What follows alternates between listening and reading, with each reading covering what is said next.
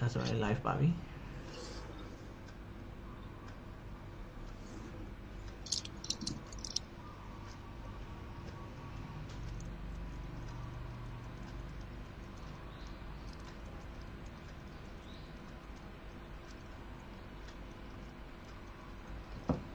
ကျွန်တော်တ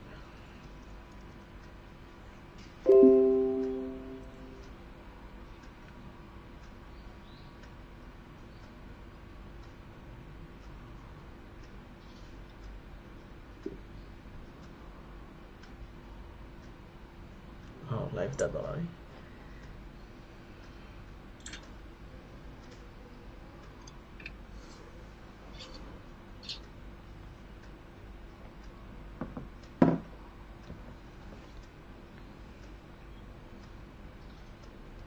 ရတယ်ညီမမေတို့ဟိုကဟိုကလှုပ်ထားလိုက်တော့ MU လှုပ်ထားလိုက်တော့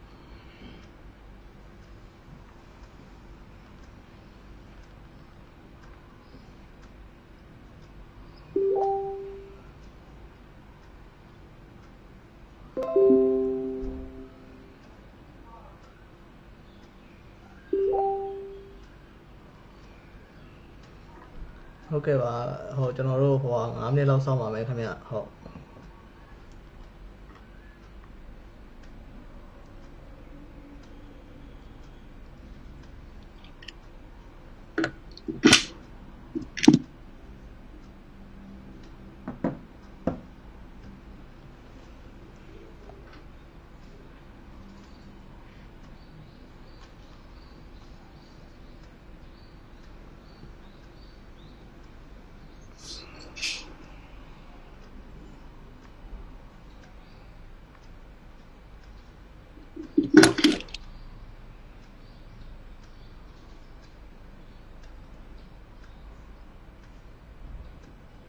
ဟုတ်ကဲ့ဆ ရာက15ရောက်လောက်ရှိပြီဆိုတော့ကျွန်တော်တို့စလိုက်ပါမယ်ခင်ဗျဟုတ်ကဲ့ဟုတ်ဟုတ်ကဲ့အဲအားလုံးပဲမင်္ဂလာပါခင်ဗျကျွန်တော်တို့ Environment Health and Safety မြန်မာ EHS မြန်မာရဲ့ live talk အနေကြိုးဆိုပါရစေကျွန်တော်တို့ဒီနေ့ live talk ရတော့ဗောနော်ဒီ2021ခုနှစ်ရဲ့ကျွန်တော်တို့ရဲ့ပထမဆုံး live talk ဖြစ်ပါတယ်အချိန်ရေမြောင်းနေဆိုရင်တော့ကျွန်တော်တို့က17ချိန်မြောက်ဖြစ်ပါတယ်ဗောနော် အဲ့တော့ဒီနေ့ live talk မှာကျွန်တော်တို့ဗာလေးဆွေးနွေးသွားခြင်းလဲဆိုတော့ကျွန်တော်တို့ဒီအခုခေတ်ပေါ့နော်အာအထူးသဖြင့်လူငယ်တွေကြားထဲမှာဒီသဘာဝပတ်ဝန်းကျင်ထိန်းသိမ်းရေးနောက်လူမှုပတ်ဝန်းကျင်ကျန်းမာရေးနဲ့ဘေးရန်ရဲ့ကိရှင်ရေးဆိုင်ရာဒီစာရေးသားခြင်းတွေပေါ့နော်ဒီအာစောင်းမားတွေရေးသားတဲ့အဲရေးသားခြင်းတွေကပို့ပြီးတော့ခစ်စားလာတာကိုသတိထားမိကြပါပါအဲ့တော့ဒီလိုခစ်စားလာတဲ့လူကျွန်တော်တို့ဒီလူငယ်တွေအတွက်ပေါ့နော်အထူးသဖြင့်အာစာရေးသားတဲ့သူတွေအတွက်အဲတည်တင်တည်ထိုက်တဲ့အခြေခံသဘောတရားတွေနောက်စာရေးသားနည်းတွေနောက်ကျင့်ဝတ်တွေပေါ့နော်စားတာတွေနဲ့ပတ်သက်ပြီးတော့ကျွန်တော်တို့အာသိရှိစေဖို့အတွက်အာ live talk တွေပြုလုပ်ရခြင်းဖြစ်ပါတယ်အဲ့တော့ဒီနေ့မှာကျွန်တော်တို့နဲ့အတူဆွေးနွေးသွားပေးမယ်အဲကျွန်တော်ရဲ့ guest speaker ဆရာကတော့အာကလောင်မီဆရာစုတစ်အဲနာမည်ရင်းကတော့ဆရာဇော်ငိမ့်လည်းဖြစ်ပါတယ်ဆရာကိုဖိတ်ကြားထားပါတယ်အာဆရာကဒီကျွန်တော်တို့အထူးသဖြင့်လူငယ်တွေမှာစာရေးသားခြင်းနဲ့ပတ်သက်ပြီးတော့ဗောနော်အာဟူသရာတွေပြောပေးမယ် sharing လုပ်သွားပေးဖို့ရှိပါတယ် အဲ့တော့အာစိတ်ဝင်စားရင်ကျွန်တော်တို့ live လေးအဆုံးထိကြည့်ပေးပါအကယ်၍အာ live ကထုံးစံတိုင်းပဲပေါ့နော်ကျွန်တော်တို့ဟို live ကိုမဖြတ်ပါဘူးကျွန်တော်တို့ page မှာတင်ထားပါမယ်အကယ်၍အခုမအားဘူးဆိုလည်းနောက်ပြန်ကြည့်လို့ရပါတယ်နောက်ပြီးတော့အသိကျင်တဲ့မေးခွန်းများရှိရင်လည်းကျွန်တော်တို့ comment ထဲမှာမေးထားပေးပါကျွန်တော် question and answer session မှာဆရာနဲ့ဆရာကိုမေးပြီးတော့ပြန်လည်ဖြေကြားပေးပါမယ်ခင်ဗျဟုတ်ကဲ့ပါအဲဆိုရင်ဟုတ်ကဲ့ဆရာအာမင်္ဂလာပါခင်ဗျဆရာဟုတ်ကဲ့ဟုတ်ကဲ့မင်္ဂလာပါဗျာဟုတ်ကဲ့ဟုတ်ဟို ကျွန်တော်တို့ဒီနေ့ပေါ့နော်ကျွန်တော်ကောင်းထက်ဆွမ်းနဲ့မမမေးတယ်ဘုရားဆရာရဲ့ moderator အနေနဲ့လုပ်ပေးပါမယ်ဆရာဟုတ်ကဲ့ဟုတ်ကဲ့ဆရာအရင်ဆုံးဆရာရဲ့ဟို intro လေးပေါ့ဆရာဟိုနာမည်တို့ဆရာရဲ့ background လေးတစ်ချက်ကျွန်တော်တို့ရှင်းပြပေးပါအောင်ဆရာခင်ဗျဟုတ်ကဲ့ကျွန်တော်က1990နဲ့ဒီခုနှစ်မှာပေါ့နော်90နဲ့ဒီခုနှစ်မှာကျွန်တော်ရတနာတစ်မဂ္ဂဇင်းမှာစက်ပါဘူးလို့ဒီဆိုတဲ့ကြပြနဲ့ကျွန်တော်စပြီးတော့စပြီးနေမှာရှေ့ချောင်းရတယ် ကျွန်တော်ကလည်းကျန်လိုက်တော့ရတနာတစ်မဂ္ဂဇင်းအဲ့ဒါကကြပြဒါပေမဲ့အဲ့တော့ကျွန်တော်ရဲ့ကလောင်နာမည်ကကျွန်တော်ယူရတာတားလက်ဆိုတဲ့ကလောင်နာမည်နဲ့အဲ့ဒါကျွန်တော်စာပေတော့လည်းစာပြီးတော့ရှေ့ချောင်းဝင်ရတယ်ပြီးတော့မှကျွန်တော်ကျောင်းစံတို့တက်နေတဲ့ကာလပြင်မှာပဲကျွန်တော်ဒီတားလက်ကလောင်နေမိနေပဲကြာဆောင်းပေါ့အဲ့တော့ကျွန်တော်တို့ကဟိုဆောင်းပါးပါးလေးကိုကိုယ်ပြောင်းပေါက်ပြီးတော့အဲ့လိုတဲ့ပုံစံမျိုးလေးကိုတကယ်ကြီးစုပြီးတော့အဲ့လိုအနာဟုတ်လို့ဖြစ်တယ်ပြီးတော့ ကျွန်တော်ကိုယ်ခွန်ကြတော့ကျွန်တော်ရတနာတစ်အဲ့မဂဇင်းလေးတို့တဲ့စီဂိမ်းဘောလုံးဆောင်းတယ်မှာအဲ့တော့အဲ့မှာတော့ကျွန်တော်ကောင်းတယ်မျိုးစုပစ်ဆိုပြီးစတော့အဲကျွန်တော်ပထမဟိုရေးလေးတဲ့သဘောတရားလေးတွေမတူတော့ပထမသားလည်းကကျွန်တော်ချစ်ကြရ YouTube ရေးအောင်ဟုတ်ကဲ့အဲစူတေတော့ဆောင်းပါးရေးဆိုပြီးတော့အဲစူတေနာမည်စာရေးပြိုင်တော့နှစ်သိန်းကြီးလာတယ်ပြီးတော့ကျွန်တော်အဲဝိတုလိုကံဝဲတွေကအဲ့ချိန်တော့ကျွန်တော်တို့အဲ့ကာလမှာဝိတုလိုကံအရင်အားကောင်းတယ် အားကောင်းတယ်ဆိုအဲ့တော့တော့ဝမ်မိုးအောင်ဆိုပြီးစာပြီးလိုက်ရှိရတော့ဒီမြမမြေထားလို့တဲ့အဲညမိကညမိကစာပြီးတိုင်းပဲရှိရအဲ့မှာအဲ့မှာကျတော့ကျွန်တော်ပြန်ကြိုင်တော့တားလက်ကောင်းနေပြီလေ1999မှာကျတော့ဒီပထမချိန်ဝမ်မိုးအောင်ဝိတုလိုကံဝဲမှာကျွန်တော်ထူးထူးရပြီးတော့2000ပြည့်မှာကျတော့ဝါမိုးအောင်မှာကျွန်တော်ကအဲဝါရတယ်တတိယဆိုရတယ်ဝိတုလိုကံဝဲမှာပဲဒါပေမဲ့ကျွန်တော်မိသားလို့ညမိခင်ကျတော့ဝိတုလိုထူးထူးရတယ်ပြီးတော့ ဒီစုတစ်ကောင်နာမည်နဲ့ကျတော့ကျွန်တော်2000ပြည့်နှစ်ဖေဖော်ဝါရီလောက်ကစပြီးတော့ကျွန်တော်အဲဆောင်းမလေးစရည်တယ်အဲ့ဒီချိန်ကနေတော့ရှော့ကျွန်တော်ဆောင်းမစရည်တာဒီစင်ကိုရောက်တဲ့အထိပဲကျွန်တော်2000နဲ့အဲ90ရောကျွန်တော်ရှိ90ရောဒီရေးတယ်ဒါပေမဲ့ကျွန်တော်ပထမစရည်တော့ကျွန်တော်ရဲ့ရေးတဲ့ပုံစံကစကားလေးပုံစံနဲ့ရေးတယ်နောက်ပိုင်းမှာကျွန်တော်2005ကျတော့ကျွန်တော်ကျွန်တော်ညီလေးကိုပြောချင်တဲ့အကြောင်းအရာကြီးရှိတော့အဲ့ညီလေးကိုပြောရင်လည်းကျွန်တော်စကားပြောဟန်နဲ့ဆောင်းမလေးဆက်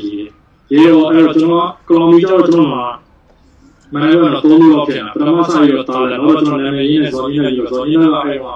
ဟိုရှိတယ်ကျွန်တော်တို့ဆိုရဲကောင်လေးရှိအဲ့တော့ကျွန်တော်နောက်မှာကျွန်တော်ကျောင်းနာမည်ထည့်တယ်ရန်ကုန်ပြည်နယ်ဘက်ကိုဆိုထည့်တယ်ဒီနောက်ပိုင်းကျတော့ကျွန်တော်အဲ့ဆောင်းမတော့စုတင်နေရေးအခုဒီလေးပြီးတော့တတိကျွန်တော်ရေးနေတော့စုတင်တယ်အဲဟိုဖေ့စ်ဘုတ်ကောတော့ဒီကျွန်တော်စီရနေထည့်တာလို့လူသားဆက်ပြီးတော့စုတင်ထည့်အဲ့တော့ ကျွန်တော်အဲ့ကောင်အဲ့ဒီစုတင်ရင်တော့ရေးကောင်နာမည်နဲ့ဆိုတော့မဂ္ဂဇင်းတို့အဲ့ဒီချားတဲ့ပုံပေါ့နော်ကျွန်တော်ရေးရတာကြာလူလူဆောင်းမပြီးတော့မဂ္ဂဇင်းတို့ရှိပါအဲ့ဒါအများကြီးရေးရေးပြီးတော့ဒီဇော်ရဲနာမည်ကတော့ခုနောက်ပိုင်းကျတော့ကျွန်တော်ဒီ WSH မှာပေါ့ကျွန်တော်ဒီက WSH မှာ channel မှာကျွန်တော် BNK ဆောင်းမရေးနေကျွန်တော်ဒီ BNK နေပြဆိုရင်အဲ့တော့ပထမကျွန်တော်စာအုပ်ထုတ်တာ2017ခုနှစ်မှာဒီဇင်ဘာလမှာမဲကုန်ကြီးစာပြီးတဲကနေပြီးတော့ အဲ့ဒီစကားပြောဟန်ဆောင်းလာပြီ။အဝေးရောက်တော့မြန်မာနေရေးဖတ်ဖို့ရေးစာလို့ထုတ်တယ်။2014ခုနှစ်ကျတော့ကျွန်တော်ခွန်အားရှိတော့စာခွန်အားရှိတော့ဒီနေ့ဆိုပြီးတော့အဲ့ဒါတော့စကားကြီးစာစာဟန်အဲ့လိုအဲ့စာလို့ထုတ်တယ်။ထုတ်တော့အဲ့စာက2014ခုနှစ်အတွက်အဲလူသားစာပေစီကိုနဲ့စာပေစီရခဲ့။ပြီးတော့လက်ရှိတော့ကျွန်တော်ကစင်မိုင်မှာလုပ်လို့ရတယ်။တောင်းပြီးတော့ကျွန်တော်ဒီမကန်နေနဲ့တောင်းပြီးရပြီးတော့ ဒီစီဝိုက်တက်ကတော့ကျွန်တော် DMB ရတယ်ပေါ့နော်။ဘယ်လိုလဲဆိုတော့အဲ့ဒီတက်ပြီးတော့ဟိုအလုပ်ကတော့ကျွန်တော်လက်ရှိဒီစင်မိုင်မှာပဲ CP3 မှာပဲအဲလို့တော့ပေါ့ CP% နဲ့နေလို့တော့စင်မိုင်ကတော့ကျွန်တော်အဲ့ WSS ဆိုတော့အဘော WSS ချောင်းပြန်ရခဲ့2015မှာရခဲ့ဟုတ်ကဲ့ဆရာဟုတ်ဆရာဟုတ်ကျေးဇူးအများကြီးတင်ပါတယ်အခုလိုမျိုးကျွန်တော်တို့နဲ့လာဆွေးနွေးပေးရတဲ့အတွက်လည်းကျေးဇူးအများကြီးတင်ပါတယ်ဆရာမအားရတဲ့ချက်တွေကနေဟုတ်ဟုတ်ကဲ့ပါဗျာဟုတ်ကဲ့ဆရာဟုတ်ကဲ့အဲ့ဆိုရင်ကျွန်တော်တို့ရဲ့ဟိုမေးခွန်းလေးစလိုက်ပါမယ်ခင်ဗျာဟုတ်ဟုတ်ကဲ့ဟုတ် အဲဆရာပထမဆုံးမေးခွန်းအနေနဲ့ပေါ့နော်ကျွန်တော်တို့သိထားတာဒီဆောင်းမအမျိုးအစားတွေအများကြီးရှိတယ်ပေါ့နော်အဲ့တော့ဆောင်းမအမျိုးအစားဘယ်နှမျိုးလောက်ရှိလဲနောက်ပြီးတော့ကျွန်တော်တို့ဒီခေတ်မှာပေါ့နော်အဲ Facebook ပေါ်မှာရေးနေကြတဲ့ဤပညာစာပိုက်တွေကအမျိုးအစားဘယ်ထဲမှာပါတယ်ပေါ့နော်ဆရာအဲ့ဒါလေးနဲ့ကျွန်တော်စကြည့်ပါမယ်ဆရာဟုတ်ဟုတ်ကဲ့အဲ့တော့ပထမဆုံးကလည်းဘယ်လိုလဲဆိုတော့ကျွန်တော်တို့ကစောင်းမအမျိုးအစားမပြောခင်မှာစောင်းမဘာလဲဆိုတာကိုနည်းနည်းလေးဟိုစပြောမှာကောင်းမယ်နော်အဲ့တော့စောင်းမကတော့ကျွန်တော်မြန်မာဘီတန်မှာကျတော့ဘယ်လိုပြောလဲဆိုတော့စောင်းမဆိုတာမြန်မာဘီတန်မှာပြောရတာက လူထွတ်ရွေ့ဖြစ်စီတဲ့လူလူကြုံနဲ့ပဲအဲ့လိုပဲဖြစ်ဖြစ်ပါနော်ရက်ဝေးကိုပေးလိုက်တဲ့ပစ္စည်းသုံးမှုစအဲ့ဒါမျိုးစောင်းမလို့လည်းပြောတယ်နောက်တစ်ခုကသတင်းစာမဂ္ဂဇင်းအဲ့ဒါတွေမှာဖော်ပြထားတဲ့ဘူသူရဆိုင်ရာစာတမ်းလို့လည်းပြောတယ်စောင်းမကိုလေအဲ့တော့စာတမ်းလို့လည်းပြောတယ်ပေါ့နော်ပြောတဲ့ခါကျတော့ကျွန်တော်တို့တခုနားလည်ရမှာပါလဲဆိုစောင်းမဆိုတာစာပေနဲ့ဘူးကူတာမျှဝေတဲ့စာပေအမျိုးအစားနောက်တစ်ခုကလက်ဆောင်ပေးတာ စောင်းမဆိုတာလက်ဆောင်ပေးလိုက်တာအဲလက်ဆောင်ပေးတာနေပြီးမှလက်ဆောင်ပါတယ်လက်ဆောင်ပါတယ်အဲဒီကနေပြီးမှဒီစောင်းမဖြစ်လာတာဟုတ်ပြီနော်အဲဒီစကားလုံးကအဲ့လိုလာတာဟုတ်ဒါတော့အဓိကကျွန်တော်တို့နားလည်ရမှာကဘူးတူတာတွေနဲ့စာဖတ်သူအကျိုးပြုတဲ့အတိပေးတဲ့စာအဲ့တော့ဘာတွေပါမလဲဆိုတော့ပွင့်နေကြတော့ဆုံးမတာတွေပါမယ်တုတာလည်းပါမယ်နောက်တစ်ခုကကိုယ့်အတွက်အသုံးတက်မယ်ဆိုရင်လိုသလိုသုံးပြီးတော့ဒီဘဝတိုးတက်အောင်ဆွမ်းဆောင်နိုင်တဲ့စာပေမျိုးလည်းဖြစ်တယ်။ဆောင်းပါဆိုတာလေဟုတ်ကဲ့။အဲ့တော့အခုကျွန်တော်ကတခုကြိုပြီးတော့ ဟိုပြောချင်တာကလေကျွန်တော်ဒီနေ့တခုဆွေးနွေးမယ့်အကြောင်းအရာလေးတွေမှာကျွန်တော်တို့ကခေါင်းစဉ်အရာလူငယ်နဲ့စာရေးသားခြင်းအမှုပညာလို့တတ်ထားပြီးမြဲစာရေးသားခြင်းဆိုတာတော့ဗျာအကုန်ပါတာဟုတ်တကယ်တမ်းကြတာလေစာရေးတယ်ဆိုတာကတော့ကြပြားလည်းဝတ္ထုတွေပါညာအများကြီးပဲပါတယ်ဒါပေမဲ့အခုကျွန်တော်ဒီနေ့ကျွန်တော်လည်းဟို post တင်တော့ရေးခဲ့ပါလေဒီဆောင်းမကိုပဲဆောင်းပေးပြောမှာပေါ့နော်ဆောင်းပါနဲ့ပတ်သက်လို့ပြောမှာအခုဒီကိုစန်းတို့လုပ်တဲ့ဒီ environment နဲ့ပတ်သက်လို့ကလည်းအထူးသဖြင့်လူငယ်တွေအခုလက်ရှိဒီလိုမျိုး ပညာရပ်ဆိုင်ရာတွေကိုဘယ်လိုရေးကြမလဲအဲ့လိုဆောင်းမပုံစံနဲ့ရေးရင် Facebook မှာပေါ့နော်ဘယ်လိုတွေဆောင်းရန်ရှောင်းရန်ဒီပေါ့အဲ့ဒါမျိုးပြောမှာဆိုအဓိကကကျွန်တော်မှာကဟိုကျွန်တော်ရဲ့အဖေက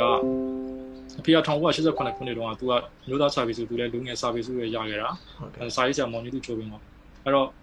တင်စရာမြင်စရာကြားစရာဆိုရင်ကျွန်တော်အဖေကိုရင်ပြောမှာပေါ့နော်အဖေရှိရယ်နောက်10တန်းမှာကျွန်တော်ကမြန်မာသားဆရာကြီးဂုံလူဦးသိန်းနိုင်နဲ့တင်ဘူးတယ် အဲ့တော့ကျွန်တော်ရဲ့တင်ဆရာလည်းဆရာဦးသိနိုင်ရှိတယ်ပြီးတော့ကျွန်တော်ရဲ့မြင်ဆရာဆိုဆရာမောင်ဆွေဦးလေးဦးရှိတယ်အဖေနဲ့ကငယ်တငယ်ချင်းဆိုတော့အဲ့တော့ကျွန်တော်ပွင့်နေပြောရမလို့လဲဆိုတော့ဒီဒီဖြတ်တန်းခဲ့တဲ့ကျွန်တော်တို့ရဲ့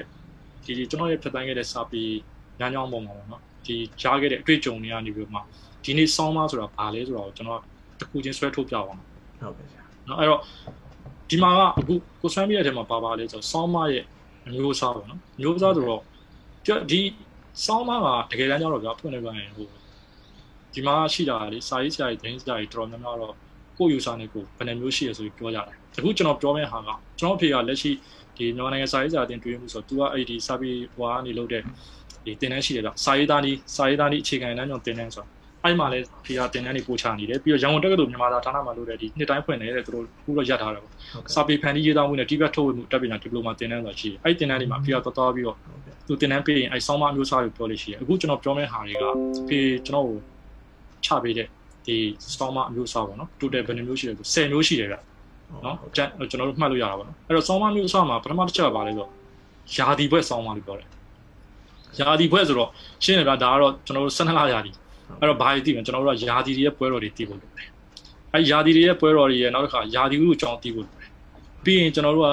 ပန်းတွေအကြောင်းနောက်တရိษံတွေအကြောင်းဒေသန္တရဖူးသူရာအကြောင်းအဲ့တော့အဲ့ဒါတွေမသိရင်ကျွန်တော်ယာဒီဘွဲ့ဆောင်းမရေးလို့အရှင်မပြေနိုင်ဘူး သဘောတရားရလीဘာဖြစ်လို့လဲဆိုတော့ဥပမာဗျာကျွန်တော်ကထားပါတော့ပကံအာနန္ဒာဖျားပွဲကြောင်းရေးခြင်းတယ်ဒါပေမဲ့ကျွန်တော်အာနန္ဒာဖျားကဘယ်အာနန္ဒာဖျားပွဲကဘယ်အချိန်မှလို့လို့ဘာလို့မှမသိရဘူးဒီမှာတော့အဲ့လိုမျိုးဆိုကျွန်တော်ရေးလို့မရဘူးအဲနောက်တစ်ခုကဒီဟာကလေစာပေမှမဟုတ်ဘူးကျွန်တော်တို့ဒီအမှုပညာနဲ့ပတ်သက်ပြီးလို့ဥပမာထားပါတော့ဗျာဟိုတချင်းကိုစမ်းလို့လည်းကြားရင်ကြားဘူးမယ်ဒီဒီခတ်တာခိုင်လို့ရဲ့ဟုတ်တယ်မလားခတ်တာခတ်တာဆိုတော့ကိုနေဝင်းရေးတယ်ဗျာသူက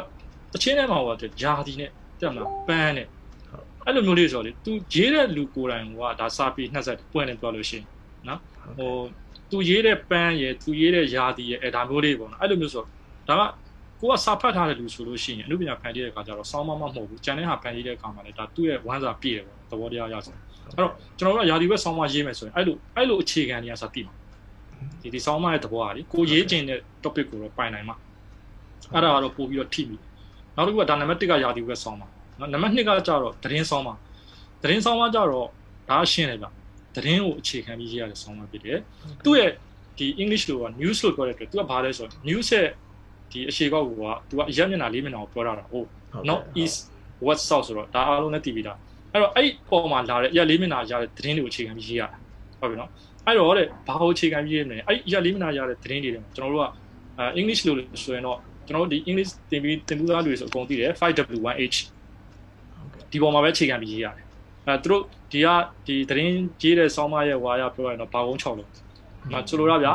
ဘာဖြစ်တာလဲဘယ်အချိန်မှာဖြစ်တာလဲဘယ်နေရာမှာဖြစ်တာလဲအဲတဘောဒါတွေပေါ့နော်ဘလို့ဖြစ်တာလဲဘာကြောင့်ဖြစ်တာလဲဘယ်သူဖြစ်တာလဲအဲဒါမျိုးတွေအဲ့တော့အဲ့ဒီဟာတွေအားလုံးနဲ့ပတ်သက်ပြီးတော့မှရတဲ့အချက်လက်တွေပေါ်မူတည်ပြီးတော့အခြေခံပြီးရေးရတယ်အဲ့တော့တခုရှိတာကကျွန်တော်တို့မှာမှတ်သားစရာကောင်းတာပဲဘာလဲဆိုတော့ဟို ဒါလည်းကျွန်တော်အဖေရဲ့ဩရတာပေါ့နော်အဖေကသူမှုရင်းရှူတော့မှသူကဂျာနယ်မဂ္ဂဇင်းသူတောင်းငယ်အေဒါလုပ်ပြီးတော့ဒီနောက်လက်ရှိလည်းအဖေကသူမြန်မာနိုင်ငံသတင်းမီဒီယာကောင်စီဝင်လားအဲ့တော့သူကဘာပြောလဲဆိုတော့ကျွန်တော်သတင်းသမားဟာတဲ့အာဂရိတရားကင်းရှင်းသတင်းသမားဟုတ်ကဲ့အဲ့လိုကင်းရှင်းတဲ့နေရာမှာဘယ်လိုမျိုးလဲဆိုတော့ပြည်သူတွေရည်ရင်လိုက်မရှိတာอืมဟုတ်ပြည်သူတွေငိုလို့တိုင်းမငိုအောင်ဂျားလူပဲဖြစ် သူကသတင်းကသတင်းသမားပဲဖြစ်မှာနော်သတင်းရေးတဲ့လူသတင်းသမားပဲဖြစ်အဲအဲ့ဒါအဲ့တခုတော့ပြောဦးတယ်အဲ့နောက်တစ်ခုကသူကဒီသတင်းဆောင်မှမှာလည်းအမျိုးအစားတွေထပ်ကွဲသေးတယ်တဲ့နော်ပထမတစ်ခုကတဘာဝဘေးအန္တရာယ်သတင်းဆောင်မှာအဲ့ဒါတော့ရှင်းတယ်ဗျာကျွန်တော်တို့ဥမာတော့ဆူနာမီတို့တဲ့မှာမှာဒီငလျင်လှုပ်တယ်လီမွန်နိုင်းတွေတိုက်တယ်ဒါမျိုးတွေပေါ့နော်အဲ့သတင်းဆောင်မှာနောက်ထူးခြားစမ်းကြယ်ဖြစ်ရမယ်အဲ့ဒါတော့တမျိုးပေါ့နော်သတင်းနဲ့ပတ်သက်လို့ဥမာဗျာဟိုဆိုလိုတာကကျွန်တော်တို့တခါလေးဖောက်ဘူးပါဗျာဟိုဟိုကြာပါပြီကြားဦးတယ်မြေမျိုးတယ်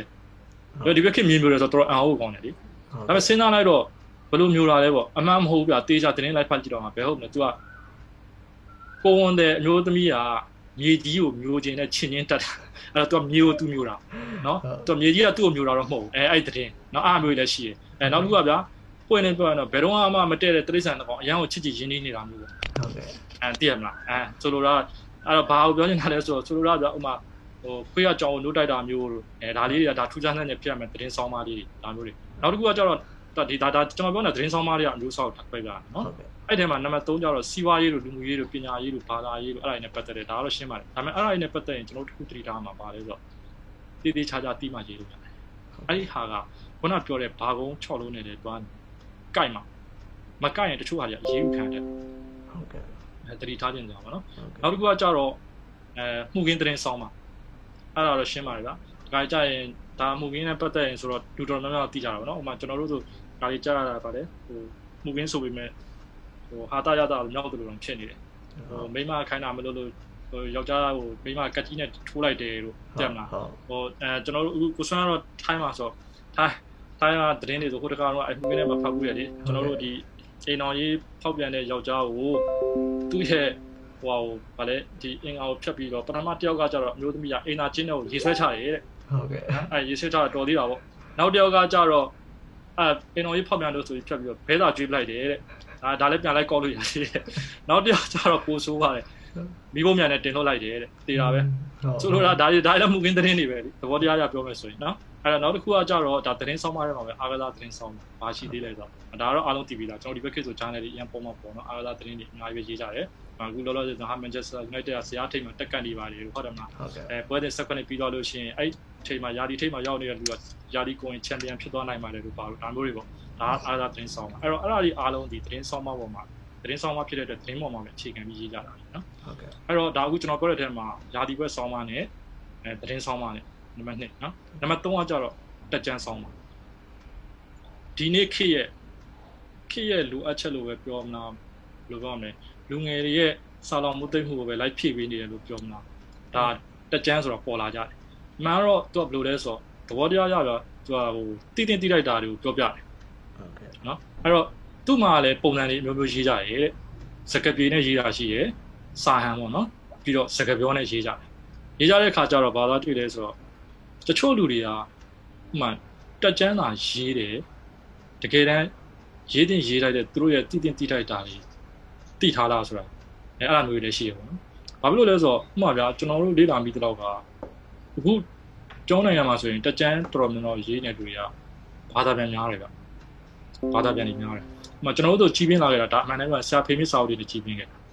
။နောက်ဆရာဦးအောင်လင်းရှိရဗျာ။ဆရာဦးအောင်လင်းကတော့သူ့အတွေးတွေနဲ့ရေးတာများတယ်။တော့အဲ့လိုမျိုးပေါ့နော်။ဥပမာဟိုနောက်တစ်ခုမှတ်ထားအောင်ကျွန်တော်တို့ကတက်ကြမ်းကဘယ်လိုလဲဆိုတော့ဟိုလူရဲ့ဘဝကိုဒီစာအုပ်မှာမူတည်ပြီးလူရဲ့ဘဝကိုပြောင်းလဲသွားနိုင်တယ်။ သို့တော့ကျွန်တော်တို့ဥပမာထားပါဥပမာပြရရင်နော်ဘေဘီလိုမှာချမ်းသာဆုံးပုံကိုသူ့ရဲ့ဝင်ငွေရဲ့ဆယ်ပုံတစ်ပုံစုတယ်။ဒါပြောနေတာဒါဆရာဖေးမြင့်ကသူဆယ်ပုံတစ်ပုံစုတယ်ပြောတာမဟုတ်ဘူး။ဒီစာအုပ်ကပြောတာဆိုလိုတာဒါကိုလုံးနိုင်လို့ဒါပေမဲ့ဥမာထားပါတော့ကျွန်တော်ကကျွန်တော်ရဲ့ဝင်ငွေက7ပုံတပုံအောင်စုလို့မရတဲ့အနေအထားမျိုးဆိုရင်ကျွန်တော်လည်းဘယ်စုနိုင်မလဲအဲ့တော့တက်ကြမ်းမှာကိုယ်နဲ့ adjust style လုပ်ရတာမျိုးရှိတယ်ဆိုလိုတာတချို့ဟာတွေရတယ်အာသူများကဒါပြောလို့ဒါကြီးကငါနဲ့မကိုက်ပါလားဆိုပြီးစိတ်ဓာတ်ကျနေကြတဲ့အကြောင်းမရှိဘူးအဲတချို့ကဘယ်လိုလဲဆိုတော့ ဖြစ်တတ်တာတက်ကြမ်းရေးတဲ့လူကဖတ်တဲ့လူမှဖြစ်တတ်တာတချို့ကကိုကိုယ်တိုင်ကြတော့မဟုတ်ဘူးတဲ့မှာဥမာထားပါတော့ဗျာ management ကိုတည်တာ management ဆိုတဲ့စလုံးလေးပဲတည်တယ်ပြောရင်တော့ management ကြီးတစ်ခုလုံးပဲလုံးဝကျွမ်းကျင်နေတဲ့ပုံစံမျိုးကြီးသဘောတည်းအာလीအဲအဲ့လိုမျိုးတွေကြတော့ပြောရရင်ဟိုဖက်တဲ့လူကကျွန်တော်နိုင်ငံမှာဗာလဲဆိုတော့တခုကလူတော်တော်များများကဘယ်လိုဖြစ်နေလဲဆိုတော့ဖွင့်နေပြောရင်ပညာလိုအပ်နေလိုလဲလိုချင်နေကြတယ်အဲ့ဒီအချိန်မျိုးမှာခေတ်စကားနဲ့ပြောရင်တော့ချင်းထဲတဲ့လူနဲ့မမိစေဘူးတော့ဒါအဲ့အဲ့လိုတော့ရှိ အဲ့တော့တက်ချမ်းရေးရဆိုတာဒီဖွင့်နေပြောရင်ဦးကျွန်တော်တို့ကျွန်တော်ဆိုရင်ဒါပြောရင်တော့တက်ချမ်းလို့ပြောလို့ရတယ်ဗျာကျွန်တော်တို့လူသားစားပြီးရတဲ့စာအုပ်တွေပါလေဆိုလို့ရှိရင်ဒါပေမဲ့သဘောတရားကဘယ်လိုလဲဆိုတော့ကျွန်တော်တို့ကမှတ်ထားပါတော့ကျွန်တော်ဒီလိုဖြစ်ရမျိုးကြုံခဲ့ဘူးတဲ့သို့တော့ဒီလိုဖြစ်ရမျိုးမှာကျွန်တော်ကတချို့ဟာလေးတွေမှာချွင်းချက်တွေရှိရမှားခဲ့တာတွေရှိတယ်ကျွန်တော်အဲ့ဒါကိုနောက်လူကြရင်အဲ့လိုမဖြစ်အောင်လို့ဒီလိုဒီလိုလုပ်ရင်ဒီလိုဒီလိုဖြစ်တယ်အားကြောင့်မလို့ဒီလိုဒီလိုမလုပ်သင့်ဘူးဆိုတာကိုပြောပြဟုတ်ကဲ့သဘောတရားကလေအဲပိုလိုကြီးတက်မှာဘာလုပ်လိုက်ပါညာလုပ်လိုက်ပါစဉ်းစားကြည့်ဥမာ ကျွန်တော်ကကိုယ်တိုင်တော်မှအခုဒီမှာပြပထွက်ပြီးပတ်စံရှာနေရတဲ့လူသဘောကကျွန်တော်ကိုယ်တိုင်တော်မှမတရားချမ်းသာအောင်စူးစမ်းနေတဲ့လူဖြစ်တဲ့အတွက်သူများကိုမတရားချမ်းသာအောင်ပြောပြဖို့အတွက်ကျွန်တော်မှနီးမရှိဘူးအဲ့ဒါကိုရှောက်ပြီးတော့နီးပေးလို့မရဘူးအဲ့တော့တက်ကြမ်းမှာဆင်ញင်နေရတွေကအများကြီးပဲဟိုရှင်းပြောရင်တော့စကလုံးတွေတိတ်ကြီးလို့မရအောင်ဆိုလိုတာကလေကိုတကယ်လက်တွေ့ကြတာနဲ့ကိုကဒီကိုစာကိုဖတ်တဲ့လူကတကယ်လုံနိုင်တာမလုံနိုင်တာပဲရှိသေးတာဟုတ်တယ်နော်အဲ့တော့နောက်တစ်ခုကတက်ကြမ်းအားတဲ့တကယ်ကောင်းလို့ရှိရင်လူတွေရဲ့ဘဝတွေပါပြောင်းလဲသွားတယ်အဲ့ဒါတော့အမှန်ပါတ ချို့လူတွေဆိုလို့ရှိရင်ဥမာဒီကိုကူဦးအောင်ဖေတို့နော် KT ဘန်ဦးလာမြင့်တို့ဒါဥပမာရှိသူတို့ဆိုစာလေးဖတ်ပြီးတော့မှပြောင်းလဲသွားကြတယ်လူတွေသူတို့ရတယ်အဲ့လိုမျိုးနော်နောက်တစ်ခုကတော့နံပါတ်4ကကျတော့ခီးသွားဆောင်းပါအဲ့ဒါဘာလဲဆိုတော့အဲ့ဒါတော့ချင်းနေတာပေါ့ခီးသွားဆောင်းပါဆိုတော့ကျွန်တော်တို့ဒေသန္တရပို့သူတာတူတယ်အဲ့ဒီပုံမှာပဲကျွန်တော်တို့က live to TV ရေးကြတာအခုနောက်ပိုင်းဆိုပိုများလာတယ်နော်ဟိုဘာခေါ်မလဲဒီခီးသွား blogger တွေတော့ပေါ်နေကြပြီလေနော်အဲ့လိုမျိုးပေါ့နောက်တစ်ခုကနံပါတ်5 အဲ့ဒါကတော့ဘူးသူရမျိုးစုံပေးတဲ့ဆောင်းပါအဲ့ထဲမှာဘာပါလဲဆိုတော့တိတ်ပံရာသီဥတုစိုက်ပျိုးရေးစီးပွားရေးမွေးမြူရေးစီးပွားဆိုင်ရာကျန်းမာရေးအကုန်ပါဝါးရင်ကျေးမှုတို့ရင်အန်ရယ်တို့အဲ့ဒါနဲ့ပတ်သက်ပြီးတော့ပြောတာအဲ့ဒါဘူးသူရမျိုးစုံပြီးတဲ့ဆောင်းပါနောက်တစ်ခုကကျတော့ဘာသာရေးဆောင်းပါအဲ့ဒါလည်းရှင်းတယ်ဘာသာရေးနဲ့ပတ်သက်ပြီးတော့အဓိကတော့ဗျာတချို့အရာတွေကျတော့ကျွန်တော်တို့ကဘာသာရေးနဲ့ပတ်သက်ပြီးဆွဲဆောင်စည်းရုံးနေလို့ပါတယ်တချို့အရာတွေကျတော့ဆုံးမနေလို့နော်အဲ့တော့တချို့ကျတော့လည်းပြင်လိုလေးတွေလုပ်ပြီးရေးကြတာရှိတယ်နောက်တစ်ခုကဟိုသားမိတာတော့ဘာလဲဆိုတော့ တော့အဖြစ်ပါဠိနည်းနည်းနဲ့ရေးလာကြတယ်ဒါလည်းတဘာဝကြတယ်ဘာကြောင့်လဲဆိုတော့ကျွန်တော်တို့ကပါဠိရဗျာကျွန်တော်တို့ရဲ့ကျွမ်းကျင်တဲ့ဘာသာရမဟုတ်ကျွန်တော်တို့ကပါဠိကိုအနဲ့ပြန်ပြီးမှသာနားလေတာဟုတ်အဲ့အတွက်ဒီစာဖတ်သူဒီပါဠိအများကြီးတွားထည့်ရင်ကျွန်တော်ကလည်းဒီစာတင်နေတဲ့ရဟန်းတွေမဟုတ်တဲ့အတွက်ကြောင့်တောင်းတောင်းတော့မသိနိုင်ဘူးလူပုဂ္ဂိုလ်တောင်မှဒီပါဠိလိုက်စားတဲ့လူမှသိမှာလေ အဲ့တော့ခုနောက်ပိုင်းဆိုရင်တတိယကြည့်လိုက်ဥမာဒီပေါင်းကွက်လို့ဆရာတော်ရုပ်ပါလို့ဆိုရင်ဟောတာစာပါဠိတော်တော်နည်းသွားပြီသူတို့ကလေကျွန်တော်ပုံမှန်ရိုးတန်းတန်းဒီကျွန်တော်တို့ချင်းပဲပြောသလိုမျိုးသူဒါမျိုးလေးတွေနဲ့ပဲဟောကြတာလေအဲ့အဲ့လိုမျိုးပေါ့နော်အဲ့လိုမျိုးတော့ရှိတယ်နောက်ဒီလူပုဂ္ဂိုလ်တွေလည်းရေးကြတယ်နော်အဲ့ဒီတရားဘာသာရေးဆိုရင်လူပုဂ္ဂိုလ်တွေရေးကြတာတွေလည်းရှိတယ်ဥမာဒီညီတော်အာနန္ဒာကြီးတသက်တာမှန်တယ်လို့ပြောဆိုတာဒီဝနတီဆိုတာအဲ့ဒါလူဘုန်းကြီးမဟုတ်ဘူးကျွန်တော်တို့လည်းရစဘက်ကအဲ့ဒါဘုန်းကြီးတင်တာမဟုတ်ဘူးအဲ့လိုမျိုးလေးပေါ့နော်ဒါလူပုဂ္ဂိုလ်တွေထဲမှာလည်းတကယ်ဘာသာရေးကိုတကယ်နိုင်နိုင်ချွတ်ချွတ်ရေးနိုင်တဲ့လူတွေအများကြီးရှိတယ် နောက်တစ်ခုကကြတော့နံပါတ်9ကနိုင်ငံရေးဆောင်းပါအဲ့ဒါတော့ဒါဒီဘက်ခေတ်ရဲ့လက်ရှိဟောဆုံး topic ပဲနိုင်ငံရေးနဲ့ပတ်သက်ပြီးရေးကြတယ်အဲတခုရှိတာနိုင်ငံရေးဆောင်းပါရေးမယ်ဆိုရင်လည်းဥတီချက်ရှိရတယ်ပြီးတော့အခြေခံအကြောင်းပြရှိရတယ်ဟိုကဒီပါတီကိုထောက်ခံတယ်ဘာကြောင့်ထောက်ခံလဲပြည်သူလူထုကဘယ်လိုစနစ်မျိုးလိုလားတယ်ပြည်သူလူထုကအာဏာရှင်ကိုဘာကြောင့်မုန်းလဲပြည်သူလူထုလိုလားတာဘာလဲဒါမျိုးတွေကစဒါ ဒါအခုဒီဘက်ခေတ်မှာမဟုတ်ဟိုဘက်ခေတ်တုန်းကလည်းရေးကြတာပဲအာဘယ်လိုအကောင့်ထဲပေါ်နေပါတယ်ဗျာဒါနိုင်ငံရေးဆိုတာချိန်တိုင်းမှာရှိနေတဲ့ဟာမျိုးเนาะအဲ့တော့နိုင်ငံရေးဆောင်းပါးရှိရဲနောက်တစ်ခုကဝေဖန်ရေးဆောင်းပါးဝေဖန်ရေးဆောင်းပါးကြတော့တဲ့ရှင်းပါလေဒါအရင်ကကျွန်တော်တို့ကြုံရတာစာပေရုပ်ရှင်ဂီတတပင်းဒါပေမဲ့သူကဝေဖန်ရေးဆောင်းပါးမှာတခါဘာဖြစ်လဲဆိုတော့ဒီလူနေမှုစနစ်တွေယဉ်ကျေးမှုတို့စီးပွားရေးနိုင်ငံရေးလည်းပါတယ်ပညာရေးနဲ့ပဲဆိုအဲ့ဒါဒီအကုန်လုံးဝေဖန်တာအဲ့တော့ဘာဖြစ်လဲဆိုတော့ဝေဖန်သားမှာတစ်ခုထည့်ထားမှာက အကျိုးအကြောင်းဆက်ဆံမှုရှိရတယ်ခိုင်လုံပြီးတော့တိကျတဲ့ထောက်ပြချက်ပါတယ်တဲ့ဝေဖန်ရေးမှာနော်ဟိုသဘောအပြကျွန်တော်တို့ရေးကျင်တိုင်းတွားပြီးတော့မစိမ့်နဲ့ရန်တွေ့တယ်လို့ရေးလို့မရဘူးဝေဖန်ရေးကဝေဖန်နေဆိုပြီးတော့သူများကိုတွားပြီးတော့အမနာပါပြောလို့တော့မရဘူးဟုတ်ကဲ့နော်ပြီးတော့ဟိုအကြောင်းမဲ့တက်တက်တွားပြီးတော့ရန်ထောင်တာတို့အပုတ်ချတာတို့တိတ်ခါချတာတို့အဲ့ဒါမျိုးတွားလို့လို့မရဘူးအဲ့ဒါဆိုရင်လည်းတေချာတာအတေဖြတ်မှုတို့ဒီအကျိုးဖြတ်ခြင်းမှုအဲ့ဒါတွေလည်းရှိသေးတယ်ရေးယူခံရနေတာပေါ့နော်အဲ့တော့နောက်တစ်ခုမှမှာကျွန်တော်တို့ကပြောလို့ဆို ဒီဝေဖန်ဝေဖန်ရေးစောင်းမတွေထဲမှာဘာရှိတယ်ဆိုတော့တယောစာလည်းအကျုံးဝင်အဲ့ဒါလေးတခုတယောစာကသူကပြောလဲဆိုတယောစာရဲ့သဘောပါဗျကျွန်တော်တို့ပြောချင်တဲ့အကြောင်းအရာတစ်ခုကိုတဲ့တယ်မပြောဘဲနဲ့တက်မလားသူကနည်းနည်းလေးတစ်ဖက်လက်နဲ့တွယ်ဝိုက်ပြီးတော့ဟိုထိလိုက်တဲ့သဘောမျိုးအဲ့လိုမျိုးလေးအဲ့တော့ဘာဖြစ်လဲဆိုတော့တယောစာတစ်ခါကြာလို့ရှိရင်သူကဟိုဟာတာဆန်နယ်လေးနဲ့ထိသွားတာမျိုးတွေရှိတယ်နော်ဒါကဖတ်တဲ့လူကတကယ်တိနေတဲ့ခါကျရင်နော်အဲ့တခါကျရင်အဲ့ တယောသားတယောလိုက်တဲ့တစ်ဖက်ကလူကမတိတာအဲ့ရှိညာတော့ပါနော်အဲ့လိုမျိုးတွေရှိရဲအဲ့တော့နောက်တစ်ခုကဘာလဲဆိုတော့နံပါတ်9ကျတော့ကိုကြီးအတုတ်ပတ်တီဆောင်းပါအဲ့ဒါတော့ဘာပြောလဲဆိုတော့တကယ်လို့တဲ့အတုတ်ပတ်တီဆောင်းပါဆိုတဲ့သဘောကရေးတဲ့သူကရိုးသားရင်တော့လေစာဖတ်တဲ့သူစာနာတဲ့သူကအကျိုးရှိတယ်မရိုးသားရင်တော့လေစာဖတ်တဲ့လူစာနာတဲ့သူအကျိုးရှိတယ်မှန်တာပေါ့ဘာကြောင့်လဲဆိုတော့ဥပမာကဒီအတုတ်ပတ်တီရေးပြီဆိုရင် ဖြတ်တန်းတဲ့တောက်လျှောက်ကိုရေးတော့မှာဟုတ်သူရေးရင်ရေးသူမရေးရင်သူများရေးမှာအမှန်ကကျွန်တော်ဖောက်ပြီးဂျာနယ်ကြောင်မှလေးသူ့လိုသူဒါဂျာနယ်တုံးချင်မှာဆိုတော့သဘောကဘယ်လိုဖြစ်လဲဆိုတော့ဒီအတုတ်ပတ်တီရေးတဲ့လူကဗျအမှထားပါတော့တခြားလူတယောက်ကပဲရေးကိုယ်တိုင်ပဲရေးရေးသူ့ရဲ့ကောင်းွက်တွေပဲရေးသွားလို့မရဘူးလူဆိုတာတစ်ခါကျရင်သူ့မှာအမှားလေးတွေလည်းရှိကောင်းရှိဟုတ်တယ်မလားအဲ့တော့ဆိုလိုတာဟိုကျွန်တော်တို့အခု Facebook မှာပေါ့တောနေတယ် Facebook ပေါ်မှာတော့မတရားတွေရမ်းနေကောင်းပြပြင်မှာတော့လှုပ်ချင်တာပြောအဲ့လိုမျိုးတော့မရဘူးအတုတ်ပတ်တီစာပြီးရေးတဲ့လူက ဆိုလိုတာသူ့ရဲ့ပုံမှန်တက်မှတ်တဲ့လမ်းကြောင်းအတိုင်းပဲသူရေးရမအားတော့ဆရာတော်စီတို့ပေါ့ကြီးတာအရင်ကောင်းတယ်သူသူ့ကြောင်းနေဆိုဟာသူညစော်ကြည်တာရောတက်မှာသူချက်တိုက်တာလို့ဆိုအဲ့မျိုးလေးပေါ့နော်ဆိုလိုတာဟိုဖားရတဲ့ဟာတွေသူဖြတ်တန်းရတဲ့ဟာတွေအဲ့တော့နောက်တစ်ခုကကြတော့30ကကြော်ညာဆောင်းမှာဘာလဲဆိုတော့စာအုပ်တို့ဆေးတို့ပစ္စည်းတို့ဒါမျိုးတွေပေါ့ကြော်ညာဆောင်းပါလေအဲ့တော့ပြန်ချုပ်ရရင်ဘူးဆောင်းမဆယ်မျိုးမှာဆောင်းမအားလုံးအနှစ်ချုပ်ကဘာတော့တွေ့ရလဲဆိုတော့ကျွန်တော်တို့ကဗျာ အချိုးပြူဆိုတာမျိုးတော့တွေ့ရတယ်။ဟိုမှာတိုင်းပြည်တိုးတက်ဖို့အဲဒါမျိုးတွေနောက်တစ်ခုကပညာပေးဆိုတော့တွေ့ရတယ်။နောက်ပညာပေးဆိုတော့အမှဘလိုဘလိုလုပ်လိုက်လို့ရှင်ဘလိုဘလိုဖြစ်သွားနိုင်တယ်တုတရတာအဲဒါမျိုးတွေပေါင်းဆက်ရေးလို့ရတယ်။တုတကြီးတက်တက်လည်းရှင်းရှိမယ်ဒါမျိုးတွေနောက်တစ်ခုကစီယုံရေးဆောင်းမလို့ပြောရင်နိုင်ငံရေးဆောင်းမတွေပါအဲ့လိုဟာမျိုးရှိအဲ့တော့တခုရှိတာဗျာဆရာကြီးတကုံရွှေများဘာပြောလဲဆိုတော့သတင်းဆောင်းပါဆိုရင်တဲ့အချိန်မီဖို့လိုတယ်တဲ့စာဖတ်သူရဲ့ညှော်လင့်နေချိန်ဖြစ်ဖို့လိုတယ်တဲ့ပြီးတော့မဂ္ဂဇင်းဆောင်းပါဆိုရင်တော့တဲ့ကြယ်ပြန့်ခိုင်ခံပြီးတော့ ရေးရှိအသုံးပြုနိုင်တဲ့အင်္ဂါရပ်နဲ့ညီဖို့လိုတယ်အဲ့လိုတော့ပြောပြောတယ်ပေါ့နော်ဟုတ်ကဲ့အခုကိုစံရီရဲ့အထက်မှာပါပါလဲဆိုတော့ Facebook ပေါ်မှာရေးနေကြတယ်ဒီပညာစာပိုက်တွေကဘယ်ထဲမှာပါလဲဆိုရင်ပွင့်နေပြောရင်နော်သူ့ရဲ့ပထမတစ်ချက်ကဘူးတုဒပြီးတာဖြစ်လို့တဲ့ဘူးတုဒမျိုးစုံပြီးတဲ့ဆောင်းပါတိတ်ပံဆောင်းပါအဲ့အဲ့လိုမျိုးခါထဲမှာပါတယ် technical ဖြစ်နေလို့နောက်တစ်ခုကတက်ကြမ်းထဲမှာလည်းပါတယ်လို့ပြောလို့ရတယ်တော့ဘာကြောင့်လဲဆိုတော့တက်ကြမ်းထဲမှာပါတယ်ဆိုတော့ဆိုလိုတာကဥမာဒီ technical field line နဲ့လေးလာနေတဲ့သူကြောက်တော့က तू မသိလို့ရှိရင် तू ကဒါပြောင်းလဲသွားနိုင်တယ်လေဟုတ်ကဲ့ဟောဒါဒီလိုဒီလိုလုပ်ပါလား ဒီလိုဒီလို तू तू သိသွားမယ်အဲဒါမျိုးလေးရှိတယ်ဟုတ်ပြီနော်ဟုတ်ကဲ့ဟုတ်ဟုတ်ဆရာဟုတ်ဆရာဟိုဆရာရှင်းပြတာအများကြီးပဲဘုသူတွေလည်းအများကြီးရပါတယ်ဆရာဟုတ်ကဲ့ဟုတ်ကဲ့ကျေးဇူးအများကြီးတင်ပါတယ်ဟုတ်ကဲ့ဟုတ်နောက်ထပ်မိကုန်းတစ်ခုညီမလေးဟုတ်ကဲ့ကျေးဇူးတင်ပါတယ်ဆရာပြည့်ပြည့်စုံစုံလေးပြောပြသွားတာ ဟိုတမီနောက်တစ်ခုမေးချင်တဲ့မိကွန်းပေါ့နော်တမီတို့ကိုယ်တိုင်လည်းအခုဆိုလို့ရှိရင်စာမလေးတွေပေါ့နော်နည်းနည်းပါးပါရေးသားလာတယ်ပေါ့နော်ဒီလိုရေးတဲ့အခါမှာပေါ့နော်တမီတို့စာရေးသူတယောက်အနေနဲ့ပေါ့နော်ရှိတဲ့နဲ့ကျင့်ဝတ်လေးတွေပေါ့နော်အဲ့ဒါလေးတွေကိုဆရာပေါ့နော်နည်းနည်းလေးဘယ်လိုကျင့်ဝတ်လေးတွေထားတယ်လဲဆိုတာနည်းနည်းလောက်ရှင်းပြပေးလို့ရမလားမသိဘူးဆရာဟုတ်ကဲ့ဟုတ်ကဲ့အဲ့တော့ဆရာဇော်ကြီးဆရာဇော်ကြီးကတော့အားလုံးသိတယ်ကျွန်တော်တို့ရဲ့အမျိုးသားစာဆိုရှင်ဆရာဇော်ကြီးကဘာပြောလို့လဲဆိုတော့စိတ်ကောင်းမွေးမှာစာကောင်းရေးနိုင်တယ်တဲ့ရှင်းတယ်ဗျာ ပထမအခြေခံအချက်ကတော့စိတ်ကောင်းထားတတ်ဖို့လိုတယ်စိတ်မကောင်းရင်စာကောင်းမထွက်ဘူးတဲ့နောက်အဲ့တော့သဘောတရားအဲ့လိုရှိတယ်နောက်တစ်ခုကကျတော့ရှင်စရငါပြီးဝန်တာဘာပြောဘူးလဲဆိုတော့ပြောတာရှင်းလေးပဲစိတ်ကောင်းရှိဖို့ကပထမပဲရှိတယ်ဟုတ်ပြီနော်အဲ့တော့အဓိကအခြေခံဘာကြောင့်ရေးရေးစိတ်ထားကောင်းဖို့လိုတယ်စိတ်ထားကောင်းမှစာကောင်းကောင်းရေးနိုင်မှာနောက်တစ်ချက်ကကျွန်တော်ရဲ့ခံယူချက်ပေါ့နော်ဒါကလည်းကျွန်တော်တို့ကျွန်တော်ရဲ့ခုနပြောတဲ့သင်္ချာမြင်စာကြားကြတွေရောသူတို့ကိုယ်တိုင်ရေးနေတဲ့စာတွေရောကျွန်တော် ဟိုကျွန်တော်တို့လေ့လာခဲ့ရတဲ့အတွေ့အကြုံရအောင်ပေါ့နော်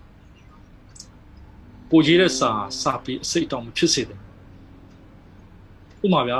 ဒီခုရှိတာကျွန်တော်တို့ရေးလိုက်တဲ့စာကကျွန်တော်တို့ရဲ့ presentation ညံပြင်းသွားလို့ကိုကတော့စေနာနဲ့ရေးလိုက်တာမျိုးနဲ့တစ်ဖက်လူမှာတွားပြီးတော့အတွေးအခေါ်မှားသွားတယ်ဆိုရင်အဲ့ဒါဒါကပြဿနာမရှိသေးဘူးတချို့ကကြတော့အဲ့ idea ကြီးကမဟုတ်ဘူးဆိုတာကိုသိတယ်သို့တော့အဲ့မဟုတ်တာယူချပြတယ် ဒါပေမဲ့အဲ့သူကမဟုတ်တာကိုမှန်အောင်တဲ့ပေးတဲ့ဟာမျိုးရေးတာဆိုရင်အဲ့ဒါတစ်မျိုးဟုတ်ပြီနော်ဘာလို့လဲဆိုတော့တချို့လူငယ်တွေမှာကြတော့လူငယ်တွေကလေသူတို့မှာသူတို့ကိုနှမ်းမိုးထားတဲ့လူရဲ့ပြောဆိုပြုမှုတဲ့မှာရေးတာအဲ့ဒါကြီးအားလုံးကတချို့လူငယ်တွေကလုံးဝအထီးကျယူလာတာယူတဲ့ခါကျတော့ကိုရေးလိုက်တာတခုကလုံးဝ idea အမှားကြီးချပြလိုက်လို့ရှိရင်အဲ့ idea ပေါ်မှာတွားပြီးရက်တည်တဲ့လူငယ်ရှိသွားရင်အဲ့ဒါစာပေအစိတ်တင်သွားတယ်ဟုတ်ကဲ့အဲကျွန်တော်တို့ကမလုပ်ကောင်းစာရေးတဲ့လူတွေနေလေအဲ့ဒါကျတော့စာရေးတာဘာမှအဓိပ္ပာယ်မရှိဘူးကဲ ဟုတ်နော်သူတပြင်းဆောင်းမလို့ဟာမျိုးကြတော့ပို့ဆိုတော့ကျွန်တော်ပြောပြီးတော့ကျွန်တော်ကလက်ဆောင်ပါလက်ဆောင်ပါတယ်ဆိုမှတော့လက်ပြပုံတော့ဘယ်သူပေးမလဲဟုတ်တယ်မတဘောကိုစားကြည့်ခြင်းတဲ့ဟာလေးကိုသူဝစ်စေခြင်းတဲ့ဟာလေးသူ့အတွက်မှတ်တရဖြစ်မဲ့ဟာလေးပေးခြင်းတာလေဟုတ်တယ်မအဲ့ဒါ तू တိသွားပြီဆိုရင် तू အဲ့ဒါလေးနဲ့သူ့ရဲ့ဒီအတွေးခေါ်လေးပဲဖြစ်ဖြစ်ဘာလေးပဲပြောင်းလဲသွားတယ် okay ဒါမျိုးကျွန်တော်တို့ကကြည်လို့ရမှာစာရေးတဲ့သူဆိုဟုတ်ပြီနော်နောက်တစ်ခုကကြတော့ဘာလဲဆိုတော့ကိုရေးတဲ့ဆောင်းပါးရဲ့ဥတီချာအများရဲ့အကျိုးကိုထောက်ကူပြုလို့လိုတယ် နော်အဲ့တော့အဲ့လိုမျိုးခံယူထားဖို့ပြီးတော့ကိုယ့်လက်ထဲမှာကလောင်ရှိတဲ့ရှော့ရမ်းလို့မရဘူး။ကိုကဥမာထားပါတော့ဗျာအခုဆိုရင်ကျွန်တော်တို့က Facebook ပေါ်တာတော့အခုဒါကျွန်တော်တို့မှာ page တွေရှိတယ်။အဲတချို့တွေဆိုရင်ဟို channel magazine ရှိတယ်ဒါပဲ။အာဒါငါ channel ပဲဒါငါ magazine ပဲဒါငါ page ပဲငါရေးတာအမှန်အဲ့လိုမလုပ်ပါနဲ့။အဲ့လိုလုပ်ရင်တဲ့အဲ့လိုစိတ်ဓာတ်မျိုးနဲ့ရေးမယ်ဆိုရင်ကြာဆုံးဖို့များပါတယ်။ဘာဖြစ်လို့လဲဆိုတော့တိတ်ခါလည်းကြာအဲ့တော့ဆရာကြီးတခင်ကိုရောမန်ကပြောတာရှင်းရှင်းလေး တာဝန်နဲ့တိတ်ခါကိုထိမ့်သိမ့်ဖို့လိုတယ်တဲ့ဟုတ်ပြီနော်အဲ့တော့နောက်တစ်ခုကဘာဖြစ်လဲဆိုတော့ကျွန်တော်တို့ချိန်မှာကအဲ့လိုအခုနောက်ပိုင်းဆိုရင်တော့ဆွတ်ဆက်ရေးလို့လည်းမရဘူးဘာကြောင့်လဲအသေးဖြတ်မှုလို့ပြန်မှာအဲတရားရုံးကိုမထီမဲ့မြင်လို့ရောက်မှုလို့အဲ့ဒါတွေကအကုန်ရှိတယ်နော်ပြီးတော့မှတ်ထားမှာပါလဲဆိုတော့ဓာတ်သွားထက်ကလောင်သွားထက်တယ်မှန်တယ်ကလောင်သွားထက်လဲဥပဒေသွားပို့ထက်ပါလေတဲ့အဲ့ဒါကိုမမေ့ပါနဲ့ဟုတ်ကဲ့ဆရာဟုတ်ပြီနော်ဟုတ်ကဲ့ဟုတ်ကဲ့ပါဆရာဟုတ်ဆရာဟုတ်ဆရာကျေးဇူးတင်ပါတယ်ဆရာ ဟိုတတိယမေးခွန်းအနေနဲ့ပေါ့ဆရာကျွန်တော်တို့ဒီစာရေးသားရဲ့နေပေါ့ဟိုမှာအထူးသဖြင့်ဒီစောင်းမားတွေမှာတည်ထားမယ့်အခြေခံအချက်တွေပေါ့နော်နောက်ပြီးစောင်းရဲရှောင်းရဲတွေပေါ့ဆရာခုနကတော့ပြောသွားပါတယ်ဒါပေမဲ့အဲ့ဒါကို detail လေးဆရာတစ်ချက်တော့ရှင်းပြပြပါခင်ဗျာဟုတ်ဟုတ်ကဲ့ဟုတ်ကဲ့အဲ့တော့ပြောရရင်တော့တော်တော်ကျေပြတ်နေပါတော့သဘောတရားအရာတော့ဒီဒီစောင်းရဲရှောင်းရဲဆိုတာအဲ့တော့ကျွန်တော်ကတော့တွင်နေပြန်တော့ဟိုအဖေရဲ့လက်ပေါ်မှာစာပေနဲ့ပတ်သက်ရင်အဖေရဲ့လက်ပေါ်မှာကြီးပြင်းလာတယ်လို့ဆိုအဖေက ကျွန်တော်တို့ကမူလာတန်းတွေကစာရေးစာဝန်တွေရေးရတာဟုတ်ကျွန်တော်တို့၃တန်းလောက်မှာအဲစာရေးစာဝန်စာရေးတယ်ကိုယ့်အကူစာရေးရတာပေါ့နော်ရေးအတန်းထဲမှာပြိုင်နေနောက်အဲ့မှာနောက်တော့အဖေက guideline လေးချချပေးတယ်အဲ့တော့စာရေးစာဝန်ရဲ့သဘောဗျာဏီတန်းရဲ့စာကွယ်ဏီဝင်ဒါကလေးရစာတီစာရေးစာဝန်ရေးဟေ့ဆိုရင်သိကြတယ်အနည်းဆုံးတော့၃ဘိုက်လောက်တော့ပါမှာမရေးတတ်တော့၃ဘိုက်ကတော်တော်ရုပ်များနေကျွန်တော်တို့ခင်ခင်တော့ပေါ့နော်အာ okay စာဒါဏီတန်းလေးပါသွားပြီစာကွယ်လေးပါသွားပြီဏီကုန်းလေးပါသွားပြီပြောနေတာဘာဖြစ်လို့လဲဆိုတော့အဲ့အချိန်မှာထားပါတော့ဗျာ ကျွန်တော်တက်ခဲ့တဲ့အကြောင်းကျွန်တော်တို့ကြောင်းကောင်းနေတဲ့ကျွန်တော်တို့ကြောင်းရှိတယ်ကျွန်တော်ဒီအမကခုနှစ်စမ်းကြောင်းကြီးကြောင်းတက်နေပါသည်เนาะကျွန်တော်ဒီကြောင်းဒီဘယ်မျိုးနဲ့ဘယ်လမ်းနဲ့ရှိပါသည်ပြီးသွားပြီညီတန်းပြီးရင်အလဲပိုင်းကြတော့ကျွန်တော်တို့ကြောင်းရှိရင်စိတ်မမင်းကြီးရှိပါသည်ပြီးရင်တခါကျွန်တော်တို့ကြောင်းဒီနှစ်ထပ်ဆောင်ဖြစ်ပါသည်ဆရာဆရာမဘယ်နှယောက်ရှိကျောင်းသားကျောင်းသူဘယ်နှယောက်ရှိပါသည်ပြီးတော့နေဝင်လိုက်ကြကျွန်တော်တို့ကြောင်းနေကျွန်တော်တို့တကယ်ချင်းများနဲ့ပြောရှင်ကြောင်းတက်ပြီးတော့အပြင် စာတွေတင်ကြတယ်ပေါ့နော်အဲဒါတာမျိုးပေါ့ဒါကကလေးတယောက်ကြီးတဲ့စာပဲကြစောင်းမကြတော့ကျွန်တော်တို့ကဘယ်လိုဖြစ်သွားလဲဆိုတော့စောင်းမရဲ့သဘောကဗျဟိုဥပမာနှိုင်းရရင်စာစီစာဝန်းကနေအရွယ်ရောက်သွားလူကြီးဖြစ်သွားတိတာအဲ့တော့ကလေးတယောက်ကလူကြီးဖြစ်သွားတယ်အရွယ်ရောက်သွားတယ်ပဲသူ့ရဲ့အတွေးခေါ်ကလည်းအဲစောင်းမရင်အဲ့အတွေးခေါ်အဲ့လိုမျိုးလိုက်ပြောင်းလာတာဟိုကျွန်တော်တို့ကခုနပြောတဲ့ကြောင်းကြောင်းပဲရေးချင်တော့နိုင်ငံတနိုင်ငံမှာလူအချက်ပညာတတ်လူငယ်များဖြစ်တယ် ထိုပညာတတ်လူငယ်များကိုစတင်လွှဲထုတ်ရန်အခြေခံပညာကျောင်းများလိုအပ်တယ်ထိုအခြေခံပညာကျောင်းသား၏အစတီကအခြေခံပညာမူလတန်းကျောင်းသားဒါနေတန်းဖြစ်သွားတယ်ကျွန်တော်ရဲ့အခြေခံပညာစတင်ခဲ့ရကျောင်းလေးကတော့ဘယ်ကျောင်းလေးပါဒါမျိုးသွားတာအဲ့တော့နောက်ဆုံးကျတော့မှနိုင်ငံနဲ့ပညာရေးနဲ့နှိုင်းချင်းဒီလိုဒီလိုဒီလိုကျောင်းရေးပါတယ်ဒါစောင်းမတဲ့သဘောအဲ့လိုဖြစ်သွားတယ်အဲ့တော့ပွင့်လင်းပြောရရင်နော်သူကစောင်းမနဲ့စာရေးစာအုပ်နဲ့ကွာသွားတယ်ဆိုလို့ရှိရင်အရေးအတွေ့အကုန်ပါပါတယ် ရေးတာကိုတွေးတာကိုကုန်သွားပါတယ်ခုနပြောတဲ့ညီတန်းလို့စာကိုတို့ညီကုန်းလို့ဆိုတာလောင်းတဲ့ကစာရေးစာအုပ်မှာတင့်တော်ပြီမဲ့စောင်းမဆိုတာကအဲ့ထက်ပိုပြီးတော့ကြီးကျယ်ခမ်းနားပါတယ်သဘောတရားရလေအဲ့လိုမျိုးဖြစ်အဲ့တော့ဘာဖြစ်လဲဆိုစောင်းမမှာတဲ့စာဟန်နဲ့စကားပြောရင်ဆိုတော့စကားပြေနဲ့စကားပြောရင်ဆိုနှစ်မျိုးရှိအခုပြဿနာတက်နေတာကအဲ့နှစ်မျိုးကိုမသိဘဲနဲ့အဲ့နှစ်မျိုးကိုရောနေကြတာပြဿနာအဲ့အဲ့တော့ဘာဖြစ်လဲဆိုတော့ဟိုဖွင့်နေပြောရတာ ဟိုတက်တယ်ပြောရရင်တော့စာမကြည့်ဘူးပေါ့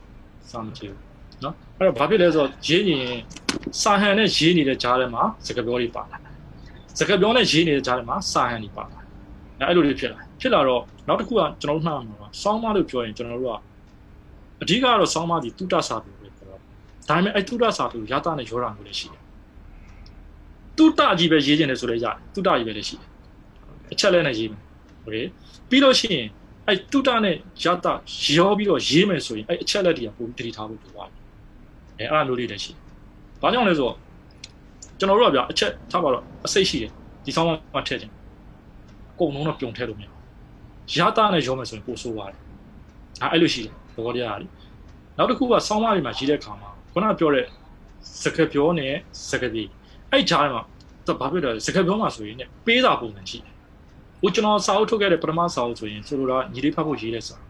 ကျွန်တော်ရဲ့ညီလေးကိုကျွန်တော်ပြောချင်တယ်ဒါပေမဲ့အဲ့ချိန်မှာဘာကြောင့်လဲဆိုတော့ကျွန်တော်ပေးတာပုံနဲ့မပြောင်းလို့မရဘူးသဘောတရားအရာလေကျွန်တော်ကကျွန်တော်ရေးချင်းရေးရတာစကားပြေးနဲ့ရေးကြတာကြာပြီဆိုအဲ့မှာပေးတာပုံနဲ့ကျွန်တော်ပြောင်းပြီးရေးတယ်နောက်တစ်ခုကဆွေးနေတဲ့ဟန်ကြီးတက်မှာဟိုအကြောင်းနဲ့တောက်အမေးဖြစ်ပုံစံမျိုးအဲအဲ့ဒါလည်းသူကကိုပြောချင်တဲ့အကြောင်းအရာကိုပဲသူကအဲ့လူနှစ်ယောက်ဆွေးနေတဲ့ပုံစံမျိုးနဲ့ပြောကြဟုတ်ပြီနော်အဲ့တော့ तू ကဒါတွေကစကားပြောရေးဟန်စကားပြောနဲ့ပတ်သက်ပြီးရေးတာနော်ပေးစာရှိတယ်ဥမာဆရာမောင်တော်ကျိုးတို့ရေးတယ်ဗျာတမီလေးဖတ်ဖို့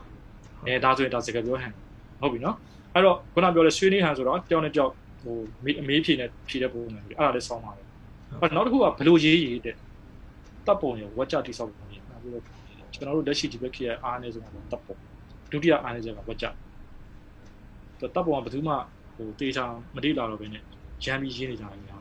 နော်အဲ့တော့ဘာဖြစ်လဲဆိုတော့ပွင့်လင်းပြောရရင်ညာတပ်ပုံကျန်လို့တယ်နောက်မြန်မာအဘိဓာန် ကျွန်တော်ကတော့မြန်မာဘီတန်ကိုတပ်ပုံညောဆောင်တယ်ကျွန်တော် ARB မှာထားတာတယ်အမြဲတမ်းရှိတယ်အဲ့တော့တပ်ပုံညကဒီဘက်ခေတ်ဆိုလွယ်ပါတယ်ဗျပွင့်လင်းပြောရင်ဘာလဲဆိုအခုတချို့အရာဆိုကျွန်တော်တင် internet မှာတော့ဘောင်းလို့ရတယ်တပ်ပုံကြံလေမြန်မာပြည်တာတော့မရတော့မြန်မာပြည်တာတော်တော်ရှားတယ်နော်အဲဟိုမှာလဲစာအုပ်ကြီးကိုဒီဝယ်ဖို့တော့မှမနေရှာကျွန်တော်ကျွန်တော်ကတော့အဲ့ဒါမြန်မာပြည်တန်ကျတော့ဟိုကျန်ကုန်မှာနေတော့ကျွန်တော်ဒီလာတော့အဖေးရှိကနေကျွန်တော်အမွေလိုတောင်းတာအဲ့လိုမျိုးဘာလို့ကျွန်တော်အဲ့ဒါကြီးလက်လွတ်လို့မရအောင်အဲ့အဲ့ဒါကြီးအရင်ဝယ်ပြီနော်အဲ့နောက်တစ်ခုကစာရေးမယ်ဆိုရင် ဒါစောင်းမမမဟုတ်ဘူးနော်ဘာပဲရေးစာပေနဲ့ပတ်သက်နှံ့ဆက်ဖို့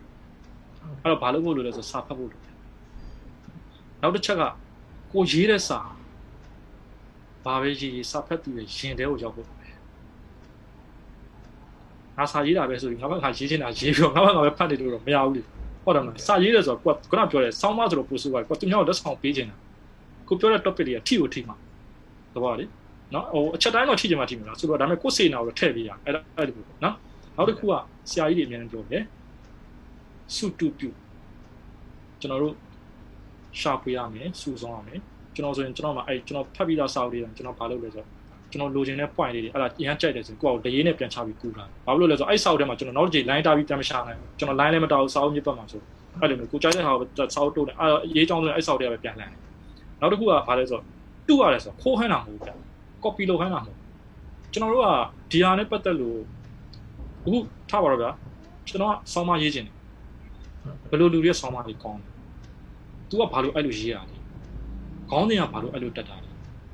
စာတစ်ပိုက်လုံးကို तू ဘယ်လိုအစအဆုံးဘယ်လိုတည်သွားတာလဲအကြောင်းအရာကိုဘယ်လိုပြောပြသွားတာလဲနောက်ကျွန်တော်ရဲ့ဟိုကျွန်တော်အခုဒါဆောင်းမနဲ့ဒါပွင့်လိုက်ပွင့်ဆောင်းမနဲ့ပတ်သက်လို့စာအုပ်ထုတ်လိုက်လို့ပြောသားစာပြီးတာကျွန်တော်တကယ်ရေးချင်တာအချစ်လုံးချင်းဝတ္ထုကျွန်တော်ចောင်းသားဘွားတွေကအရန်ကျူးတက် အစာအုပ်ထုတ်ဖို့ကြိုးစားတယ်မောင်းနေသေးလို့ဆိုလိုတာလေအဲ့ဒါဘာဖြစ်လဲဆိုတော့ပိုပြီးကျွန်တော်ကန်ကောင်းတာကကျွန်တော်ရဲ့အဖေနဲ့အဲဆရာမောင်စင်းပရိကုန်းနဲ့ငယ်တငယ်ချင်းနေဆရာမောင်စင်းပရိကုန်းဆိုတော့ပရိကုန်းကနေဂျိုးဝင်ကောင်မှာကျောင်းတက်တော့အဖေကကျတော့ဂျိုးဝင်ကောင်တော့ဘူးအဲ့တော့သူကအထက်တန်းကျောင်းမှာသူတို့အတူတူတွေဆရာဆရာလူတပည့်တွေအဲ့တော့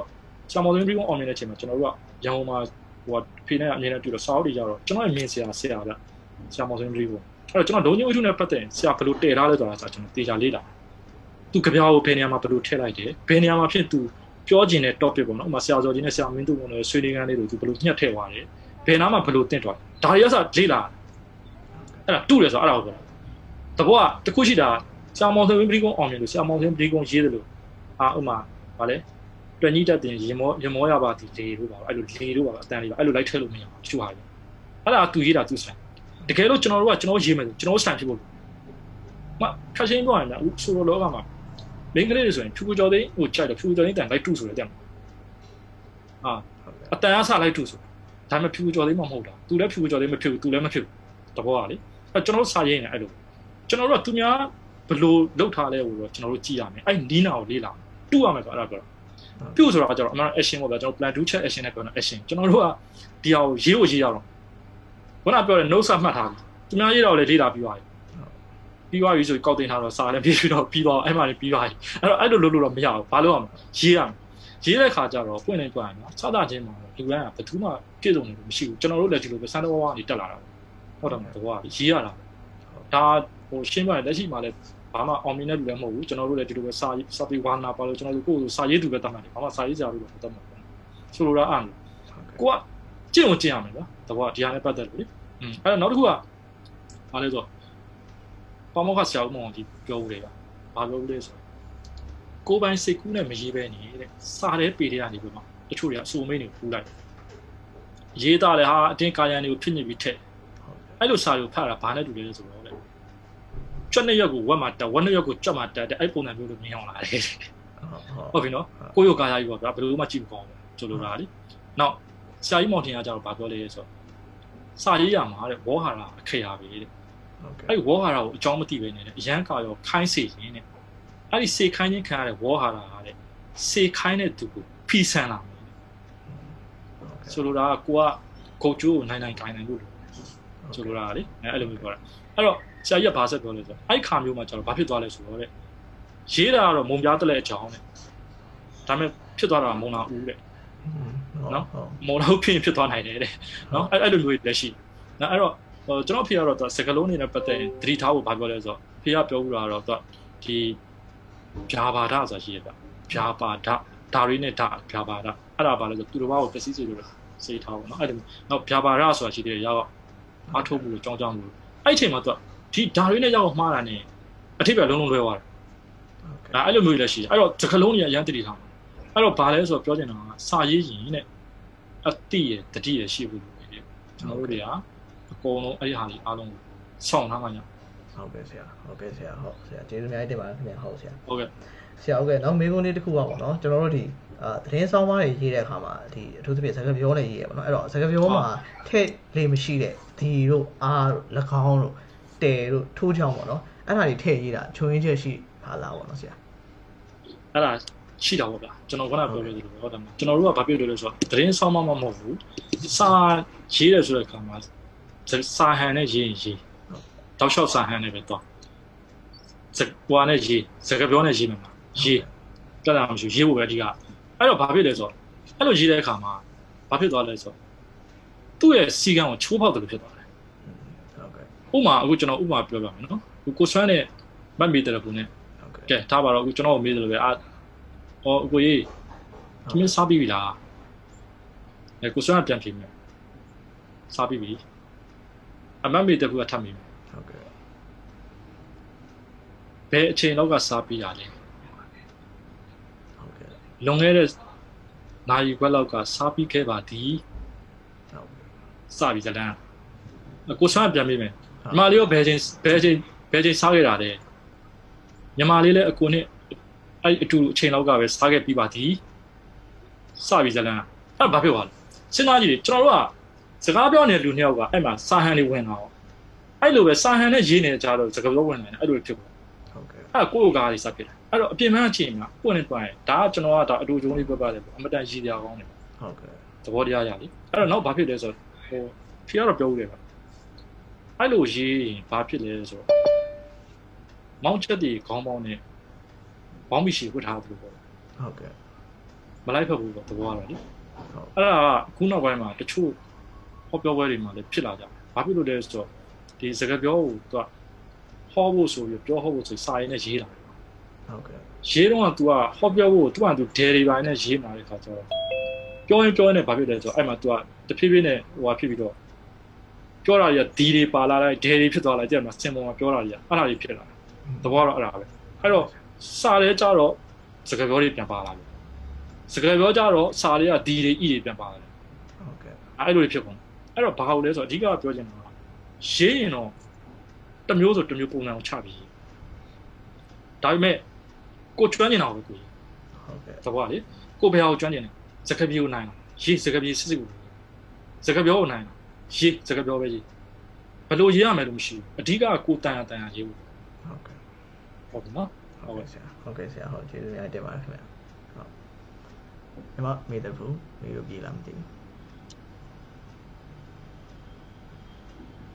ရတယ်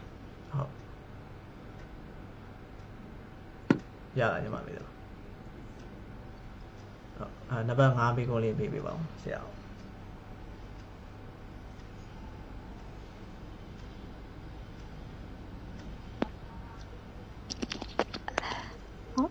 သမီးတို့ပေါ့နော်အခုစာရေးလို့ရှိရင်ဆရာခုနကလည်းပြောသွားပါတယ်သမီးတို့မှာစလုံးမောင်းတပ်ပုံချမ်းလုပ်နေတယ်ဆိုတဲ့ကိစ္စလေးပေါ့နော် ဟုတ်ကဲ့သမီးတို့အဲဟိုပေါ့ရေးတော့ရေးတယ်ဒါပေမဲ့တစ်ခါလေကြားလို့ရှိရင်ပေါ့နော်မားနဲ့အမှန်နဲ့ရောမျိုးတက်တက်ကွက်ကွက်မသိဘူးပေါ့နော်ဟုတ်ဒီနေရာမှာဆိုသမီးစကလုံးလေးတချို့ဟိုပေါ့နော်ဥပမာထားပြပြပြမေးချင်ပါတယ်ဆရာဟိုသမီးတို့ပဇွန်ဆိုလို့ရှိရင်ပေါ့နော်စားကွယ်ရယ်အဲ့လိုမျိုးစလုံးရယ်အဲ့လိုမျိုးဆိုဘယ်ဟာနဲ့ပဇွန်ရမလဲဟိုရေရက်ဆိုလို့ရှိရင်လည်းသမီးတို့ကတ်တာနဲ့ရက်မလားရက်ပလက်တနဲ့ရက်မလားအဲ့လိုမျိုးပေါ့နော် အာအဲ့လိုမျိုးလေးတွေပေါ့အဲ့မျိုးတွေးဆောင်နေဆိုလို့ရှိရင်လည်းစလုံးနဲ့ဆောင်ရမလားစလိန်နဲ့ဆောင်ရမလားဆိုအဲ့လိုမျိုးလေးမကွဲဘူးဖြစ်တတ်တယ်ပေါ့နော်ဆရာအဲ့လိုမျိုးလေးဒီစကလုံးလေးတွေကိုပေါ့နော်ဥပမာထားပြဘယ်ဟာအမှန်လဲဆိုတာကိုလည်းအဲ့လိုမျိုးဆရာကိုလည်းမေးချင်တယ်ပေါ့နော်ဟုတ်ကဲ့ဟုတ်ဟုတ်ဟုတ်ဟုတ်ကဲ့ပြီးတော့စလုံးမောင်းတပ်ပုံနဲ့ပတ်သက်ပြီးတော့လည်းနည်းနည်းလေးသိချင်ပါတယ်ဆရာဟုတ်ကဲ့ဟုတ်ကဲ့အဲ့တော့ကသူကခုနကျွန်တော်တခုတော့ထည့်ပြောခဲ့တယ်အဲဟိုကိုစမ်းကိုပြောပြတယ်ဗျာပါဓာတ်နဲ့ဗျာပါရတော့လေ ဒါတွေနဲ့ရောက်တော့မှားသွားတယ်အိဗေအများကြီးပွဲသွားရဲဆိုအဲ့တော့ခုနဒီအမေတကူမေးတဲ့ထဲမှာပါပါလဲဆိုပဇွန်အဲ့တော့ပဇွန်ကပွင့်နေသွားရင်တော့ဒီကျွန်တော်တပ်ပုံညမှာကျတော့ဇာခွဲနဲ့ဇွန်မရှိဘူးဗျဟုတ်ကဲ့အဲ့တော့ရှင်းသွားပြီဗျစာလုံးနဲ့ပဲဇွန်ပြီလားစာလုံးနဲ့ပဲဇွန်တယ်စာလုံးကဆွဲနေတာဇွန်တယ်အဲ့တော့ကျွန်တော်တို့မျိုးနဲ့ပေါင်းထားတဲ့ပဇွန်တော်ကသာသူ့ဟာသူဇာခွဲနဲ့ပေါင်းတာကျွန်တော်တို့စားတဲ့ပဇွန်တွေကစလုံးနဲ့ပဲဆွန်တာဟုတ်ကဲ့နောက်တစ်ခုကရေရက်လို့ပြောတယ် ရက်တာသူရက်တယ်ဆိုရသူရာကောက်ကတ်တာရက်ရက်ရေရက်ငါးမှရှိဆိုတော့ဟောတယ်မှာရေရက်ရက်တာမဟုတ်ရက်ခတ်တဲ့ရက်မဟုတ်အဲ့တော့ပတ်ပတ်တတ်မဟုတ်ကာကြီးတက်နောက်တစ်ခုကဟိုမှာနဲဆိုတဲ့စကားလုံး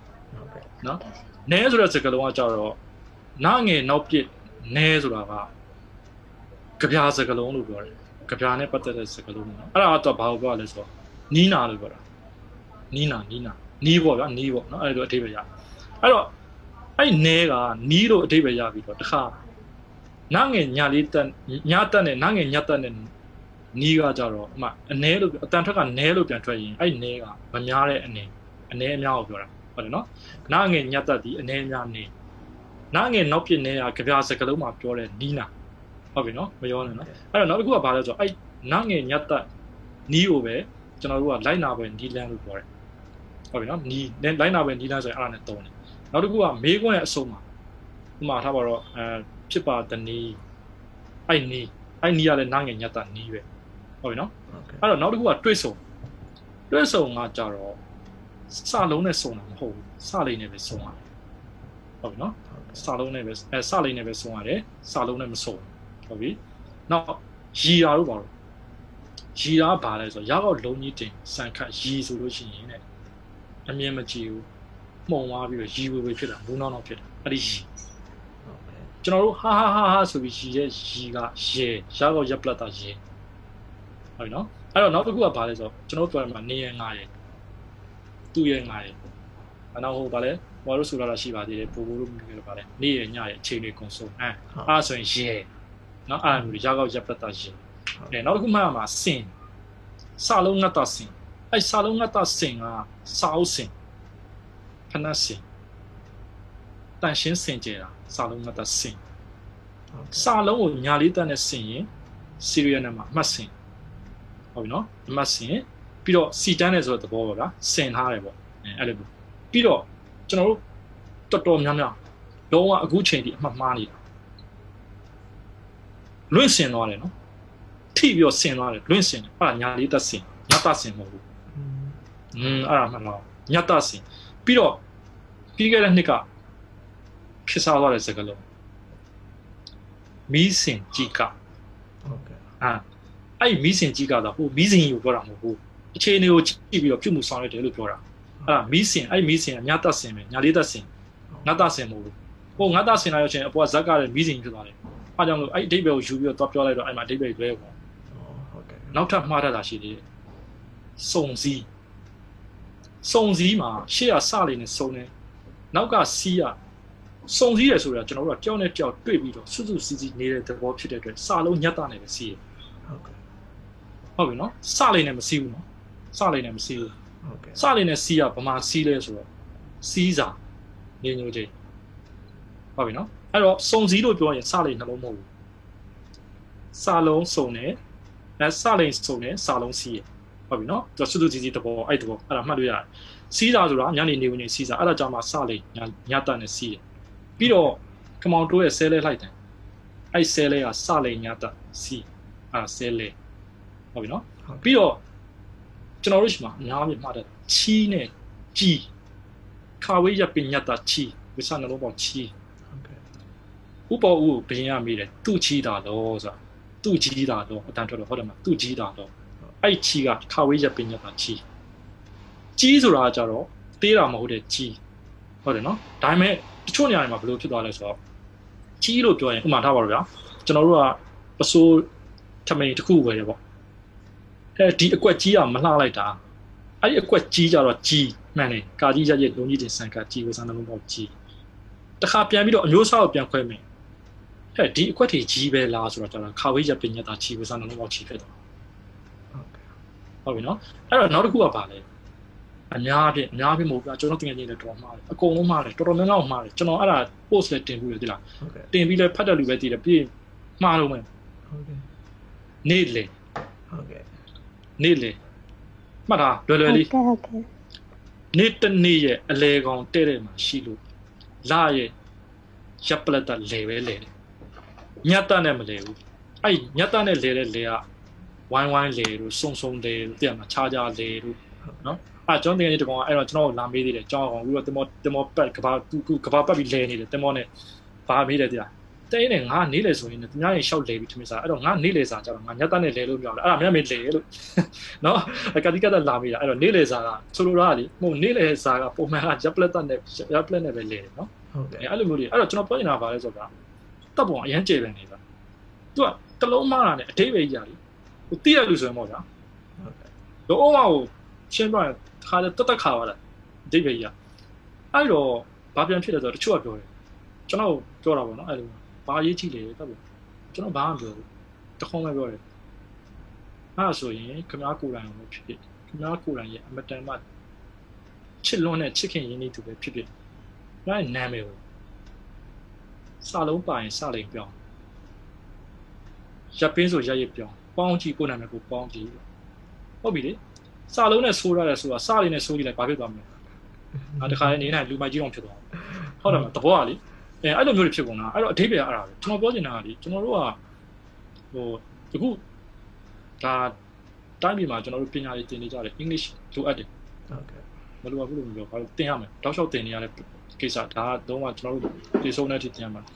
English နဲ့ပဲဘယ်ဘာသာမှဆိုကျွန်တော်တို့ဆက်လက်လာမှာဟုတ်တယ်မနိုင်ငံခြားဒါ website ဖတ်လိုက်တာ English ပဲဘယ်သူမှဗမာလိုရေးမလားအဲ့တော့ TOEFL တွေ IELTS ဖြေကြတယ်ဗျသူများ grammar တွေကြတော့ကြာကြာနာနာရေးလာလိုက်ကြကိုတပ်ပုံကြတော့ရေးမကျူးပြောတာကြတော့မမိုက်ဘူးလေဘောအဆင်မပြေဘူးဟုတ်ကဲ့ဘာလို့လဲကျွန်တော်တို့ကရှင်းရှင်းလေးပဲကျွန်တော်လာမေးကျွန်တော်တို့တခွန်းဘာလို့ဗမာဖြစ်နေလို့မြန်မာမန်မြန်မာစကားမြန်မာတပ်ပုံကတော့ရှင်းပြရမသိရင်တော့ကျွန်တော်ပြောတာအကုန်လုံးသိကြအောင်လို့ဒါပေမဲ့ခုနပြောလို့ပေါ့နည်းနည်းအလေးထားဖို့လို့လို့ကိုမသိဘူးတော့ကိုကတကယ်လို့ဒီဟာနဲ့ပတ်သက်ပြီးဆက်လုပ်မယ်ဆိုရင်ကိုမှခုနပြောတဲ့တပ်ပုံချန်ဆောင်းထားတယ်မသိရင်လှန်တော့လေ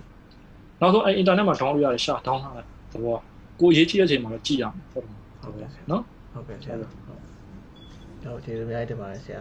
ဟုတ်ကဲ့ဟိုနောက်တစ်ခုကကျတော့လေကျွန်တော်တို့အအထူးသဖြင့်ကျွန်တော်တို့ကိုယ်တိုင်ပေါ့ကျွန်တော် EHS မြန်မာမှာဆိုရင်ဒီ Apple Button နဲ့ပတ်သက်ပြီးတော့အဲ technical ဆောင်းပါးတွေပေးတယ်အရှိပေးတယ်ဒီအဲဘဟုသုတဆောင်းပါးလေးပေါ့ပေါ့ပါလေးရှိပေးရနော်ဒါပေမဲ့ကျွန်တော်တို့ပေးလိုက်တာတွေကဘယ်လိုပြောမလဲအနှစ်တွေပေါ့ဆရာရယ်အဲ့တော့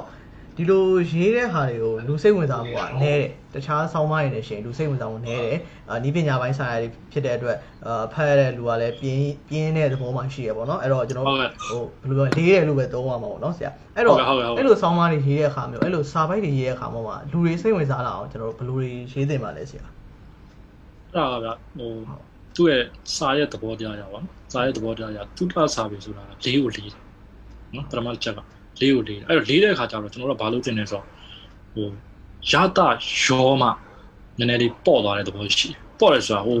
စာရဲ့အကြောင်းအရာပေါ့သွားမှာဖတ်တဲ့လူရဲ့စိတ်ထဲမှာဒီဟာလေးကိုပေါ့ပေါ့ပါပါနဲ့သူဖြတ်တန်းသွားပြီးရတယ်အဲ့တော့တခုရှိတာအကုန်လုံးရောမလားဆိုတော့အကုန်လုံးလည်းရောလို့မရဘူး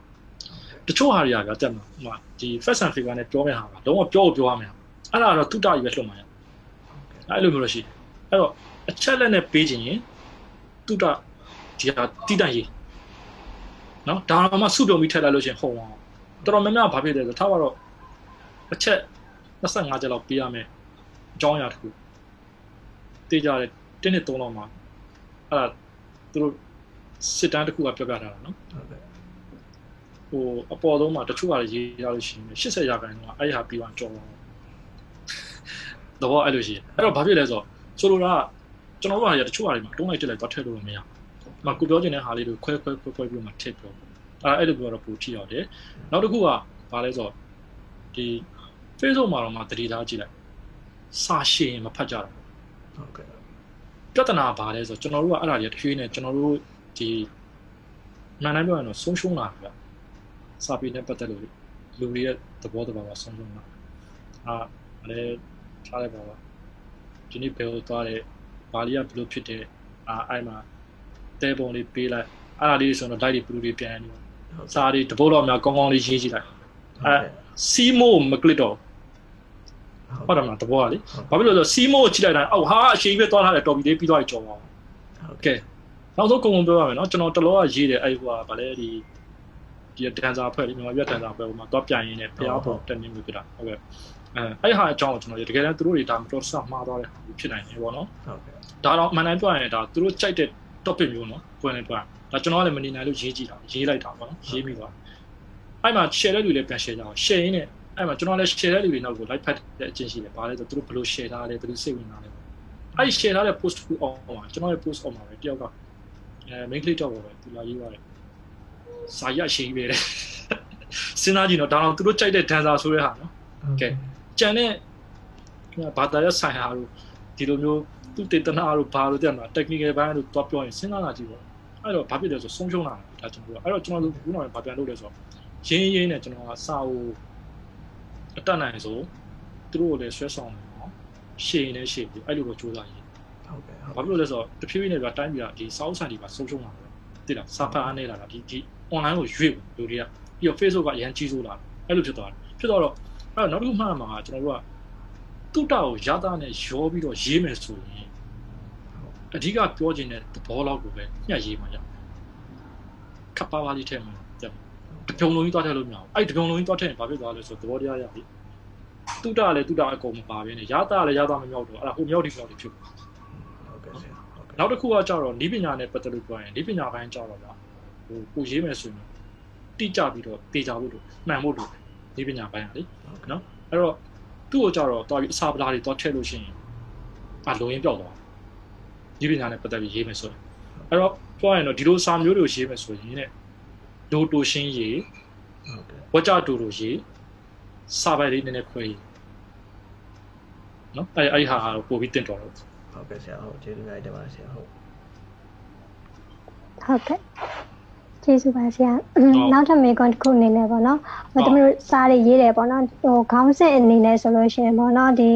ခုနကဆရာပြောသွားတဲ့ဟာကိုပဲဥဥမာထားပြီးပြောရမယ်ဆိုရင်ဒီ K-pop အဖွဲ့အော်ဒီအစိုးရအဖွဲ့ရဲ့ဒီပေါ့ သူတို့ရဲ့အကအကြောင်းရေးတယ်ပေါ့နော်ဒါသူတို့ဒီအကြောင်းအရာဆိုရင်တော့သူတို့ရေးလိုက်တယ်ပေါ့အကြောင်းအရာအရှိအဲ့ဒီအကြောင်းအရာကိုပေါ့နော်ခြုံငုံပြီးတော့ကြစ်ကြစ်လက်လက်နဲ့ခေါင်းစဉ်ပေါ့နော်ပေးတဲ့အချိန်မှာဆိုလို့ရှိရင်ဒီခေါင်းစဉ်နဲ့ဒီစာသားနဲ့ကိုက်နေအောင်ခေါင်းစဉ်လေးကလည်းကြစ်ကြစ်လက်လက်ဖြစ်နေအောင်ပေါ့နော်အဲ့လိုမျိုးဆိုရင်ဘယ်လိုမျိုးပေးတယ်လဲလို့ဆရာထင်လည်းမသိဘူးဆရာဟုတ်ကဲ့ပထမကတော့ခေါင်းစဉ်ကဘယ်လိုသဘောရှိလဲဆိုခေါင်းစဉ်ကဟိုကျွန်တော်ယူကြဆိုရင်နော် ပထမဆုံးစစဉ်းစားမှာကိုရေးတဲ့စာကိုခြုံခြုံမိဖို့လိုတယ်ကိုပြောလိုက်တဲ့အဓိကအကြောင်းအရာပါလေပေါ့အဲ့အကြောင်းအရာကိုမိဖို့လိုတယ်အဲ့တော့အဲ့အကြောင်းအရာကိုမိပြီအကြောင်းအရာနဲ့လည်းညီသွားပြီအဲ့ဒါဆိုရင်နောက်ပိုင်းကျမှခေါင်းပြင်ရဲ့လှမှုမလှမှုကိုပြန်စဉ်းစားအောင်အဲအဲ့ဒါမျိုးနော်ဘာလို့အဓိကကျွန်တော်တို့ကဒီကိုပေးလိုက်တဲ့ message ကိုအဲ့ခေါင်းထဲမှာတော့ပေါ့အောင်ပေးရတာဟုတ်အဲ့ဒါမှ तू ကဟောဒါဆိုရင်တော့ဘာအကြောင်းလေးပါလားဆိုအဲ့လိုမျိုးလေးဖြစ်တယ်ခါကြရင် तू ဟိုဆွဲဆောင်မှုရှိအောင်ပေးရတယ်ကောင်းတယ်မကောင်းမျိုးကြည့်လိုက်တော့ဗျာဘာကြောင်းရမှမသိဘူးဒါဆိုရင်ဘာကြောင်းလည်းမသိဘူးနော်ဆိုပြီးကော့ဖတ်လိုက်တာမျိုးလည်းဖြစ်နေဒါပေမဲ့အဲ့ခေါင်းတွေကဖတ်ရင်းနဲ့မှသိသွားတာအော်သူပြောချင်တာဒီကြောင်းရအောင်ဒီခေါင်းတွေမှာနားဆိုတော့အဲ့လိုမျိုးလည်းရှိတယ်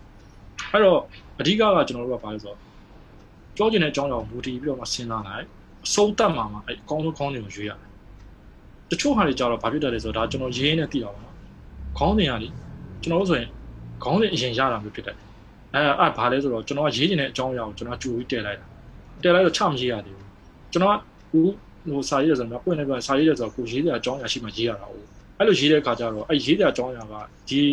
ထားပါတော့ Facebook ပဲဖြစ်ဖြစ်စာမျက်နှာပဲဖြစ်မချခင်မှာကိုကခေါင်းထဲကအရင်ရပြီနေဒါရင်ဘက်ထဲကအရင်ရပြီနေအဲ့လိုအခြေအနေမျိုးမှာကျွန်တော်က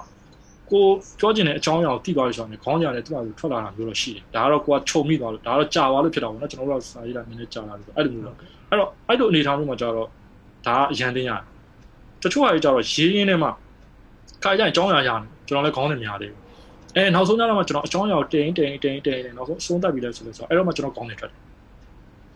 အဲအဲ့လိုမျိုးလည်းရှိအဲ့တော့ဖွင့်လင်းပြောချင်တာကခေါင်းတင်လှလှဆိုတာကခေါင်းတင်ကိုပထမဆုံးစဉ်းစားမှာအကြောင်းအရာကိုခြုံပြီးလို့စဉ်းစားတာသူပြောထားတဲ့အဓိကအကြောင်းအရာနဲ့ဘယ်လောက်ကိုက်ညီလဲနော်အကြောင်းအရာကိုခြုံပြီးလို့တော့လိုတယ်နော်အဲ့ဒါကိုစဉ်းစားအဲ့ဒါပြီးတော့မှကျွန်တော်တို့ကဒီခေါင်းတင်ရဲ့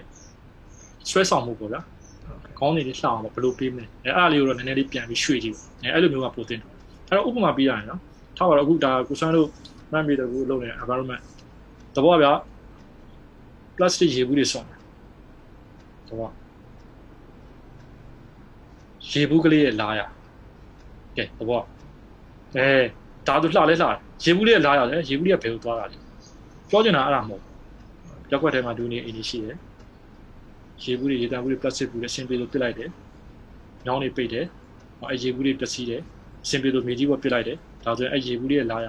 နောက်ဆုံးဆိုးကျိုးကဘယ်လိုဖြစ်သွားလဲ။အဲဒါမျိုးလေးပေါ့။ကိုပြောချင်တာကတော့ပတ်ဝန်းကျင်ဆိုးကျိုးပဲလေ။အဲဒါမျိုးလေး။အဲနောက်တစ်ခုကျတော့ plastic အိတ်လေးရဲ့ဒီမှာနေအဲဒါမျိုးဆိုလိုရမို့သဘောပြောပြရေးခြင်းလဲဆိုရင်လေမကြွကြွအိတ်တင်တဲ့ပတ်သက်လို့အဲဒါမျိုးလေးတွေဒါကကိုကလှအောင်ရှော့ပေးလိုက်နော်ဒါပေမဲ့ကိုပြောတဲ့အကြောင်းအရာတော့အဲ့ပေါ်မှာမိဖို့တော့လို့အဲအဲ့ဒါကိုပြောချင်တယ်ဥပမာကျွန်တော် ခုဒီဒီဟိုမျိုးသားစာပြီးကြတဲ့စာအုပ်ပေါ့ထားပါတော့အဲ့စာအုပ်ထဲမှာကျွန်တော်ခေါင်းစဉ်တစ်ခုပေးထားရတာဥပမာရှွန်ထဲကကြောက်တုံးညာဒါဆိုဘာလဲမသိဘူးနော်စဉ်းနေစဉ်းစားမှာဒါပေမဲ့ကျွန်တော်ပြောချင်တဲ့အကြောင်းကလူငယ်တွေအကြောင်းဘာလဲဆိုတော့အချို့လူငယ်လေးတွေကသူတို့ကဗျာသူတို့မိသားစုနဲ့သူတို့ဘာသူတို့နေတယ်သူတို့မှဘာရည်ချင်းချက်လို့မသိကြဘူးတော်တော်များများဘာလို့ဖို့လို့လဲဆိုတော့အဲ့လူငယ်လေးတွေကိုတိတဲ့လူကဆွဲသုံးလို့ရှိရင်ကျွန်တော်တို့ကအရင်တော့ကျွန်တော် ဟိုမိဘတွေကဒီတကူမြောက်ပိုင်းမှာမြေခွဲရတော့အဲ့မှာကျွန်တော်တို့လမ်းတွေကဘယ်ချွတ်မြေတွေလို့ဖြစ်နေတယ်ဂျုံသွားတဲ့လူတွေအားလုံးဒီအဲ့မှာအားတစ်ခါလဲအဲ့ဖက်နဲ့ချူပြီးရှော့ရတယ်ချော်လဲတဲ့လူတွေတော့ရှိအဲ့တော့ကျွန်တော်ကလည်းအဲ့ချိန်တော့ရေးခင်းနေဖြစ်ကြောင်းကလည်းခဏခဏတက်ဖို့ကြီးပဲစောင့်နေရတယ်ဆိုတော့အဲ့ကဲတခုတော့လုပ်မယ်ဆိုပြီးတော့အဲ့ကလေးတွေခေါ်ပြီးတော့အဲ့အိမ်သားမှာပဲရှိတယ်လူငယ်လေးဒီ10တန်းအောင်အောင်ရဲ့ရွယ်လေးပေါ့နော်10တန်းအောင်ငါစားလို့10တန်းတက်နေတဲ့လူအဲ့လိုသူတို့အကြောင်းအားဖြင့်ခေါ်ပြီးဒီလိုဒီလိုတော့ရှိတယ်မင်းတို့ငါတို့ လမ်းခင်းနေတဲ့နေရာကတ္တရာလမ်းခင်းနေတဲ့နေရာမှာဘေးမှာဆင်းနေတဲ့ကြောက်လို့မရှိဘူးလိုက်ကောင်းအာမင်းတို့လိုက်လိုက်အလိုက်မယ်တဲ့သူလည်းကုလို့ရတယ်အကျွန်တော်လည်းစီးဝင်လာပါအမင်းတို့ကလမ်းခင်းတရားမင်းဖြစ်တဲ့ဘာညာပေါ့နော်စောကြည့်ရပေါ့ကျွန်တော်လည်းလူငယ်တွေသဘောကြောင် shop ပြောအဲအဲ့ဒါနဲ့သူတို့လိုက်လာပြီးတန်ဖိုးတွေယူပြီးကျွန်တော်တို့ shop သွားကြအာမိုးတဲ့လေတွေမှာခါကြတယ်အဲ့လိုကွင်းမြင့်နေတဲ့မှာမိုးတွေချင်းကျွန်တော် like ကောက်ကောက်ပြီးတော့အဲ့လမ်းကိုခင်းလိုက်တဲ့ခါကျတော့ဒါအကုန်လုံးတော့မပြေဘူးဗျာ like ကောက်တဲ့ခဲဆိုတော့နည်းနည်းလေးတော့ပြေသွားတယ်သို့တော့ဘာဖြစ်သွားလဲဆိုတော့လမ်းကရှောက်လို့ရပါတယ်ဆိုလိုတာအရင်လိုဖဏချွတ်ချောက်ကြမလို့တော့ချော်မလဲတော့ အဲ့ချိန်မှာဘာဖြစ်လဲဆိုတော့မိုးကုံကတော့အဲ့ကြောက်တုံးလေးတွေကခြောက်သွားပြီးတော့ဒီကြောက်တုံးလေးတွေကမြေကြီးအောက်မှာမြို့တော့မြုပ်နေသေးတယ်အဲတခါမိုးပန်ပေါ်လာရင်သူကရှွန်ထဲမှာဆက်ပြီးကျန်တယ်အဲ့တော့ဒီရှွန်ထဲကကြောက်တုံးတွေလိုပဲဒီလူငယ်တွေကဘာဖြစ်လဲဆိုတော့တခါကြောက်လို့ရှိရင်သူတို့ဘာလဲသူတို့နင်းမြုပ်တာသူတို့တတ်နိုင်တဲ့စွမ်းရည်ရှိအဲ့ဒါကိုကျွန်တော်တို့ကဆွဲသုံးဖို့အဲ့ဒါလေးကိုကျွန်တော် message ပေးရင်အဲအဲ့လိုမျိုးတွေပေါ့နော်နောက်မြန်မာရနတ်မြန်မာတွေ့ဒါခေါင်းစဉ်ကြည့်တာမြန်မာရနတ်အာโอเคမြန်မာလေးအကြောင်းပေါ့တေချာတော့မြန်မာရနတ်မြန်မာတွေ့ ဒါပေမဲ့ကျွန်တော်ရေးတာအဲ့ဒါယာတီပွဲတော့ဘာလဲဆိုတော့တချင်ဆိုလိုတာဗျာမြန်မာရနတ်ဆိုတော့ကျွန်တော် brown ကိုတင်ထားလိုက်မြန်မာတွေးဆိုတာကျွန်တော်တို့ကတကြံကဗျာဟိုးလုံးကဒီထားပါတော့ရှင်ပင်တွေလက်ထက်က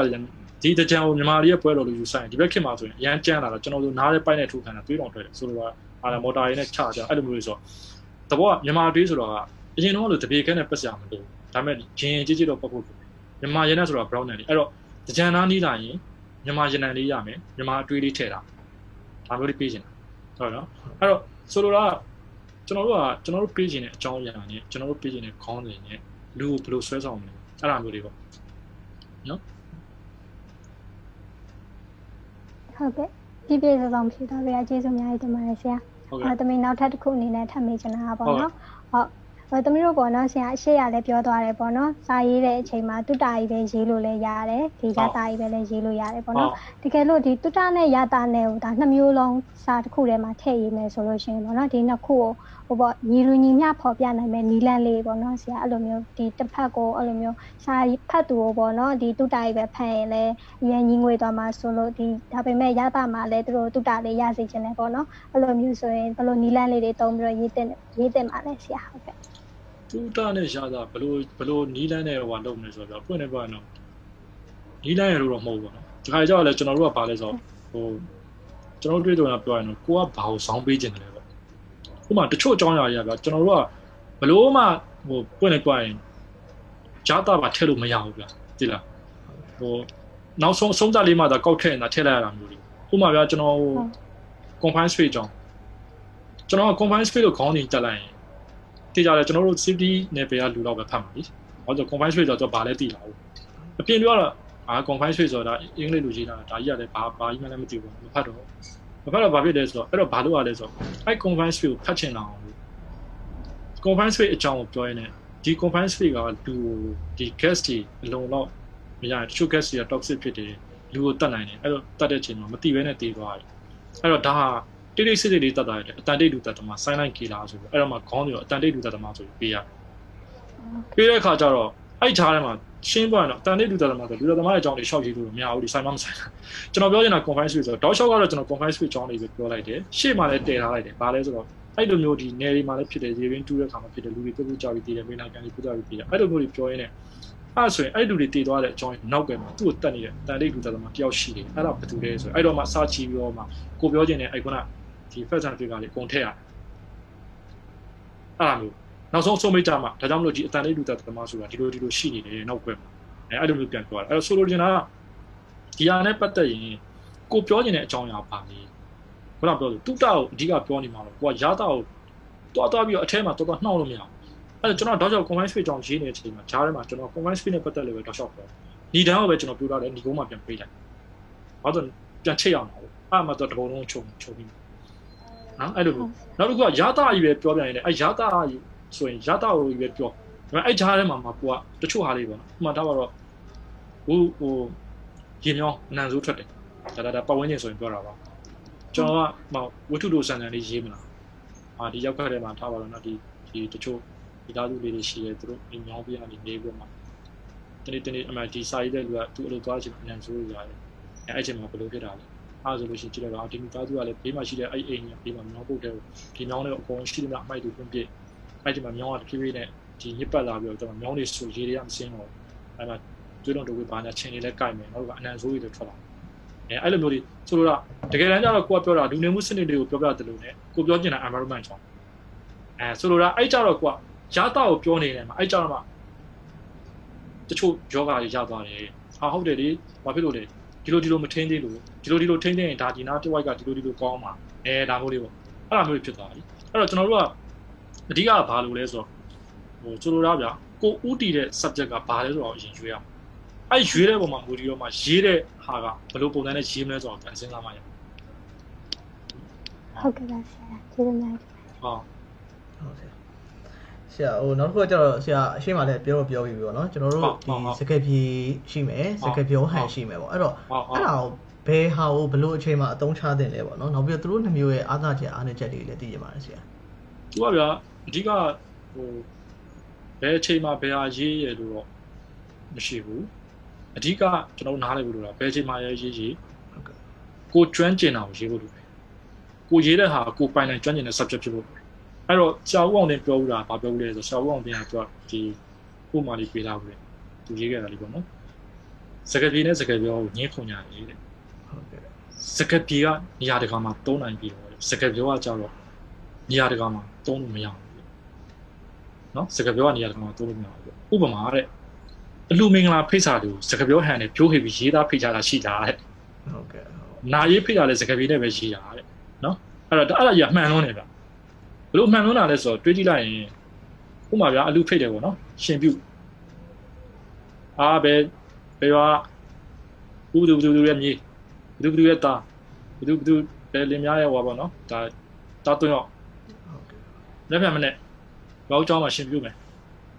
တမီဘယ်တမီကတော့နားဖောက်မယ်လေအဲရှင်ပြင်းဘယ်ချိန်တော့လာခဲ့လိုက်ဘာကျွေးမယ်ရှိတာဘယ်တော့မှမရတာဟုတ်တယ်မလားတကောကဘောင်းမွင်းဟိုကဗျာပွင့်နေပွားတော့နားရေးဆိုလည်းအဲ့လိုပဲလေ အာဘယ်သူဘယ်သူရဲ့အမျိုးဘယ်သူဆုံးသွားလို့အသက်ဘယ်နှစ်နှစ်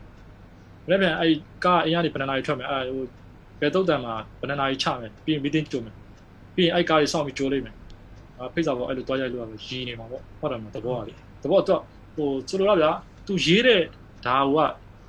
ပုံမှန် style ဖြစ်သွားပြီဆိုလိုတာလေအဲ့တော့ကျွန်တော်တို့ကဒါဆရာပြောနေတာအဲ့တပုံတချို့ဟာတွေကကျွန်တော်တို့ကသူ့ဟာနဲ့သူကန့်သက်ထားပြီးသားရှိထားပြီးသားပေါ့ကျွန်တော်တို့ကအဲ့ဟာကိုဖောက်ထွက်မယ်ဆိုရင်တော့လေ ဟိုတချို့ဖောက်တတ်တဲ့ဟာတွေကလှပြီမယ်တချို့ဖောက်တတ်တဲ့ဟာတွေကတော်တော်ကြည့်ရဆိုးတယ်ဗျာနော်အဲ့လိုမျိုးတော့ရှိတယ်ဖောက်တတ်တယ်ဒါနေရာတိုင်းတော့ကောင်းတာမဟုတ်လေနော်အဲ့တော့တရက်တည်းမရှိဘူးအဓိကကနောက်တစ်ခုကစာရေးတဲ့သူစာဖတ်တဲ့ဟိုကတော့မူတည်ဟုတ်ကဲ့နော်အခုဆိုရင်ကျွန်တော်တို့ကဘာလဲဆိုတချို့တချို့ဟာတွေကဗျာဟိုတချို့လူတွေရဲ့စိတ်ထဲမှာဘာဖြစ်တယ်လဲဆိုတော့စကားတစားစင်လာလို့ပါဘူးမကြိုက်ဘူးတက်မှာတဲ့တဲ့ပြောစကားတစားမစင်တဲ့ဒူလို့ရှင်းဝင်ဝင်ပဲပြောအားဆိုရင်တော့ဘာကြိုက်လဲရှင်းလေးပဲစကားပြောစကားပြောဟန်နေချိန်မှာကြိုက်အဲအဲ့ဒါကိုသူတို့ကပို့ပြီးနားဝင် အဲ့မှာတချို့စာရေးသူတွေကအဲ့လိုယူဆတချို့ကကြောက်တော့မရအောင်တော့ဘာဖြစ်လဲဆိုတော့စလာတဲ့ကလုံးဝပဲမရအောင်ကျွန်တော်စာရေးဆရာကြီးဖြစ်ချင်စာပေနဲ့ပတ်သက်ရင်ကျွန်တော်ကအမတန်မကိုဟိုရင်းတဲ့အတဲ့နှလုံးသားတွေအောင်ချစ်မြတ်လို့တဲ့သူဖြစ်တဲ့အတွက်ကျွန်တော်စာရေးရင်လည်းစာပေဟန်နဲ့ပဲရေးရေးတွေဘာဖြစ်လဲရေးဖို့စကားပြေဟန်နဲ့ရေးတာဟုတ်လားအဲ့ဒါကိုအားရှိရလို့ယူဆိုင်အဲ့ဒါနဲ့ပဲရေးဒါပေမဲ့နော်ကျွန်တော်အတွေ့အကြုံများပြောပြမယ်ကျွန်တော်ကဒေါက်ရှော့ဆောင်းပါးလေးစာရေးတော့2000ခုနှစ်လောက်မှာအဲ့လူငယ်ဆောင်းပါးလေးစာရေးတာအဲ့လူငယ်ရှိတော့မှာပဲစင်ရေးတော့2005ခုနှစ်လောက်ရောက်တော့ မှန်တိုင်းပိုင်အဲ့9နှစ်လောက်ဆောင်းပါးစက်ရေးတာအမှန်9နှစ်တာကတော့ကျွန်တော်ရှေ့မှာရေးခဲ့တာဆောင်းပါးတွေကတခြားအဲ့လိုဘောလုံးဆောင်းပါးကျွန်တော်ဘောလုံးလေးဝါသနာပါဘောလုံးပဲဆောင်းပါးတွေရှောက်ရေးအဲ့လိုမျိုးဆိုစကပြေဆောင်းပါးကျွန်တော်တော်တော်အီွားတယ်ဗျာဒီလားအီတယ်လို့ဖြစ်သွားတယ်အဲ့ဒီအီတွေကိုကျွန်တော်ရှောင်နေတာဗျာတိရမှာဟိုပွင့်နေပွင့်ဗျာတချို့ဟာတွေကျွန်တော်ရေးရတာအရင်လေးနေကိုကိုယ်တိုင်ကလေးနေတယ်မှာကိုကိုယ်တိုင်လင်းနေပြီဆိုရင်စဉ်းစားကြည့်ဖတ်တဲ့လူနေရာမှာပူလေးသွားအောင်ပါတချို့ topic တွေကအရန်ပူပူလေးသွားတယ်အဲ့တော့ ကျွန်တော်ဟို management ပါလဲအဲ့လိုမျိုးဂျာညက်ရေးဘူးလေ PDC တို့ပါလေ plan do check action တို့ပါအဲ့လိုတွေရေးဘူးလေရေးဘူးတော့စဉ်းစားကြည့်လေဗျာပြောတာလည်း subject ကဒီဘာသာရပ်ကဒီ management အဲ့ဒါကိုလည်းစာဟန်နဲ့ရေးပြရသေးတယ်အဲ့တော့ဖတ်တဲ့လူပါစဉ်းစားကြည့်လိုက်တော့တိတ်မကြိုက်တော့အဲ့တော့တစ်ချိန်ကျတော့ဘာဖြစ်လဲဆိုတော့2005ခုနှစ်တော့ကြာတော့ကျွန်တော်ကဒီစာနကြနေတီကျမ်းလာ Daily Penny တော့ဥမောင်ကြီးရေးတာပေါ့ယောက်ျားကောင်းယောက်ျားမြတ်တို့ရဲ့အင်္ဂါရက်6ပါအဲ့ဒီဟာကိုကျွန်တော်ပြောပြခြင်းတော့ကျွန်တော်ညီလေးကိုလည်းကျွန်တော်ပြောပြစရာရှိရတယ်အိမ်မှာကျွန်တော်ညီရှိအောင်အဲညီရှိတော့ ညီလေးဖတ်ဖို့ရေးတဲ့စာဆိုအဲ့မှာကျွန်တော်စကားပြောဟန်ကိုပြန်ပြောလေးအာတော့ရှော့ကျွန်တော်စကားပြောဟန်ကြီးတခါနောက်အဲ့သုံးလေးနောက်ကြာတော့ကျွန်တော်စကားပြောဟန်ကိုပြန်ညီးသွားပြန်အဲ့တခါစကားပြေပြန်ဖြစ်သွားပြန်အဲ့နောက်ပိုင်းကျတော့အခု Facebook ရေးတော့စကားပြေနဲ့စကားပြောစင်ပြေလို့ရေးနေတာကျွန်တော်အဲ့တချို့ဟာလေးတွေ essay ပုံစံလေးဆိုကျွန်တော်အဲ့စကားပြေလေးနဲ့ရေးတယ်အဲတော်တော်များများ post တွေတော့စကားပြောဟန်နေဘာလို့အဲ့လိုမမြင်တော့ပေါ့ပါရှိတော့နော်အဲ့လိုမရှိကြဘူးအဲ့တော့တခုရှိတာမှားမှာဆရာကြီးမင်းတို့ကကျွန်တော်ဗာပြောလို့လဲဆိုတော့စကားပြေကလူမျိုးရဲ့အတဲတဲ့ နော်စကားပြေကလူမျိုးရဲ့အသက်လူမျိုးရဲ့အားထားရလူမျိုးရဲ့တစောင်းစီမီဖြစ်တယ်လို့ပြောဆရာကြီးကလေမပြတ်တရိယာတင်နေတယ်အတူရဲ့ဘာမှပါလဲဆိုစကားပြေစပေးအသက်ဆိုတဲ့ဆောင်းမောင်းကရေးထားဆရာကြီးကလေအဲ့တော့နောက်တစ်ခုကကျွန်တော်တို့အရင်မှတ်ထားဘူးလားလေကျွန်တော်ကစောင်းနှောက်အုပ်ပဲထုတ်ထားဘူးလားဒီလူငယ်ဆောင်းမတွေကိုပြောရင်ပထမအုပ်ကစကားပြောရအဲ့ဒါညီလေးဖတ်ဖို့ရေးတဲ့စာဆိုပြီးတော့ကျွန်တော်ညီလေးကိုပြောညီလေးဘာညာညီလေးဘာညာကိုပြောစကားပြောဒုတိယအုပ်ကျတော့စကားပြေစာအုပ် အဲ့ဒါကခုနပြောတဲ့ဒီခွန်အားရှိသောစာခွန်အားရှိသောလူငယ်စာအုပ်အဲ့ဒါစကားပြေနဲ့ပဲရေးအဲ့တော့ဘာဖြစ်လဲဆိုတော့မျိုးသားစာပေဆိုတာအဲ့မှာရအဲ့တော့ဘယ်လိုဖြစ်လဲဆိုတော့ကျွန်တော်ကကြာဦးနာဝရှိတာကစကားပြေမှပဲမျိုးသားစာပေဆိုပေးတာပါပေါ့နော်အဲ့အဲ့လိုထင်တာပေါ့နော်ဆိုလိုတာအခုနောက်ပိုင်းကျတော့လေစကားပြောပါပေးတယ်ဒါဘုရားကနေနော်ဒါတစ်ချက်ဒါတော့ဒါစုရတယ်မရောက်ဆိုတာဒါတကန်တာပဲကျွန်တော်တို့စာရေးနေစုရဲရေးနေတာမသိမှာရေးချင်လို့ရေးနေတာဒီသဘောတရားရနော်အဲ့တော့နောက်တစ်ခုပြောချင်တာကဒီဘက်ခေတ်မှာကျတော့ Facebook မှာကျတော့အားလုံးသိတဲ့အတိုင်းစကားပြောတွေရေးစကားပြောတက်မှာဘယ်သွားတယ်ဘယ်လာတယ်ဘာလုပ်တယ်ဒါဒါဒယ်ရီနဲ့ယူသွားတယ်အဲ့တော့ဒါရဲ့စကားပြောတွေအဲ့တော့ဘာဖြစ်လဲဆိုတော့ तू ကအလွယ်တကူထရေးလို့ရတယ်ကျွန်တော်ချင်းချင်းစကားပြောနေလို့ရေးချပိုက် Facebook မှာရေးရဆိုတာလေနောက်တစ်ခုကစာဟန်ကိုဘာကြောင့်ရှောင်ကြလဲဆိုတော့စာဟန်ကြတော့ထိန်းရတယ်လေဟုတ်ကဲ့ခုနပြောလို့ဒီတို့ဤတို့ထိုးကြောင်တို့ အဲ့ဒါကြီးကပွင့်နေပါမှာဒီကိုကိုကိုဒီမှာဒီ Facebook တုံးနေတာတချို့ကကိုကိုကို entertain လုပ်နေတာဆိုတာတက်မှာကိုပြောသလိုနေပါကွယ်ဆိုတော့လို့ဖြစ်နေအဲ့တော့ကိုကဒီဟာကိုစိတ်ဖြေနေတဲ့အချိန်မှာဒါကြီးကိုသူထိန်းပြီးမြည်ချင်တယ်ပြီးတော့တော်တော်များများလည်းပွင့်နေကြရင်ဒါစာရေးတတ်လို့ရေးနေတာမဟုတ် Facebook မှာဆိုတော့ဒါဒီလိုပဲဝင်လာပြီးရေးကြတာဒါပေမဲ့တချို့တကယ်စာရေးတတ်ပြီးတော့အဲ့လိုပဲစကားပြောနေပဲရေးမယ်ဆိုတော့တွေရှိတယ်ဒါတယောက်တစ်မျိုးစီပါနော်အဲ့တော့နောက်တစ်ခုကဘာလဲဆိုတော့အဲ့လိုစကားပြောနေရေးလိုက်တဲ့ခါကျတော့ Facebook user တော်တော်များများကကြတော့သူကခါတာပို့လွယ်တယ်ဗျတော်တော်များများ ဘာလို့ကျွန်တော်တို့တိုင်းပြည်မှာလို့ဆိုရင်ထားပါတော့နောက်တော့အဖြစ်ဒီအိမ်မှာ internet wifi သုံးပြီးတော့သုံးတဲ့လူကဟို percentage နည်းတယ်ပြည့်နေတယ်ကိုယ့်ရဲ့ mobile phone က data နဲ့ပဲသုံးကြတာအဲ့လိုအချိန်မှာခုနပြောတဲ့ကျွန်တော်စီးမိုးတို့ဘာလို့မကလစ်တော့ဆိုအဲ့ဒါတွေလည်းပါတယ်စာရှင်းနေတည်ရမှာကြားတယ်ဒီပါသူကြည့်ကျင်တာချင်းလည်းဖြစ်ဖြစ်မယ်ဗီဒီယိုလည်းဖြစ်ဖြစ်မယ်ဟုတ်တယ်မလားသဘောတရားရကိုရီးယားစီးရီးယားတော့အကုန်ခံပြီးတော့ဒါကြည့်ကြည့်လိုက်မယ်ဒီဟိုဟာကိုတော့ကျွန်တော်တို့စာတွေတော့တက်မယ်စီးမိုးဘူးမှကလစ်ပြီးမဖတ်ဘူးသဘောတရားရတယ်တော်တော်များများစိတ်ဝင်စားပြီးတော့မြေပြင်းနဲ့လည်းဖတ် အဲ့တော့ဘာဖြစ်လဲဆိုဟိုတချို့ကစာဟန်ကိုရေးတယ်ဒါပေမဲ့တချို့ကတော့စကားပြောကိုရေးတယ်ဒါပေမဲ့တချို့ကကျတော့ဘာဖြစ်လဲဆိုတော့ဒီ Facebook မှာကျတော့များသောအားဖြင့်စကားပြောကိုပဲပို့ပြီးတော့ဟိုအားတာကြတယ်အဲ့တော့ရှေ့မှာတော့ပြောခဲ့ဘူးတယ်များသောအားဖြင့်ပေးစာရဲ့အပြန်အလှန်ဆွေးနွေးတဲ့ဆောင်းပါးမျိုးဆိုရင်စကားပြောနဲ့ပဲရေးကြတယ်နော်အဲလုံညဥထုကြတော့ရှင်းတာလုံညဥထုကြတော့ဘာလို့ဆိုစကားပြေနဲ့စကားပြောဒါတော့ရှင်းတယ်စကားပြောကန်းဆိုရင်တော့စကားပြောကျန်တဲ့သူ့ရဲ့အကြောင်းအရာကိုပြောပြတဲ့ဟာတွေကြတော့စကားပြေဖြစ်သွားတယ် အဲအဲ့လိုမျိုးလို့ရှိရနော်အဓိကကလည်းကျွန်တော်တို့မှတ်ထားမှာပါဆိုဘာတွေဗျစကားပြေပဲပြောပြောစကားပြောပဲပြောပြောဘာပဲပြောပြောချင်တာပြောအဓိကချက်ကတော့စာဖတ်သူကြိုးကြိုးဟုတ်ကဲ့အဲ့ဒါတော့အဓိကဟုတ်ကဲ့ဆရာဟုတ်ကဲ့ဟိုကျွန်တော်မှတ်သားမှတ်သားရပါတယ်ဆရာဟုတ်ဟုတ်ဟုတ်ဆရာပါနောက်တစ်ခုကကျတော့ကျွန်တော်တို့ဒီအခုခေတ်အဲဒီလူငယ်တွေဂျားမှာနောက်ပြီးဒီ marketing တွေဂျားမှာပေါ့နော်ခေတ်စားလာတဲ့စကားကို content content ပေါ့အဲ့တော့ content နဲ့ article ဘာတွေကွာခြားပါလဲဆရာ ဟုတ်သူ့ရဲ့ကွာခြားချက်လေးသိချင်ဟုတ်ကဲ့ဟုတ်အဲ့ဒါအခုအခုကကျွန်တော်ဒီမှာပြောပြမှာတကူကပါလဲဆိုတော့ဒီမှာက content ကိုကျွန်တော်များများကကျွန်တော်ထင်တယ်နားစိမ့်နေသေးတယ်ဗျဟုတ်တယ်လားကျွန်တော်ကျွန်တော်အမြင်ပေါ့နော်နားစိမ့်နေသေးတယ်အဲ့တော့ content ကတော့ဘာလဲဆိုတော့အဓိကကကိုကိုဆွမ်းပြောသွားတယ်လို့ marketing strategy ရဲ့အဓိကဟိုဟာတခုလို့ဖြစ်လာတယ်နော်ဒီ comedy တွေမှာဆိုရင်သူကကျွန်တော်ဒါဘာပေါ့ဒီသူ့ရဲ့ channel ချက်လေးမပြောခင်မှာပြောချင်တာ content ဘာလဲဆိုတော့တချို့လူတွေ သိအောင်ပေါ့နော်နည်းနည်းလေးဟိုအချင်းချင်းလေးပေါ့ဘာလဲဆိုတော့သူကခုနကဒီ company တွေစီးပွားရေးလုပ်ငန်းတွေမှာဆိုလို့ရှိရင်သူတို့ရဲ့အဓိကကဟိုပွင့်နေသွားရင်တော့သူတို့အောင်မြင်နေတာဆိုရင်အဲအောင်မြင်မှုရဲ့နောက်ွယ်ကတော့အဓိကခိုင်းကဏ္ဍအနေနဲ့ပါနေတယ်လို့ပြောကြတယ်လူလက်ရှိဖြစ်နေတာလေပြီးတော့သူကဒီ content ကဒီ industry အားလုံးနီးပါးရဲ့အဓိကကြောရုပ်လို့တော့ပြောကြတယ်နော်အခုလက်ရှိဖြစ်နေတဲ့အနေလားအဲ့တော့ဘာဖြစ်လာလဲဆိုစကားလုံးတွေကစ content industry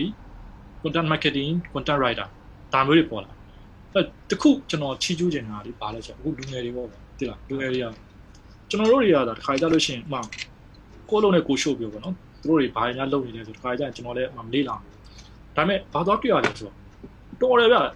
ဟိုပွင့်နေသွားရင်နော်ဟို short တက်တာတော့မဟုတ်ဘူးလေတက်မှာဘာလို့လဲဟို Facebook မှာလည်းများသောအားဖြင့်အားရင်တက်ဆဲနေလူကလည်းခက်များများဆိုတက်မှာကိုရီးယားလည်းတိတ်ပြီးအဲ့လိုကြီးထဲထဲဝင်ပြီးတိုင်းမကြည့်ဘူးပေါ့နော်ဒါပေမဲ့ကိုတကယ်ထဲထဲဝင်တေးကြလိုက်ကြည့်လိုက်တဲ့အချိန်မှာတချို့တွေကလည်းတေးသေးချာချာကိုသူတို့ ဆွေးနွေးနေတာလေးရှိတယ်မန်နေအောင်ပါလေဥပမာဟိုကျွန်တော်တလောဆိုရင်ကျွန်တော် post ဆောင်တင်လိုက်ပါသေးတယ်ဒီဟိုအကြောင်းပေါ့နော်သူတို့ဆွေးနွေးနေတာမန်နေတယ်မှာဒီဘာလဲ plagiarism ဒီအားနဲ့ပတ်သက်ပြီးတော့ဒီသူတို့ဟိုဟာလေးတွေ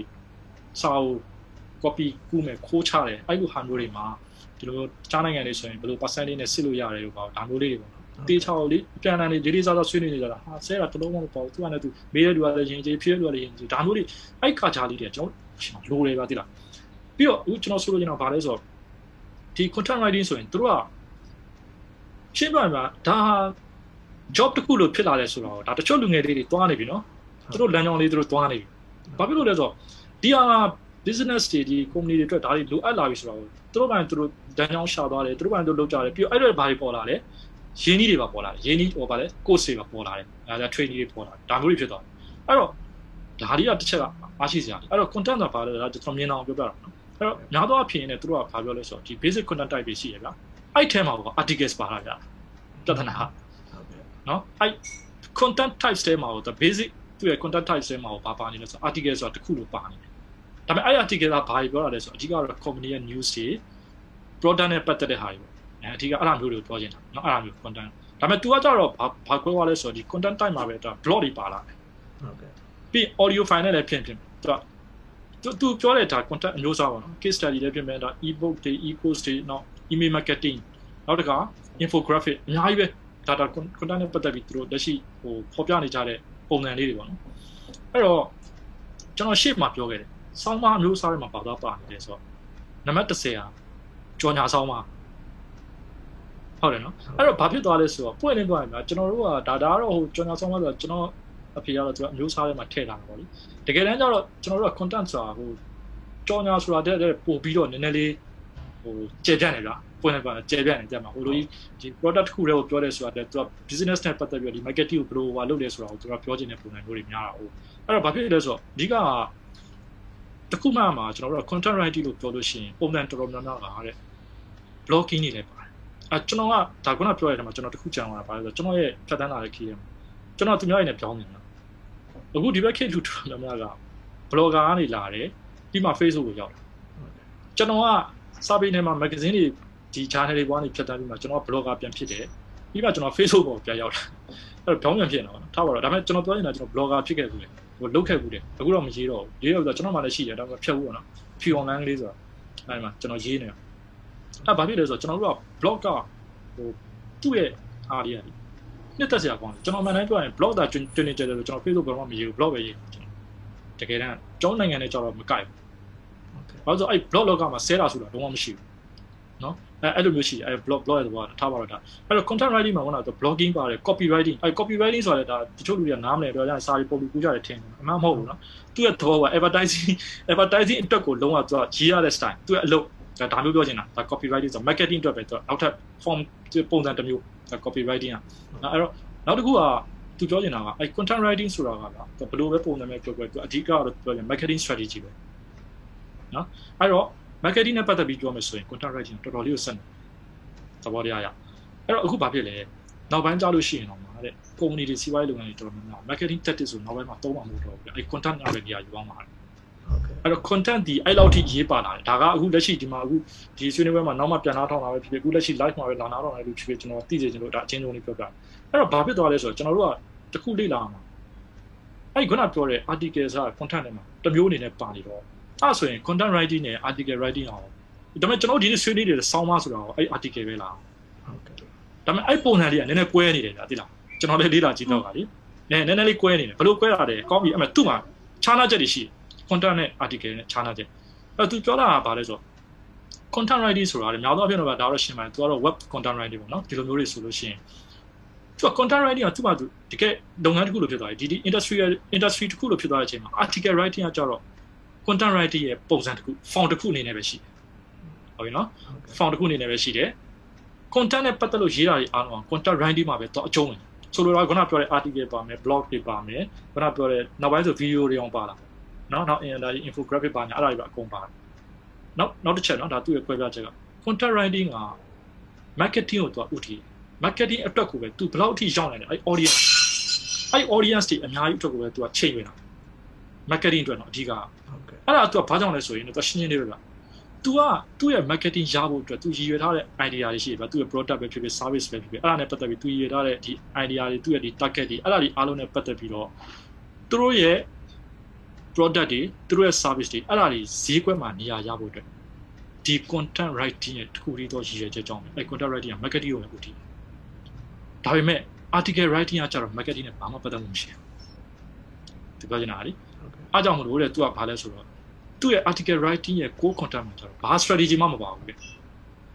နော်နောက်တစ်ချက်က article writing ကြီးတဲ့သတ်မှတ်ပုံနဲ့တပြိုးတည်းသွားတယ်ဘာလဲဆိုတော့ရှင်းတယ်ဗျာကျွန်တော်တို့ဒီခုနပြောခဲ့သလိုပဲ ဟို five star ကနေကြီးထွားလာတဲ့စောင်းမဖြစ်သွားသလိုပဲစလဲဆုံးစလဲဆုံးအစားတစ်ပိုက်ပါမယ်အလဲပါမယ်အဆုံးပါမယ်ဒါပဲဒါပေမဲ့ content writing မှာကျတော့လေ तू ကရှင်းတယ် article ဟုတ်ချင်လဲဟုတ်မယ်မဟုတ်ရင်လည်း blog လို့ပုံစံမျိုးနဲ့ blog ပုံစံတိုက်ပြီးပြောင်းပြီးရေးပလိုက်တာမျိုးလည်းဖြစ်နေဖြစ်မယ်ဒါပေမဲ့ article ကတော့သူ့အနေနဲ့သူဆိုရင်ပါပဲလေခေါင်းစဉ်ပါမယ်ရေးသူပါမယ်ပြီးရင် article ထဲမှာသူက main content အနေနဲ့ပါပါမယ်သူသူသူပြောချင်တဲ့ဒီ product အကြောင်းပဲပါပြီးစာနှစ်ပိုက်သုံးပိုက်ဖွင့်မယ်ပြီးရင်အဆုံးသတ်မယ်အဲ့တော့သူ article writing ကပုံစံတစ်ခုလေးပဲဆွဲခိုင်းတာလား content writing မှာကျတော့ထိကြတဲ့တိဆောက်ပုံမရှိဘူးတဲ့ဟုတ်နော်နောက်တစ်ခုကကျတော့ content writing ကပုံမှန်အားဖြင့်ဆိုလို့ရှိရင်တော့တဲ့ဘယ်လို audience ဆိုတော့ target ထားမှာဆိုမရှိဘူးအဓိကဘာကြောင့်သူရှင်းရှင်းလေးပဲ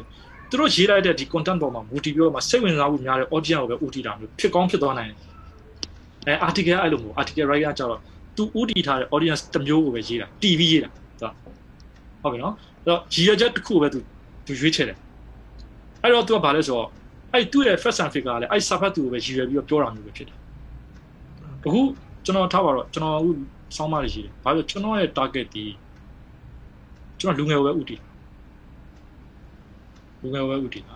ဘာကြောင့်လဲဆိုတော့ကျွန်တော်တဲတဲ့လူငယ်ဆိုတာလေတက်ကတူ10တန်းအောင်တက်ကတူတက်နေစေ အဲ့ဂျားကတော့ကိုရန်10တန်းကနေစားအဲ့တော့အဲ့တော့ကျွန်တော်စာအုပ်ကဟိုအရန်ဘယ်လိုပြောလဲဘွဲလာပြီးဟာ master တို့ PhD ကိုလူတွေဖတ်ရင်နည်းနည်းပေါ့ကောင်းပေါ့နိုင်ဆိုလိုတာဘာလို့ကျွန်တော်ပြောချင်တဲ့လူငယ်ကအဲ့ target အဲ့အဲ့ audience အဲ့ဒါအဲ့ကျွန်တော်တို့ကစာရေးရင်အဲ့လိုမျိုးဘူးလိုမျိုးတက်ချမ်းလို့ပေါ့ရေးရင်အဲ့လို target ထားမှာအဲ့တခုပေါ့နော်အဲ့လိုမျိုးခုနပြောတဲ့အဲ့ခုနပြောတဲ့ဒီ content နဲ့ article မှာကျတော့အဲ့လေးချက်ကအဓိကပါနော်သူတို့ဟိုပုံစံလေးတွေပြောဟောဟုတ်ကဲ့ကျေးဇူးပါဆရာဟုတ်ကဲ့ အော်နောက်တစ်ခုအနေနဲ့ပေါ့နော်ဆရာဟိုအရှိမလည်းပြောတော့ပြောထားတယ်ပေါ့နော်ဟိုဆောင်းမတွေရေးတဲ့အခါမှာတမီးတို့ပေးချင်တဲ့သဘောတရားတွေကိုပေါ့နော်ဒီအသေးစိတ်ဟိုတိတိကျကျပေါ့နော်စာအရှိရေးတာနဲ့ပေါ့နော်ဒီလိုမျိုးဟိုလိုတိုရှင်းပေါ့စာမီးတို့လေးရေးတာနဲ့ပေါ့နော်အဲ့လိုမျိုးဒီလိုမျိုးနှစ်ခုပေါ့နော်အဲ့နှစ်ခုမှာပေါ့နော်ဘယ်ဟာပို့ပြီးတော့တင့်တော်လဲပေါ့နော်ဆရာဟုတ်အဲ့ဒါကြတော့ဗျာဟိုပြနေပြရင်တော့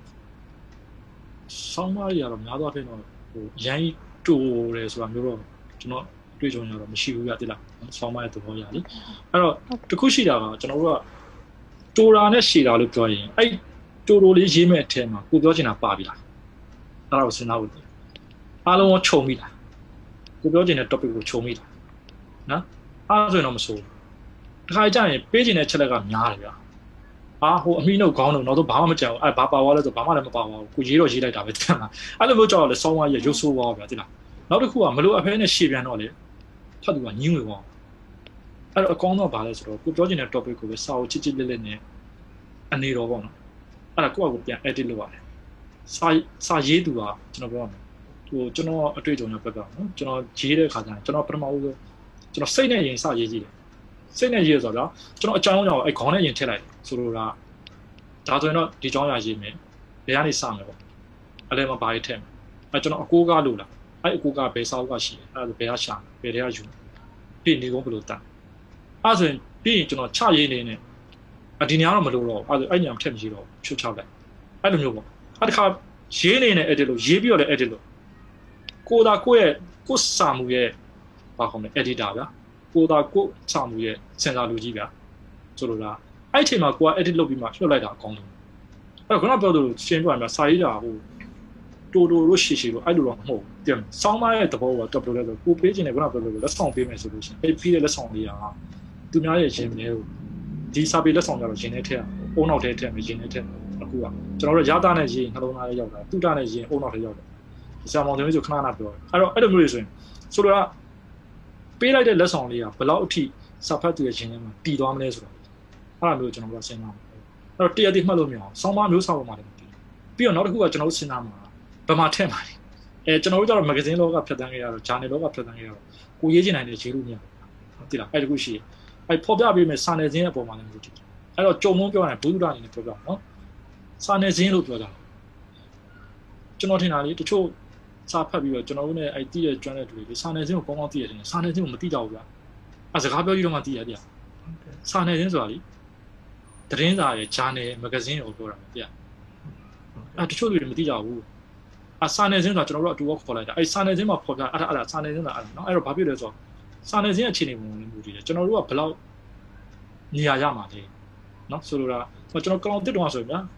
အဲ့ထဲနေရာရဖို့မပြောနဲ့အခုနပြောတော့လားအဲ့မေဒီကိုပို့လိုက်တဲ့ကြပြရတနာတိရောက်တော့ပါတယ်ဘာဖြစ်လို့ဆိုကောင်တစ်မို့လို့အဒီတာဖွဲ့ကမေဒီအဒီတာဖွဲ့ကရတနာတိကိုကန်ရတနာတိကစထုတ်အဲ့ချိန်မှာတော့ဘယ်လိုဖြစ်လဲဆိုတော့ကျွန်တော်ကြပြကရွေးပြီးသွားတယ်အဲ့မှာကောင်တစ်ဖြစ်တဲ့အတွက်ရတနာတိကိုရှူလိုက်တော့ကျွန်တော်က ပွင့်နေသွားတော့အဲ့ချိန်တော့ကျွန်တော်တို့ကမေဒီဟော့ဖြစ်တဲ့ချိန်မေဒီတို့ချယ်ဒီတို့ပြီးဘူးတော့အဲ့လိုမျိုးဆိုကျွန်တော်မေဒီမှာစပီနေကိုစချီချင်းအောင်ရတယ်ဆိုတဲ့ဟာလိုယူလို့ဟာအပြတ်သွားပြီးတော့ကျွန်တော်ရတနာတစ်မှာစပြီးချီချခွင့်ရတယ်ဆိုတာဖြစ်တယ်အဲ့လိုမျိုးအဲဆိုလိုရပါလဲဆိုတော့အဲနေရာလဲမူတည်တယ်ပေါ့ကိုရေးကျင်တယ်ဆိုတော့လေမှဂျာနယ်ဆိုရင်တော့တမျက်နှာဝတ္ထုတူနောက်အတူဆုံးဝတ္ထုမှမဂ္ဂဇင်းမှာတမျက်နှာဝတ္ထုတူဆိုတော့တမျက်နှာပေးပြီးမယ်ဂျာနယ်ပေါ်ရောက်သွားရင်အတူဆုံးဝတ္ထုဆိုတော့ဒီ သူ့ရဲ့ဒီ journal စာမျက်နှာရဲ့အပေါ်ကတကန့်တော့ပဲရအဲအဲ့လိုမျိုးပေါ့အဲ့တော့ကိုကလည်းရှင်းပြတယ်ခုနကပြောလို့လိုလိုရှင်းရေးမှာလားပါလားဆိုတော့ဒါကိုရေးမဲ့အကြောင်းအရာကိုပို့နေရပြန်အဲတခုတော့ရှိတယ် Facebook ကြတော့စိတ်ကြိုက်ပေါ့ဟုတ်တယ်မလားအားကြောင့်မလို့လေထင်တိုင်းနေကျဲနေကြတာဘာဖြစ်လို့ထင်တိုင်းကျဲလဲဆိုတော့အကန့်အသတ်မရှိတော့တစ်ကြောင်းလောက်နဲ့လှုပ်ရင်လှုပ်တယ်နှစ်ကြောင်းလောက်နဲ့လှုပ်တယ်ရေးတဲ့လူကလည်းအရှိကြီးရေးတယ်ဒါပေမဲ့ခုနပြောသလိုကိုရေးတဲ့စာကိုပြောချင်တဲ့အကြောင်းအရာကိုခြုံငုံမိလားဆိုတော့အဲ့ဒါစဉ်းစားနော်ဟုတ်ကဲ့ပါဆရာ ဟုတ်ဆရာနောက်တစ်ခုကကျတော့လေကျွန်တော်အဲမေကွန်းနှစ်ခုကိုဆက်မေးလိုက်မယ်ပေါ့နော်ကျွန်တော်စာရေးတဲ့အခါမှာစာမျက်နှာအရေးအတွက်ကတ်တန့်တယ်သလားနောက်ပြီးတော့အများဆုံးအနည်းဆုံးဆိုပြီးအဲ့လိုမျိုးသတ်မှတ်ချက်ရှိလားပေါ့နော်အဲ့ဒါတခုနောက်ပြီးတော့ကျတော့ကျွန်တော်ဒီစာရေးနည်းမှန်အောင်ပေါ့နော်စာကြောင်းစာကြောင်းတွေကိုဘယ်လိုစီစဉ်သင့်ပါလဲဆရာဟုတ်အဲ့ဒါလေးသိချင်ပါတယ်ဆရာဟုတ်ဟုတ်ကဲ့ပထမတစ်ခုကကြာစာရေးတဲ့အခါမှာစာမျက်နှာအရေးအတွက်ကန့်တက်တင်တယ်လားဆိုတော့စာနယ်ဇင်းရဲ့ခုနပြောတဲ့သတင်းစာကြားနဲ့မဂ္ဂဇင်းရဲ့ သဘောတရားရပါတော့သူတို့ရဲ့လိုအပ်ချက်အရဆိုရင်တော့ကန့်တက်ကန့်တက်တင်ဥပမာကျွန်တော်ဥပြန်ခဲ့တဲ့ဆောင်းမှုပြန်ခွင့်လေးရှိတယ်ခုနပြောတဲ့ဒီဗာလဲမျက်မိခင်တို့ဝမ်မိုးအောင်လို့ဆိုရင်သူတို့ကစပြောရဝိထုတူဒီဖုန်းနဲ့ဗနမျက်နှာအဲ့ဒါပဲကြီးဘာဖြစ်လို့ဆိုတွေးကြည့်လိုက်လေဗျာ editor တွေဒီပြန်ခွင့်ကဲဖြတ်တဲ့ဒန်လူကြီးတွေကြီးစာပေပညာရှင်ကြီးတွေနေရာနေတွေးကြည့်လိုက်လေမစိတ်ရှိတိုင်းရေးတာ10မိနစ်15မိနစ်ရေးတာသူတို့ဖတ်နိုင်လားသဘောဟုတ်တယ်မလားပြီးတော့ e နေရောဘာမှမထူဘူးအဲ့တော့စာမျက်နှာကန့်သက်ပြီးလိုက်တော့အဲ့ဒီထဲမှာပဲဘောင်းအောင်ရေးပေါ့နော် ဒါပေမဲ့တရသေးတော့မရှိဘူးနော်ဒါကတော့ပြန်ခွင့်အနေနဲ့ပြောပြနော်ဝတ္ထုစောင်းမကြပြမတူကြအောင်ဟုတ်တယ်မလားဝတ္ထုတို့ဆိုဝတ္ထုရှိမဂ္ဂဇင်းဝတ္ထုရှိဆိုရင်တော့နည်းနည်းပိုရှိသွားတယ်နော်အဲ့လိုမျိုးတော့ရှိကြပြဆိုရင်လည်းကျွန်တော်ဥပမာတစ်ခါကျရင်ထားပါတော့လေးလုံးသက်ရေးလို့လေးလုံးသက်ကလည်းတွန်းတယ်မော်ဒန်ရေးလိုက်လို့မော်ဒန်လည်းရှင်းရှင်းသဘောတရားရမော်ဒန်တူတူလေးလည်းဖြစ်ဖြစ်အလေးလုံးသက်ကလည်းမတရားရှင်းရှင်းဒီဘောတော့မူတည်နောက်တစ်ခုကကျတော့ကျွန်တော်စောစောပြောခဲ့တယ်လို့ပဲနာမည်ရတဲ့စာရေးဆရာနာမည်ရသတင်းစာဆရာနဲ့ကလောင်သစ်တွေနဲ့တော်တော်လေးပေါ့ ဒါကလည်းပွင့်လင်းပြတယ်ဒါကဟိုရှင်းပြရင်ဗျာဟိုအမှားကြီးတခုတော့မဟုတ်ဘူးဘာကြောင့်လဲဆိုတော့သူတို့ magazine channel တွေဆိုတာဒီနာမည်ရစာရေးစာရေးရဲ့ဟိုဟာနဲ့ပဲနာမည်ကအားမထားပါတော့ဗျာဒီလားတော့မှဘယ်သူတွေဘယ်သူတွေရေးထားတယ်ဒါမျိုးပေါ့ဒါမှလည်းသူတို့ channel magazine ရောင်းအောင်မဟုတ်ကလောင်သစ်ဆိုတော့တတ်ထည့်ရင်ဘူးမှလည်းမသိဘူးလေဟုတ်တယ်အဲ့တော့စူးစမ်းရတာပေါ့နော်စာပေနယ်မှာရည်ဖို့ဆိုစူးစမ်းအဲ့လိုမျိုးပေါ့ကျွန်တော်တို့ကတော့ကျွန်တော်တို့ရဲ့လေ့ကျင့်ခွင့်ကဒီ magazine တွေပဲရှိတာပေါ့ဒီမှာပဲပြန်ဟိုပါရေးကြပေါ့အဲ့လိုမျိုးအားကြောင့်မို့ဒီစာပေပြန်ပွဲဆိုတော့ကျွန်တော်အမှန်တမ်းပြောရင် နုပညာပြန်ကြမဟုတ်ဘူးကကျွန်တော်ရဲ့ခံယူတဲ့လားဒါပေမဲ့ကျွန်တော်ရဲ့လေ့ကျင့်ခွင့်တွေကဘာမှမရှိဆိုတော့အဲ့လိုပြန်ပွဲတွေမှာပဲရှိတာဟုတ်ဒီလိုပေါ်လည်းမရှိ Facebook လည်းမရှိဆိုအဲ့လိုကာလာတွေဆိုတော့ အဲ့တော့ဘာဖြစ်လဲဆိုတော့ဒီလူကြီးတွေဒီစာပေနားလေတဲ့လူတွေကကိုယ့်အကဲဖြတ်ရေးကိုကိုယ့်ရဲ့စာရေးသားဘယ်စင်တန်းမှာရှိလဲဆိုတော့မှန်းရတာเนาะအဲ့လိုမျိုးရှိတယ်အဲ့တော့တော့ဘာဖြစ်လဲဆိုတော့မဂဇင်းဆောင်းပါဆိုရင်အကြမ်းမြင်အားဖြင့်เนาะ A4 စိုက်မှာမဂဇင်းရဲ့ဆောင်းပါကအများဆုံး6မျက်နှာ ဝတ္ထုတူဆိုရင်တော့9မျက်နှာဂျာမန်ဆိုရင်ဆောင်းမ4မျက်နှာဟုတ်ကဲ့ဝတ္ထုတူဆိုရင်9မျက်နှာသတင်းစာမှာတော့ဆောင်းမ3မျက်နှာလောက်ပဲရေး A4 ဟုတ်ကဲ့ A4 နဲ့နော်နောက်တစ်ခုကကိုချမ်းပြီးတဲ့ထဲမှာစာရေးတဲ့ခါမှာတဲ့စာရေးဒီမှာအောင်စာကြောင်းတွေဘယ်လိုစီစဉ်နေလဲဟုတ်တယ်နော်ဟုတ်ကဲ့ဟုတ်ပါဆရာဟုတ်ဟုတ်လားဟုတ်တယ်နော်ဟုတ်ပါဆရာဟုတ်အဲ့တော့စကားလုံးတွေကကြတော့ စကလုံးတွေကကြတော့ပွင့်နေပြရင်ဘယ်လိုစီစဉ်နေလဲဆိုတာဒါကျွန်တော်တို့ကတော့မြန်မာသားမှာပြောရင်တော့တရားနဲ့ပြောကြတာဟုတ်ဟုတ်တယ်နော်တရားတရားမှန်မှစာကြောင်းကလည်းလှမယ်လေဟုတ်ပြီနော်မဟုတ်ရင်ဘာဖြစ်လာလဲဆိုတော့အထူးသဖြင့်တော့လူနည်းနည်းရည်စရာဖြစ်တတ်တယ်ဗလားပြောမယ်ဆိုရင်တော့အဲ့တော့တရားလို့ပြောရင်ကျွန်တော်တို့ကလေတခုရှိတာကျောင်းတော့ကလည်းတရားတင်ရတာပဲလေဒါပေမဲ့ဘသူကတော့ဟိုအတိအကျပဲမှတ်မိမှာဟုတ်တယ်မလားထားပါတော့ကတ္တာကန်ကရိယာဘာညာပေါ့နော်အများကြီးရှိတယ်တခုဖြစ်စေချင်တာကျွန်တော်ကဘာဖြစ်စေချင်လဲဆိုတော့စာရေးတဲ့အခါမှာကိုရေးလိုက်တဲ့အဲ့ဝါကြလေ စာအထားသူကထားပါတော့တရားကိုတရားရဲ့သဘောတရားပေါ့နော်ထားပါတော့ခုနပြောတဲ့တမန်တော်ဝိပဿနာဒီမသိရင်တော့မှာကိုရေးလိုက်တဲ့စာကြောင်းကဘယ်လောက်ထိမှန်တယ်မမှန်ဘူးဆိုတာကိုတော့အဲ့ဒါကိုတော့ပြန်ဖတ်စေချင်တယ်တရားမကျွန်တော်ဥပမာလေးပြပါမယ်နော်ကျွန်တော်အားကြောင့်ကျွန်တော်ဆရာကုံလူဥသိနိုင်ကိုတခုပါအရန်ဟိုဟာရေးသားလဲဆိုတော့ကျွန်တော်ကကျွန်တော်အဖေနဲ့ကျွန်တော်တောက်လျှောက်မြန်မာသားအမြဲတမ်းနီးကပ်ခဲ့ပြီမဲ့အဖေကကျွန်တော်တင်ဆက်မြင်ကြကြားတယ်ဆရာကြီးကတော့ကျွန်တော်တင်ဆက်ကုံလူတွေစတဲ့မှာတက်တော့ဟုတ်ကဲ့ ဆရာကြီးမြန်မာသားကိုကျွန်တော်တို့ပို့ပြီးချစ်တဲ့အောင်တင်ပြတာပဲဘလို့ချစ်တဲ့အောင်တင်ပြရလဲဆိုတော့သူ့ရဲ့အဲ့သူကလေတရားတွေကိုအဲ့လိုတင်တာသူကအဲဒီဆန်းတဲ့ဒီစာကြောင်းတွေမှာဘာတွေပါလဲမင်းတို့ဖတ်ကြည့်ဆိုတော့သူဆန်းတဲ့နေအရင်ရည်ကြအောင်အခုအဲ့ကျွန်တော်အခုဒီမှာဖတ်ပြမယ့်ဆန်းတဲ့တွေတရားတွေသူရေးဦးတဲ့သူပြောပြဦးတဲ့ဆန်းတဲ့လေးတွေကနေပြီးမှကျွန်တော်နည်းနည်းဒါကိုယ့်အကိုဟိုလောက်ထားတာပေါ့နော်ဘာလဲဆိုမှကျွန်တော်ပြောပါပထမတစ်ကြောင်းပြောပါကျွန်တော်တို့ဒီလေးလေးစားစားမှာကြားနေတော့ကျောင်းအုပ်ဆရာကြီးဤ စကားကိုနာယူပါသည်ကစင်းသားကြီးကကျွန်တော်တို့ဒီလေလေးလေးစားပြီးမှကျောင်းအုပ်ဆရာကျောင်းအုပ်ဆရာကြီးကကျွန်တော်ရှိမှလာပြီးတက်ကလေးဖိုက်လေးစားစားနဲ့မှာကြားနေတာအမှန်ကသူပြောချင်တာကျွန်တော်တို့ဒီမှာကြားနေတော့ကျောင်းအုပ်ဆရာကြီးဤစကားကိုလေးလေးစားစားဖြင့်နာယူပါသည်လို့ပြောချင်တာဆိုလိုတာကလေးလေးစားစားဖြင့်ဆိုတဲ့စကားလုံးဒီနာယူပါသည်ရဲ့ရှိမှရှိရမှာ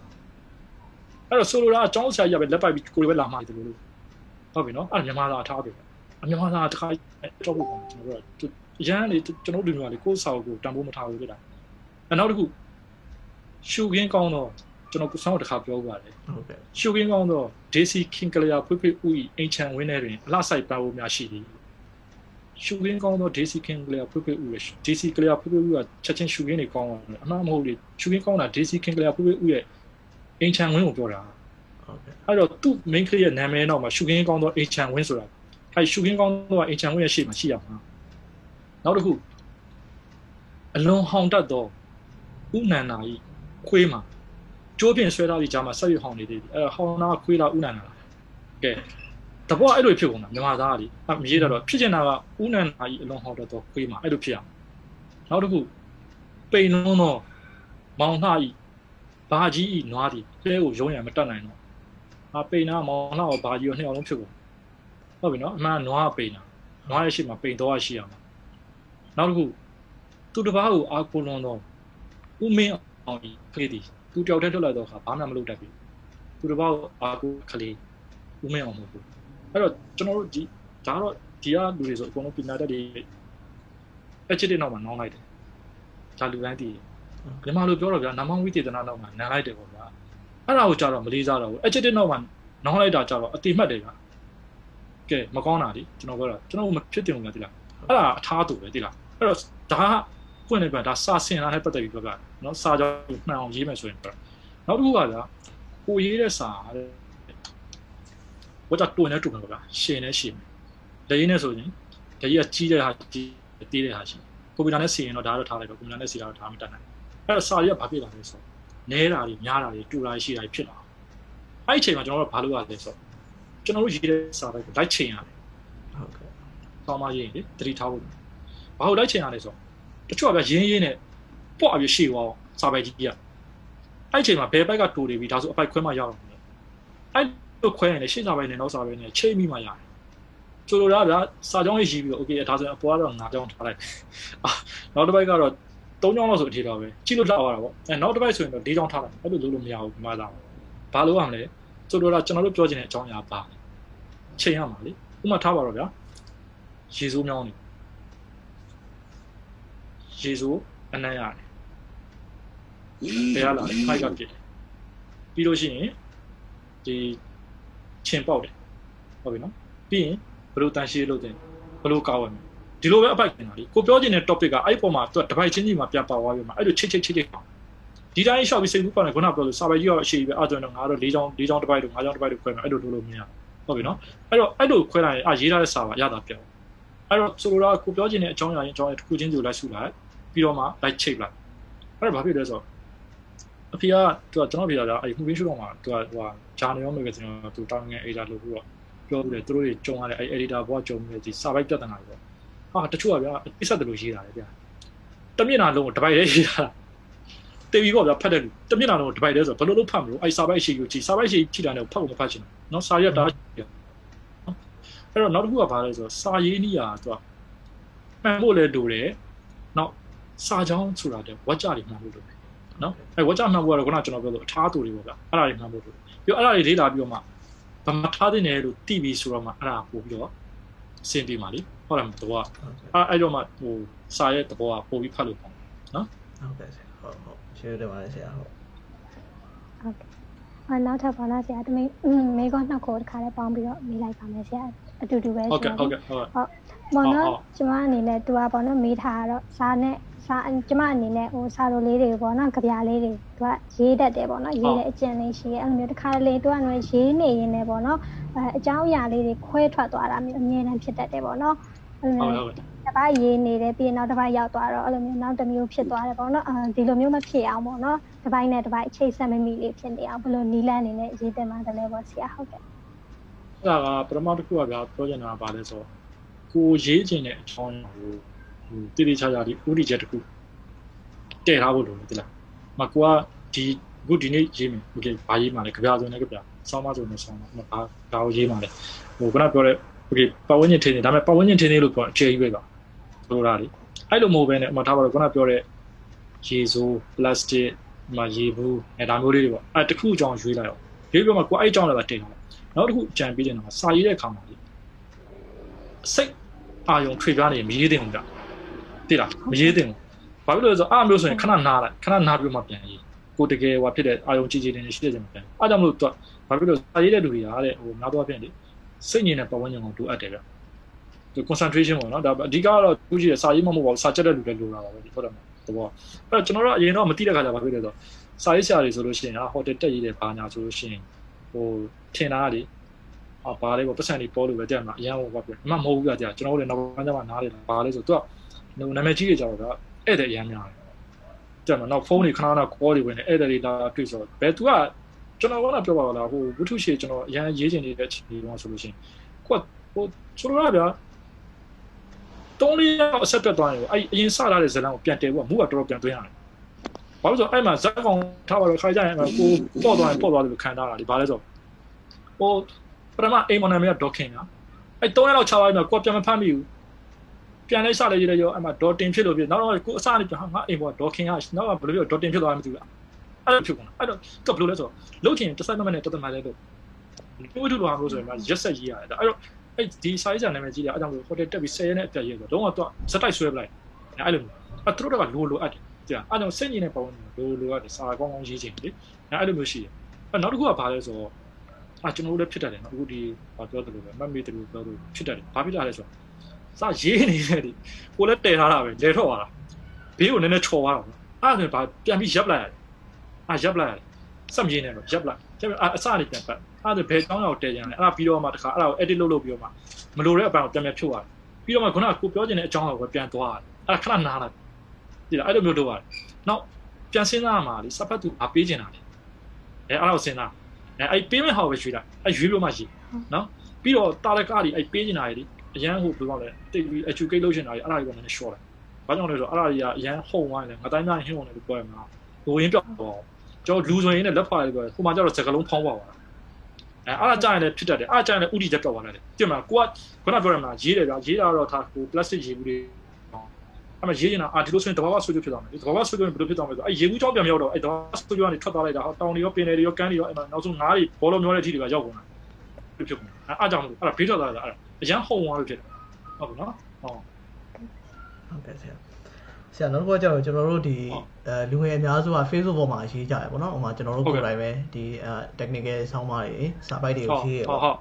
ဟုတ်အဲ့တော့အဲ့လိုရေးကြတဲ့အခါမှာ Facebook မှာရေးတဲ့အခါမှာကျွန်တော်တည်ထားတဲ့အချက်လေးတွေနောက်ပြီးတော့ကောင်းကျိုးဆိုးကျိုးလေးတွေဆရာပြောပြပေးပါဦးခင်ဗျဟုတ်ကဲ့အဓိကကဗျာကျွန်တော်ပြောရမယ် Facebook မှာကျတော့အရန်လွတ်လပ်တယ်အရန်လွတ်လပ်တော့ဘာဖြစ်လဲဆိုတော့လူရဲ့သဘာဝကလွတ်လပ်တဲ့အခါမှာဒီလွတ်လပ်မှု စီးနဲ့ကမ်းနဲ့သုံးတတ်တဲ့လူတွေကအကျိုးရှိတယ်စီးမဲ့ကမ်းမဲ့သုံးတဲ့လူအတွက်ကတော့အဲအနေများတယ်ဗျအနေများတယ်သူ့ဟိုဒုက္ခရောက်နေတယ်နော်နောက်ကျွန်တော်ကခုနပြောခဲ့သလိုကျွန်တော်က blogger ဘောကိုဖြစ်တဲ့ခဲ့တဲ့အတွက်ကြောင့်မို့ blogger နဲ့တစ်ချက်နှိုင်းရှင်ပါ blog ရဲ့သဘော blog ကဘာဖြစ်လဲဆိုတော့ကျွန်တော်တို့က blog ရေးဖို့ပါလीဟိုကိုဆွမ်းနဲ့တည်တာပဲကျွန်တော်တို့က blog template အရင်တက်မှာတည်ရတယ်ဟုတ် အဲ့ template ကမှကျွန်တော် design လေးတွေတိုက်ချပြီးတော့ကိုကြတာမှနာရီလေးထည့်မလားဘယ်နာမှာဘယ်ဟာလေးထည့်မလဲဘယ်နာတော့ topic ကိုဘာလေးပဲဘယ်ဟာတော့ကျွန်တော် content တွေဖော်ပြမယ်ဒါမျိုးလေးတွေပေါ့ပြီးတော့အဲ့ blogger တယောက်ကရှင်းပြတယ်နော်သူ account gmail ရှိရဆိုလို့ရှိရင်အဲ့ဒါပေါ့တော့ gmail နဲ့ပဲဝင်ရေးရေးပြီးတော့မှအဲ့စာတွေအားလုံးကကိုတင်ထားတဲ့သူများလာဖတ်ချင်မှာဖတ်ကျွန်တော်တို့ blogger ချင်းချင်းအိမ်လေရတယ်လို့ခေါ်တယ်အဲ blogger ချင်းချင်းအိမ်လေကြတယ်သူ့ဟာကိုသွားလေသူရေးထားတဲ့ဒီ blog post လေးက comment လေးဝင်ရေးအဲ့ comment ကလည်းသူကမြင်ညမမြင်သေးတာ तू က sign ရင်တော့မှ तू ကကိုယ့်ဟာကိုတွေ့ တွေ့တော့မှကိုယ့်ဟာကိုသူ public ပြန်ပေးပြီးတော့သူကိုကိုကိုမန်ကိုသူကိုမန်နဲ့ပြန်ပြန် reply လုပ်အဲ့ဒါကိုလည်းကိုကနောက်မှပြန်တော့ဖတ်မှတွေ့ရအဲ့လိုပဲသူကလည်းကိုရှိလိုက်လာကိုရင်လာလေအဲ့တော့ဆိုတော့ဗာလဲဆိုကိုရေးလိုက်တဲ့စာကတိုးဒီဖြစ်နေရှိနေဖြစ်တယ်ပြောင်းတဲ့တော့က respect လေးတွေရှိကြတယ်အားထုတ်မှုတစ်ခုရှိတာဆိုလို့ချင်တာ Facebook မှာကအကောင့်ရသွားပြီဆိုရင်ပြီးသွားပြီလုပ်ချင်တာတွေလုပ်တော့တာအဲ့ချင်တဲ့လူအပ်တယ်ရေးချင်တဲ့လူရှိတယ်အဲ့တော့ဘာဖြစ်လဲဆိုတော့နောက်တစ်ခုက Facebook မှာက တချို့လူတွေကနာမည်ကြီးချင်တယ်ဟုတ်ကဲ့ဟိုနော်နာမည်ကြီးချင်တယ်အဓိကကျွန်တော်တို့ကဘာလဲဆိုအခုထားပါတော့ကို share လို့ဆိုတော့ကျွန်တော် educate လုပ်မယ်နော်ဒါဟို technically ဒါဟိုလုပ်မယ် knowledge ကို sharing လုပ်မယ်ဒါမျိုးတွေပေါ့ကျွန်တော်တို့လည်းဒါစာရေးတယ်ဆိုတော့ကျွန်တော်တို့ပေးခြင်းနဲ့ဂျာတာပဲဖြစ်သူတာတွေပေးဒါမျိုးတွေရှိတယ်တချို့လူကအဲ့လိုမဟုတ်သူကတီးကြတော့သူကအဲ့လူတွေရဲ့ဘယ်အချက်တွေကကောင်းလဲလိုက်ဆွဲထုတ်ဖို့စောင့်နော်ပြီးတော့စာအစာအမှန်တော့ကျွန်တော်ဖွင့်လိုက်ပါရင်လုံးဝဒီဒီဟိုဟာလေးနဲ့တင်တယ်ဒီဒီဗာလဲ ဘောင်လေးနဲ့ frame လေးနဲ့တင်တဲ့ဟာဆိုအခုခံတယ်ဟုတ်ကဲအဲ့လိုမျိုးတကယ်တမ်းဆိုတာအဲ့လိုစာမျိုးတွေဖွင့်ကျွန်တော်လည်းနာမည်ကြီးမဟုတ်ဘူးသဘောပြောတာလေဆိုလိုတာအဲ့တော့စာတစ်ပုဒ်လုံးဆိုရင်တော့ပြောမယ်ဘာဖြစ်လဲသူကနော်နာမည်ကြီးချင်တဲ့ခါကျတော့ Facebook ကဘာလုပ်လို့ရလဲ boost လုပ်လို့ရတယ်ဟုတ်ကဲ့ကျွန်တော်တို့ကပတ်စံသုံးမှာဒါမျိုးတွေလည်းရတယ်ဘလော့မှာအဲ့လိုတွေတိတ်လို့လို့မရဘူးနော်အဲ့ဒါဒါကွာချကြပါမယ်ဟုတ်တော့နောက်တစ်ခုက Facebook မှာနာမည်မကျင့်စာခိုးချခံအဲ့သဘောတရားရှိတယ် ဟုတ်ကဲ့အဲကြောင့်လဲဆိုတော့သူကစာကိုကြိုက်တယ်မှတ်ထားပါတော့ကျွန်တော်ရေးတဲ့စာတခုကိုသူကြိုက်သွားတယ်ဒါပေမဲ့ကျွန်တော်ကလူသိမသိဘူးအဲ့အချိန်မှာသူကအဲ့စာကိုယူလိုက်ပြီးတော့သူက popular ဖြစ်ချင်တော့အဲ့စာနဲ့ copy တင်လိုက်ရှိရနော်နောက်တော့ကျွန်တော်အဲ့ blog post တစ်ခုတော့မှအဲ့လိုအပတ်ခံရတယ်ဘာလဲဆိုတော့အဲ့ကျွန်တော်2 in အကြောင်းရေးလာကျွန်တော်ကတော့အမှန်တော့သူများအဲ့လိုဖတ်စေချင်လို့ဆိုပြီးကျွန်တော်က music page တစ်ခုမှာတွားရှင်းလိုက်တာအဲ့စာကိုတွားမယ်သူကလို့တင်လာတာအခုတည်း Google မှာရှိတယ်သူကဆက်တော့မသုံးတော့ဘူးဒါပေမဲ့အဲ့သူကသူ့နာမည်မတက်ထားပြီးမဲ့သူ့ page မှာကျတော့သူရေးတယ်လို့ဖြစ်နေတာလေ ဟုတ်ကဲ့အာအဲ့လိုတွေဗျာအဲ့အဲ့လိုမျိုးရှိတယ်အဲ့တော့ဘာဖြစ်လဲဆိုတော့ credit ပေးမလား credit ပေးတဲ့ယဉ်ကျေးမှုပေါ့နော်ဒါယဉ်ကျေးမှုပဲဆိုကြပါလို့ပေးရမယ်ပေးရမယ်ကိုကယူရင်လည်းသူများကိုတေချာပေးရမယ်သူများကကိုယ်စာယူသုံးရင်လည်းပေးခိုင်းအဲ့တော့ကျွန်တော်ကဖွင့်နေတွားရင်တော့ copy ယူတာတဲ့ဆိုင်ကျွန်တော်က share တာကိုသဘောကျတယ်ဘာလို့ဆို copy က credit ကတေချာပေးမှာဒါကိုစမ်းလို့လည်းကိုသုံးတယ်လို့လူတိုင်းသုံးတာတည်တယ် credit ရဲ့သဘောဘာဖြစ်သွားလဲကြာပထမတော့ credit ထားပါတော့ဗျာကျွန်တော် post ဆိုယူလဲဆိုရင် credit စုတဲ့အဲ့ရနေနောက်ထပ်10ရောက်လောက်ချိန်သွားကြည့် credit original writer ဘယ်သူမှမသိတော့စုတဲ့မရှိတော့ပြီးရင်ဒီ headline လေးနဲ့ credit ပဲကျန်တော့ original writer ဘယ်သူမှတော့မပါတော့ပြီးရင်နောက်ဆုံးဘာဖြစ်သွားလဲသိလား CRD ပဲကျန်တော့တယ်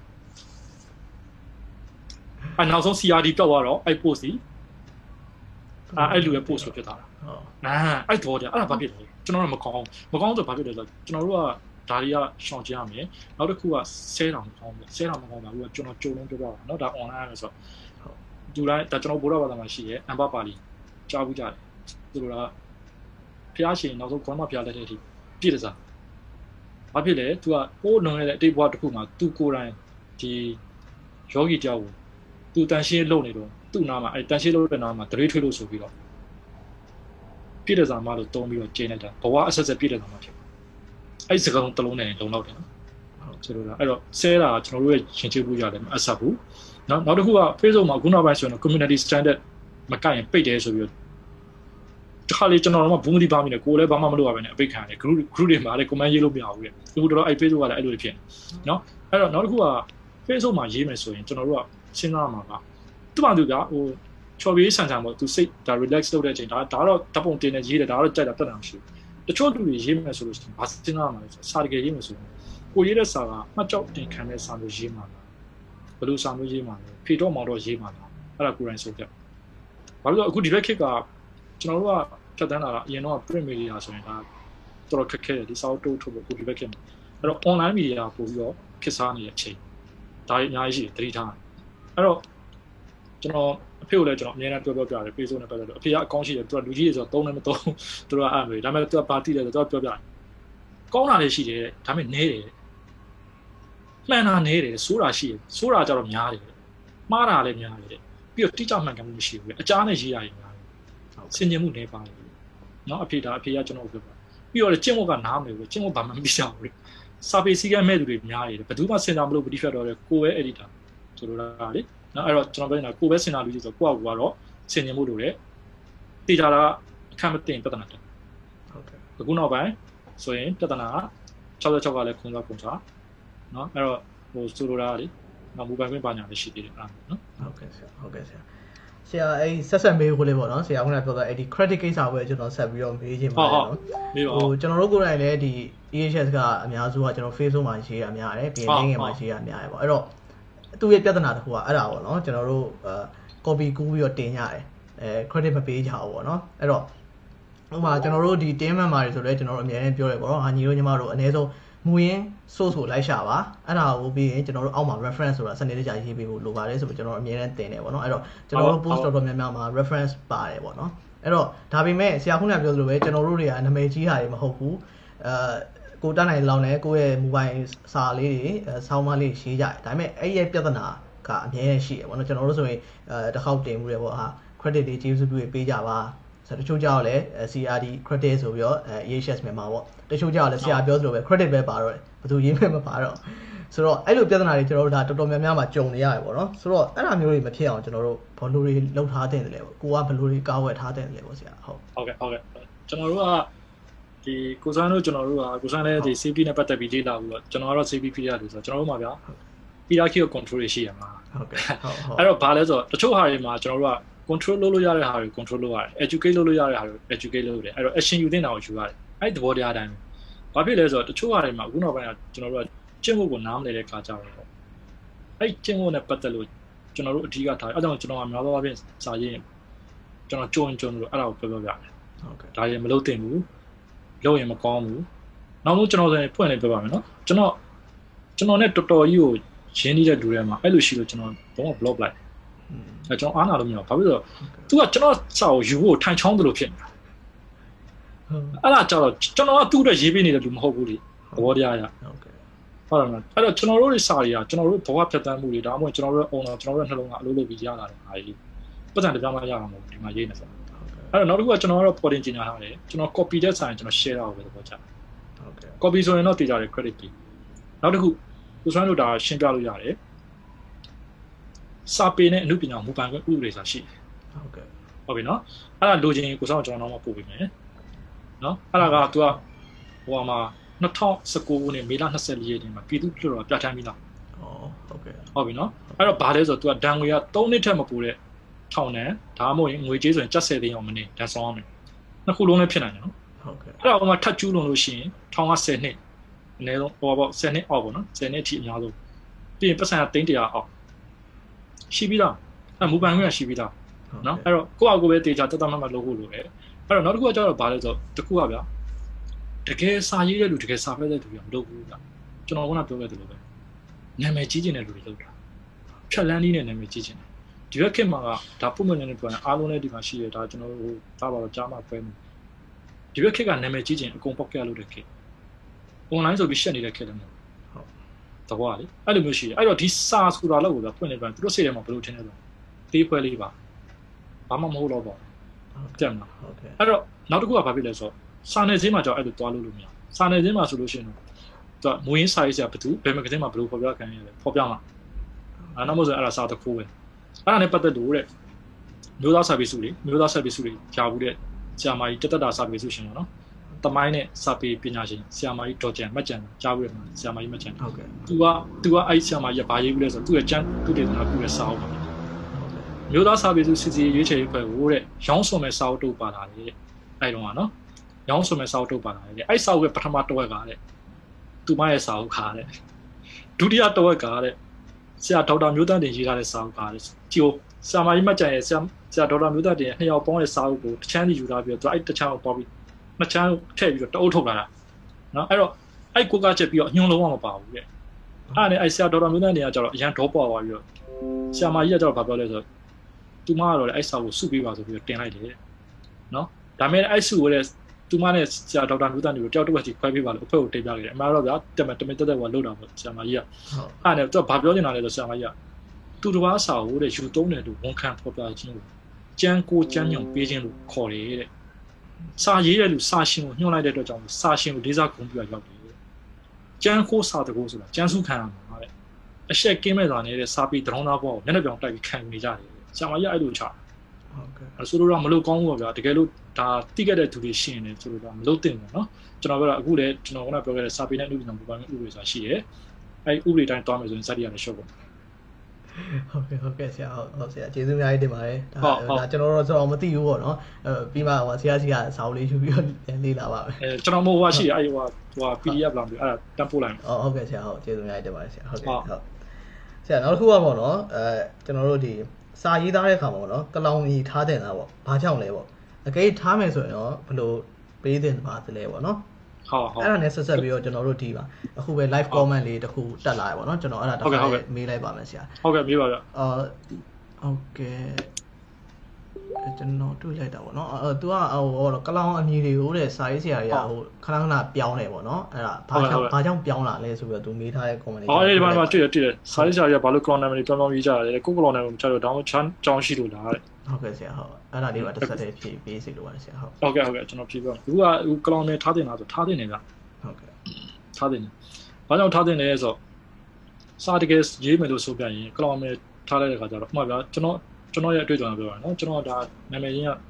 ကစော်နေနဲ့ဖြစ်ဖြစ်နေတော့ကျွန်တော်ကပထမ column name ယူတော့တချို့အကြောင်းအရာတွေဗျာကျွန်တော်ကျွန်တော်ရေးတယ်လို့ကျွန်တော်ကမသိစေချင်ဘူးဒါမျိုးလည်းရှိတယ်ဥပမာကျွန်တော်ထားပါတော့ချစ်ကြပြရေးမယ်ချစ်ဝတ္ထုရေးမယ်နောက်ပိုင်းကျရင်ဆိုလိုတာရေရှည်ကိုစဉ်းစားတဲ့အခါကျတော့ကျွန်တော်လုပ်တဲ့အလုပ်နဲ့ကျွန်တော်ကဒီနာမည်နဲ့ချစ်ဝတ္ထုရေးမှာချစ်ကြပြရေးအဲဒါမျိုးလည်းပြန်စဉ်းစားရတယ်အဲအဲ့ဒါမျိုးလည်းရှိတယ်နော် အဲ့တော့နောက်တစ်ခုကဘာပြောလဲဆိုတော့ကလောင်နဲ့ရေးတာဘာဖြစ်လဲဆိုတော့တဲ့အဲ့ဟိုဘာကောင်းလဲဗျာကိုရေးတဲ့စာပုံပြန်ပြီးတော့နည်းနည်းဟိုပိုလေးနေတယ်တာဝန်ယူမှုတို့တာဝန်သိမှုတို့အဲ့လိုမျိုးတွေပြန်ပြီးတော့ပါလာတယ်နော်ကလောင်နာမည်မရှိရင်လည်းလမ်းဘေးအမှိုက်ပုံတို့အင်တာနက်မှာတက်ဆော့ထားကြတာဖြစ်တယ်ကိုစာသဘောကလေအဲ့အဲ့လိုမျိုးလည်းရှိတယ်အဲ့ကြတော့ဘာဖြစ်သွားလဲဆိုတော့သူများအလွယ်တကူခိုးမယ်ဆိုရင်ကြံကိုစာတကူတည်းဖြစ်သွားတယ်ပို့ဆိုးသွားတယ်နော်ပို့ဆိုးသွားတယ်ပြီးတော့ ဟိုကလောင်နာမည်ကဗျာကျွန်တော်ကတော့ဒါဟိုစာတွေကဖတ်ဖို့ရပါတော့ဆရာကြီးတွေကဗာပြောလဲဆိုတော့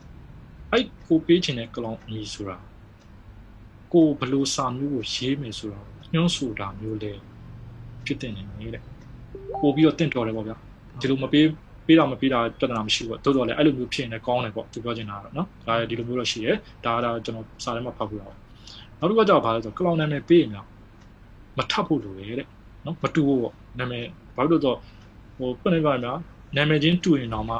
ဘာဖြတ်ထပ်လို့ရလဲဆိုတော့ဟိုနောက်ကနေပြီးတော့မှမိမိရဲ့အတတ်ပညာဘာသာရပ်ဥပမာဆရာချစ်နိုင်ဆိုရင်ချစ်နိုင်စိတ်ပညာအဲဒါမျိုးနောက်တချို့ကြတော့အဲ့လိုတူနေရင်ကိုယ့်ရဲ့ကောင်းနာမည်နောက်မှာနေရဒေတာဇာတိဥပမာငါကကျွန်တော်ဖေဆိုရင်မောင်နေသူချိုးပင်ခေါက်အာမောင်ဆွေရင်းဆိုရင်မောင်ဆွေရင်းပရီကိုအဲဆရာမြင့်မှုမောင်နိုင်မှုအဲဒါမျိုးလေးတွေပေါ့နော်အဲအဲ့လိုမျိုးလေးထည့်တင်တယ်နောက်တစ်ခုကနာမည်ကြီးသူတွေရဲ့ကလောင်နေမယ်ဆိုရင်တွားပြီးတော့မယူပါနဲ့တဲ့ မလုပ်ပါနဲ့မလုပ်ကောင်းပါဗျာကိုယ်နဲ့ပါဘယ်လိုမျိုးလဲဗျမင်းမင်းသူ့ဝန်ဒလာတို့ဇော်ကြီးပေါင်းလောင်းဒါမျိုးတွေပေါ့ဘာဖြစ်လို့လဲဆိုတော့ဆဆရာမင်းတို့တို့ဆရာတော်ကြီးတို့ကအမျိုးသားစာသူကြီးတွေတွေဗျာ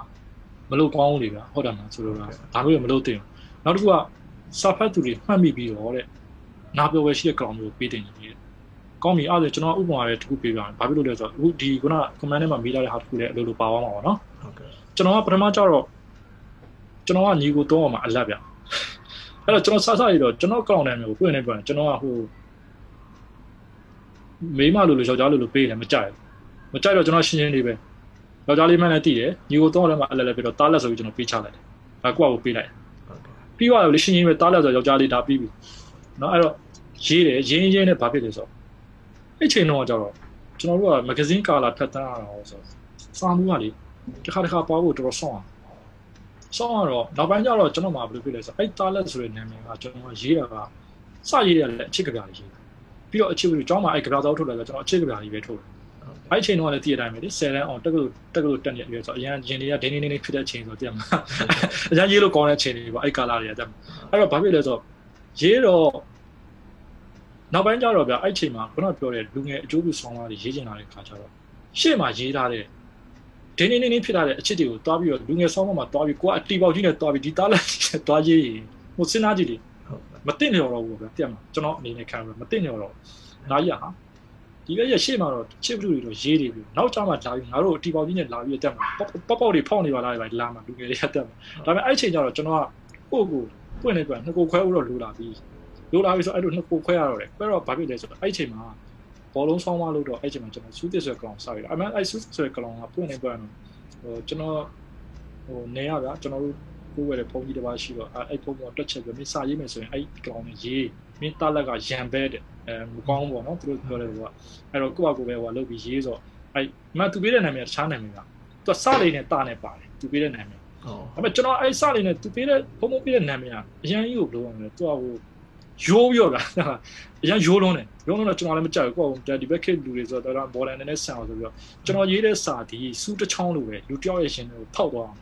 ပြီးရင်အမြဲတမ်းတက်နေအောင်အဲ့ဒါကျွန်တော်အစူးတစ်ဆိုပြီးကိုယ့်ကိုကင်လိုက်တယ်အဲ့အဲ့ထူးကြရတော့အဲ့အဲ့ရာနေစပြီးတော့အဲ့ဆောင်းမပြန်မပြန်လိုက်တာအဲ့အဲ့မှာအဲ့ဘောလုံးဆောင်းမဆူတန်းရ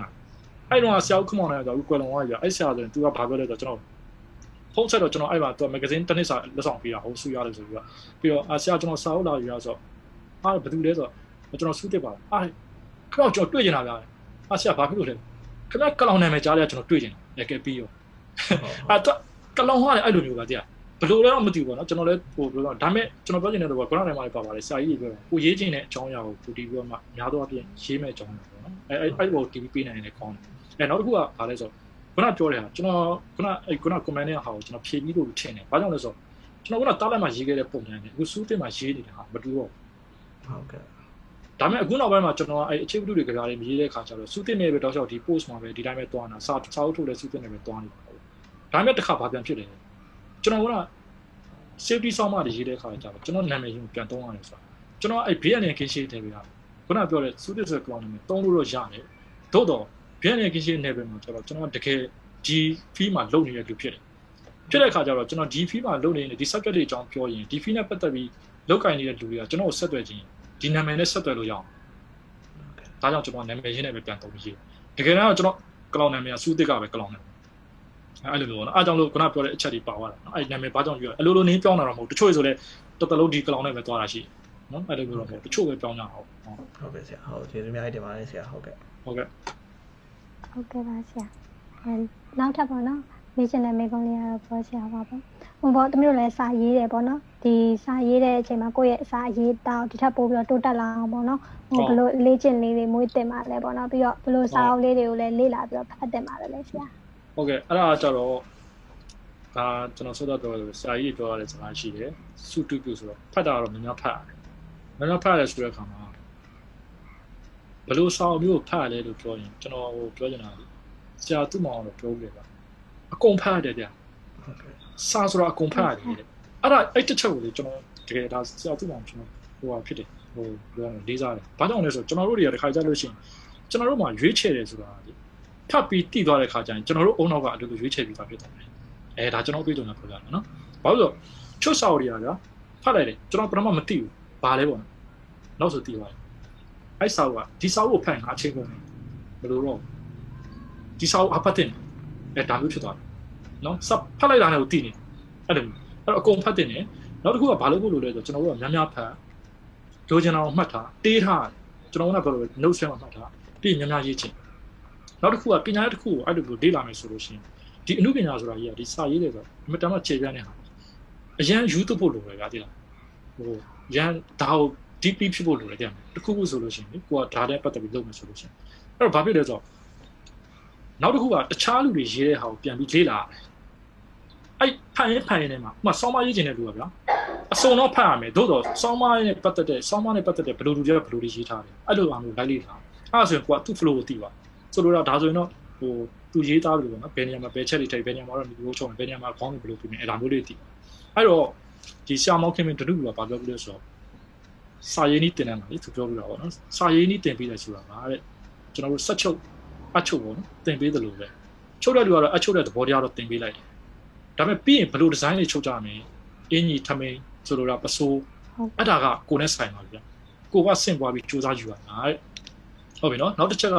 ဆရာကြောင်အောင်ကြတော့ဘာပြောလို့ဆိုတော့လေ့ကျင့်မှုဒါပြည့်စုံတာကြီးတဲ့လက်တွေ့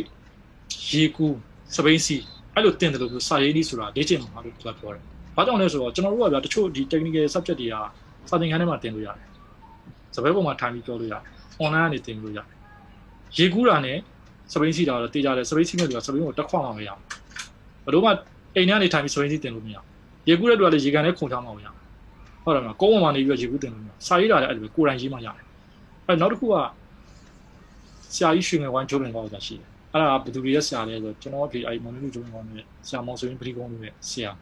အဲ့တော့ကျွန်တော်ဖေနဲ့အဲ့မောင်ဆိုရင်ကသူတို့ကဒီကျိုးလင်ကောင်းမှာ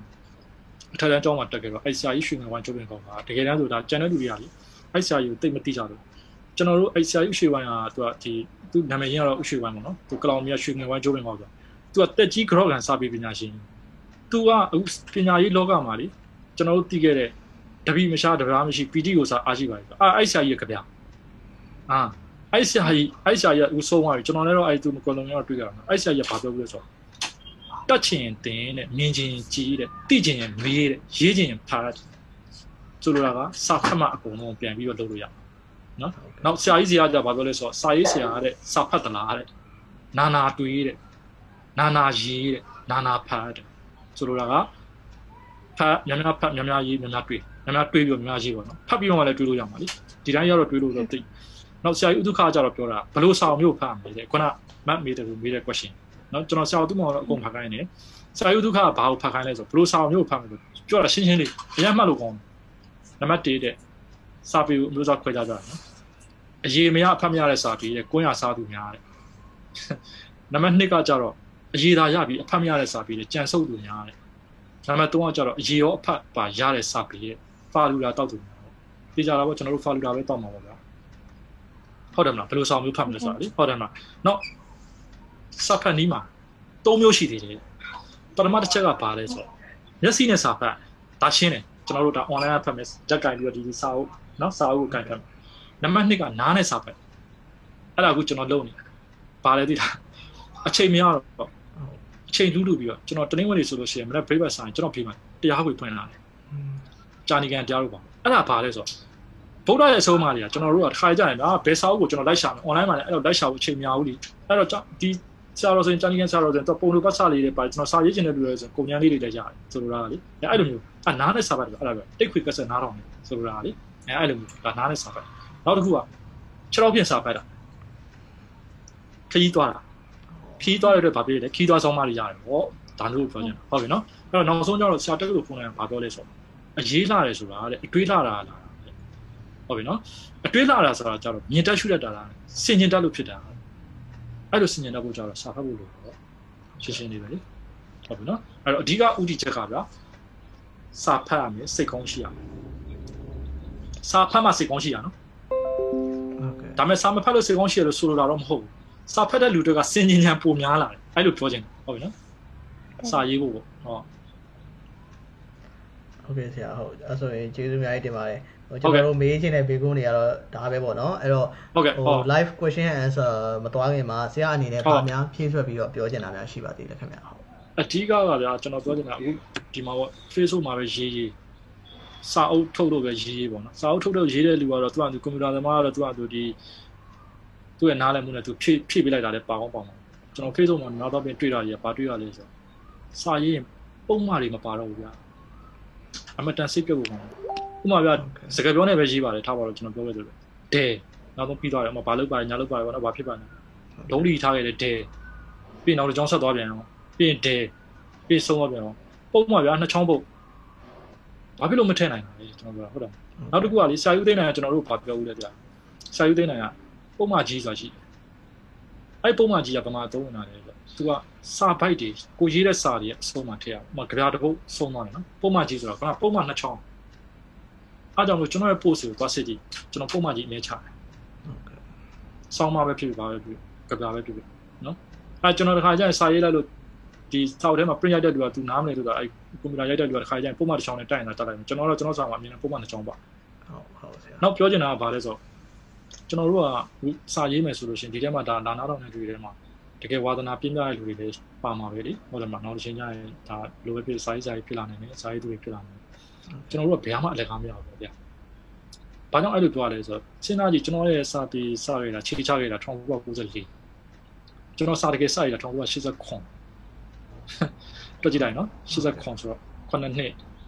နော်9နှစ်အဲ့9နှစ်မှမှကျွန်တော်စာပေနေကိုစပြီးကြပြတော်နဲ့စပြီးလမ်းဝင်ရတယ်ဒါပေမဲ့အဲ့ကြပြပါခဲ့တာလीကျွန်တော်ပို့ရတဲ့အဲ့ကြပြ1992မှာရွေးခံရတာဟုတ်ကဲ့ စဉ်းစားကြည့်ရွေးကြပြဆင်းမှာကျွန်တော်နာမည်ပါလာတော့ကျွန်တော်အားဝမ်းသာတယ်လေကားဘောကပြုတ်ကြမတဲ့မဂဇင်းကိုကိုင်ပြီးကျွန်တော်ခုံချတာဟာငါကြပြပါလာပြီဆိုပထမဆုံးနေပါလာဟုတ်ဘယ်အကတ်မှလည်းမဟုတ်ဘူးလေကိုကကိုလက်နဲ့ကိုရေးပြီးတော့ဒီတိုင်းပဲစာလိုက်ကနေလွတ်တဲ့စာမှုအဲ့တော့နှစ်နှစ်လောက်ဆောင်းလာတဲ့ကြပြအဲ့ချိန်တော့စာမှုကတွေးကြည့်ဗျတရားလားဘယ်လောက်လဲအဲ့လောက်ပဲရတာနော်ဆိုလိုတာကအဲ့ကာလာမှာကြပြတခုပါဖို့စာလို့ပါဖို့ကျွန်တော်တို့ကမဂဇင်းမှာအရန်ဖြတ်တန်းတော်တော်ကြီးကိုခက်ခဲခဲဖြတ်တန်းဒီနေ့စာအုပ်တို့ဖြစ်ဖို့အရန်ခက်ခဲဒါကျွန်တော် ဒီမှာအလုပ်လာလုပ်နေလို့ဖေးရအောင်မစာအုပ်ထိုးတော့ရပြီစောင်းသားလေးတွေစုပြီးထုတ်မယ်ဆိုကျွန်တော်ပတ်စံနဲ့အဲ့လိုမျိုးထုတ်ဆိုတာအဲ့တော့ပွင့်နေပြောရင်ဗျာကျွန်တော်ဥပမာပြပြမယ်နည်းနည်းကြမ်းရင်တော့ကြမ်းဟုတ်ကဲ့ဆိုလိုတာပတ်စံတောင်းသားတဲ့တရောင်းသားတော့မှနေဘူးလေးထိုင်ပြီးတော့ပတ်စံရဖို့တောင်းပြတယ်ဟုတ်တယ်မလားတဘောကလေသူနေဘူးတော့ခံပြတာခိုးကျင်တဲ့တခိုးတော့မှညဘက်အချိန်ကိုရောက်ဖို့ Asian 8 30သူစောင့်ရင်စောင့်တယ်ဆိုလိုတာကျွန်တော်တို့စာရေးတယ်ဆိုတာဗျာနေထဲမှာနေပြီးတော့စာရေးမဲ့ကိစ္စကိုတကယ် ဒုတ်ချင်တယ်ကိုတကယ်အဲ့ဟာကိုဖြစ်ချင်တယ်ဆိုရင်တော့ဒါစာရေးမဲ့သူဘယ်သူမဆိုးပေါ့နော်အားတော့ထုတ်ရတယ်စာဘယ်လိုရေးတယ်လဲပြီးတော့ဖတ်ပုံရမ်းရှာတယ်ဖတ်ရတယ်တွေးရတယ်ဘယ်လိုပေးချင်တာလဲနီးရဘယ်လိုလဲအဲ့ဒါကြီးရစားနော်နောက်ဆုံးတစ်ခုကတော့ပြောချင်တာဆာလိုမွန်တပ်ဖို့အားလုံး view site ကြပါမသိရင်တော့တပ်ဖို့မြန်လေးဆောင်တာမသိတာအပြစ်မဟုတ်ဘူးကျွန်တော်လည်းတပ်ဖို့ညာကြီးတုတ်လို့လုံးမရဘူး ကျွန်တော်အခုပြောနိုင်တယ်ဆိုတာကြီးကကျွန်တော်ရဲ့အတွေ့အကြုံကဘာကြောင့်လဲဆိုတော့ကျွန်တော်အဖေကချွေသမီမဂ္ဂဇင်းမှာစာပြင်ဆရာနဲ့ editor ဘွားတခါလဲလုပ်ခဲ့ဘူးတော့ကျွန်တော်အဖေကိုကိုရင်းနဲ့ကျွန်တော်ကိုယ်တိုင်အဲ့တပ်ဖို့ညာကိုပိုးရိုးနဲ့ကျွန်တော်ကြာပြီတက္ကသိုလ်ကျောင်းသားဘွားရဲ့တပ်ဖို့ညာကင်လာတာအဲ့တော့တော်တော်များများတချို့ကကျွန်တော်ကဘောင်းနေမှာဟုတ်ကဲ့အဲကျွန်တော်ကိုယ်တိုင်လည်းဒါပေမဲ့ဒီနေ့ဒီလက်မလုပ်ဘူးအဲ့ရပြီမှရှိတော့ဆိုလိုတာလေအဲ့တော့တပ်ပုံချမ်းကင်နိုင်တော့မြန်မာဘီတန်ကောင်းတယ်မြန်မာဘီတန်ကရှာတယ်ပြောလို့နော်အဲ့လိုမျိုးရှိအဲ့တော့အားလုံးဟိုကျွန်တော်ပြောချင်တာကတခြားဘာသာရပ်တွေကကိုယ့်အတွက်သုံးဝင်နေမှန်တယ်ဟို လေ့လာလို့ရတယ်ကိုယ့်အတွက်ဒါ professional တွေနဲ့ပတ်သက်လို့ဒါပေမဲ့မြန်မာစာလည်းပေါ့စားလို့မတင်ဘူးအဲ့ဒါလေးသိပြီဟုတ်ကဲ့ဆရာဟုတ်ကျေးဇူးတင်ပါတယ်ဆရာဟုတ်ဟောအဲ့ဆိုရင်ကျွန်တော်တို့ comment လေးတွားလိုက်ပဲပေါ့နော်ဆရာဟုတ်ကဲ့ဟုတ်ကဲ့ဟုတ်အာဒီနေ့ live comment မဟုတ်ခင်မှာကျွန်တော်တို့အရင်တော့တင်ထားတဲ့ post လေးတစ်ခုရှိရပါတော့အဲ့ထဲမှာတချို့ comment လေးတော့ရှိပါ comment မှာပဲဆရာမေးခွန်းတော့မဟုတ်ပါ တော့ဆရာတယောက်ကရေးတာအဲကိုစောစရာဟိုဆရာမဂျူးလို့တဲ့အချစ်ရောသဘောပမကျင်ရောမှာပါလှပကျွမ်းကျင်တက်ရက်ဆိုတာရေးတတ်ချင်ပါတယ်တဲ့ဆိုရ comment ပေးထားပါတယ်ဟုတ်ဟုတ်ဟုတ်အဲနောက်တစ်ယောက်ကျတော့သူကကျွန်တော်တို့ဒီသဘောပုံဝင်ကြီးထိန်းသိမ်းရေးပေါ့နော်ဒီ Abrameter နဲ့ပတ်သက်မှာစာရေးသားတဲ့အဲစာရေးသားခြင်းထက်ကျွန်တော်ဗီဒီယိုတွေလောက်တာပို့ပြီးတော့ထိရောက်မယ်လို့သူ့အမြင်မှာမြင်ပါတယ်ပေါ့နော်အဲ့တော့အဲ့ဒီပုံမှာဆရာအမြင်လေးတစ်ချက်တော့ပြောပြပေးပါဦးဆရာဟုတ်စာရေးခြင်းထက်ဗီဒီယိုထက်ဟုတ် ပွင့်နေပွင့်တော့ဗျာဟိုဘယ်မှာဆိုတော့ကျွန်တော်တို့အပြတာတာပေါ့ဟုတ်ကဲ့တက်မလားဘာလို့တခုရှိတာအပြတာရဲဆိုရင်အဓိကအကြောင်းအရာတွေပို့ပေါ်နေတာကတော့အပြပို့ပြီးတော့ပေါ်နေတယ်ဒီရုပ်ရုပ်နဲ့ပြတဲ့ဟာလေဟုတ်ကဲ့တကယ်အသေးစိတ်ဒီတေးပြောနေတဲ့ဟာမျိုးကြတော့စားပို့ပြီးတော့ထိရောက်တယ်ဟုတ်ကဲ့ဆိုလိုတာလေဥပမာကျွန်တော်တို့ဒီဟိုဘာခေါ်မလဲအဖွဲအနှဲ့တို့ဘာလို့ဒီလိုမျိုးဖွဲ့မယ်တခုခုအကြောင်းအရာကိုဖွဲ့မယ်ဘာညာဆိုလို့ရှိရင်အဲ့လိုဟာမျိုးကြတော့ဥပမာအဲ့ကြောင့်လို့တချို့ဟာတွေကရုပ်ရှင်ရိုက်တဲ့အခါမှာတဲ့ဘာဖြစ်လဲဆိုတော့ဒီ ဝတ္ထုကိုမမီတဲ့ရုပ်ရှင်တွေရှိရတာအဲ့ဒါလေဟုတ်ကဲ့ဘာလို့ဆိုစကလုံးကကြတော့အနုစိတ်လို့ရတာဥပမာဗျာတိရွက်ကလေးစိမ့်ဖန်ပြီးတော့ဒီတိုက်တဲ့အချိန်မှာလှုပ်နေအဲ့ကြားမှာနေအောင်လေးဖောက်ချောင်းတော့တည့်ရလေးအကျော်လေးတို့မြင်လိုက်ရတယ်စာရေးဆရာတစ်ပတ်လောက်ရေးလိုက်ဟိုကပြလိုက်တာတည့်ရစင်းချင်းတို့နေအောင်ထိုးတာအဲ့ဒါပဲပြတဘောအဲ့လိုလေးတော့ကွာသွားတော့အဲ့တော့တကယ်တမ်းကျတော့ကျွန်တော်တို့ကဘယ်ဟာထိရောက်လဲဆိုတော့ဟိုဗီဒီယိုနဲ့ပြရဲဆိုတာကအခုဒါကိုစွမ်းလို့ပါလို့ဆိုရင်ကိုလုံးနိုင်တဲ့အင်အားရှိသေးတာဟုတ်ကဲ့ မ animation နဲ့ဗာနဲ့လုပ်မယ်ဆိုတော့ဒါတော့တမျိုးဒါပေမဲ့တကယ်တမ်းကိုပြောချင်တဲ့ message ကိုကြောင်းအောင်ဒီပေးနိုင်မှာဆိုတာရှိသေးတယ်ဒီစာကြတော့ကိုပြောချင်တဲ့အကြောင်းအရာတည်ပြီးအထီးကပြောတဲ့အချိန်မှာနောက်တစ်ခုကအထီးအောင်ဆုံးက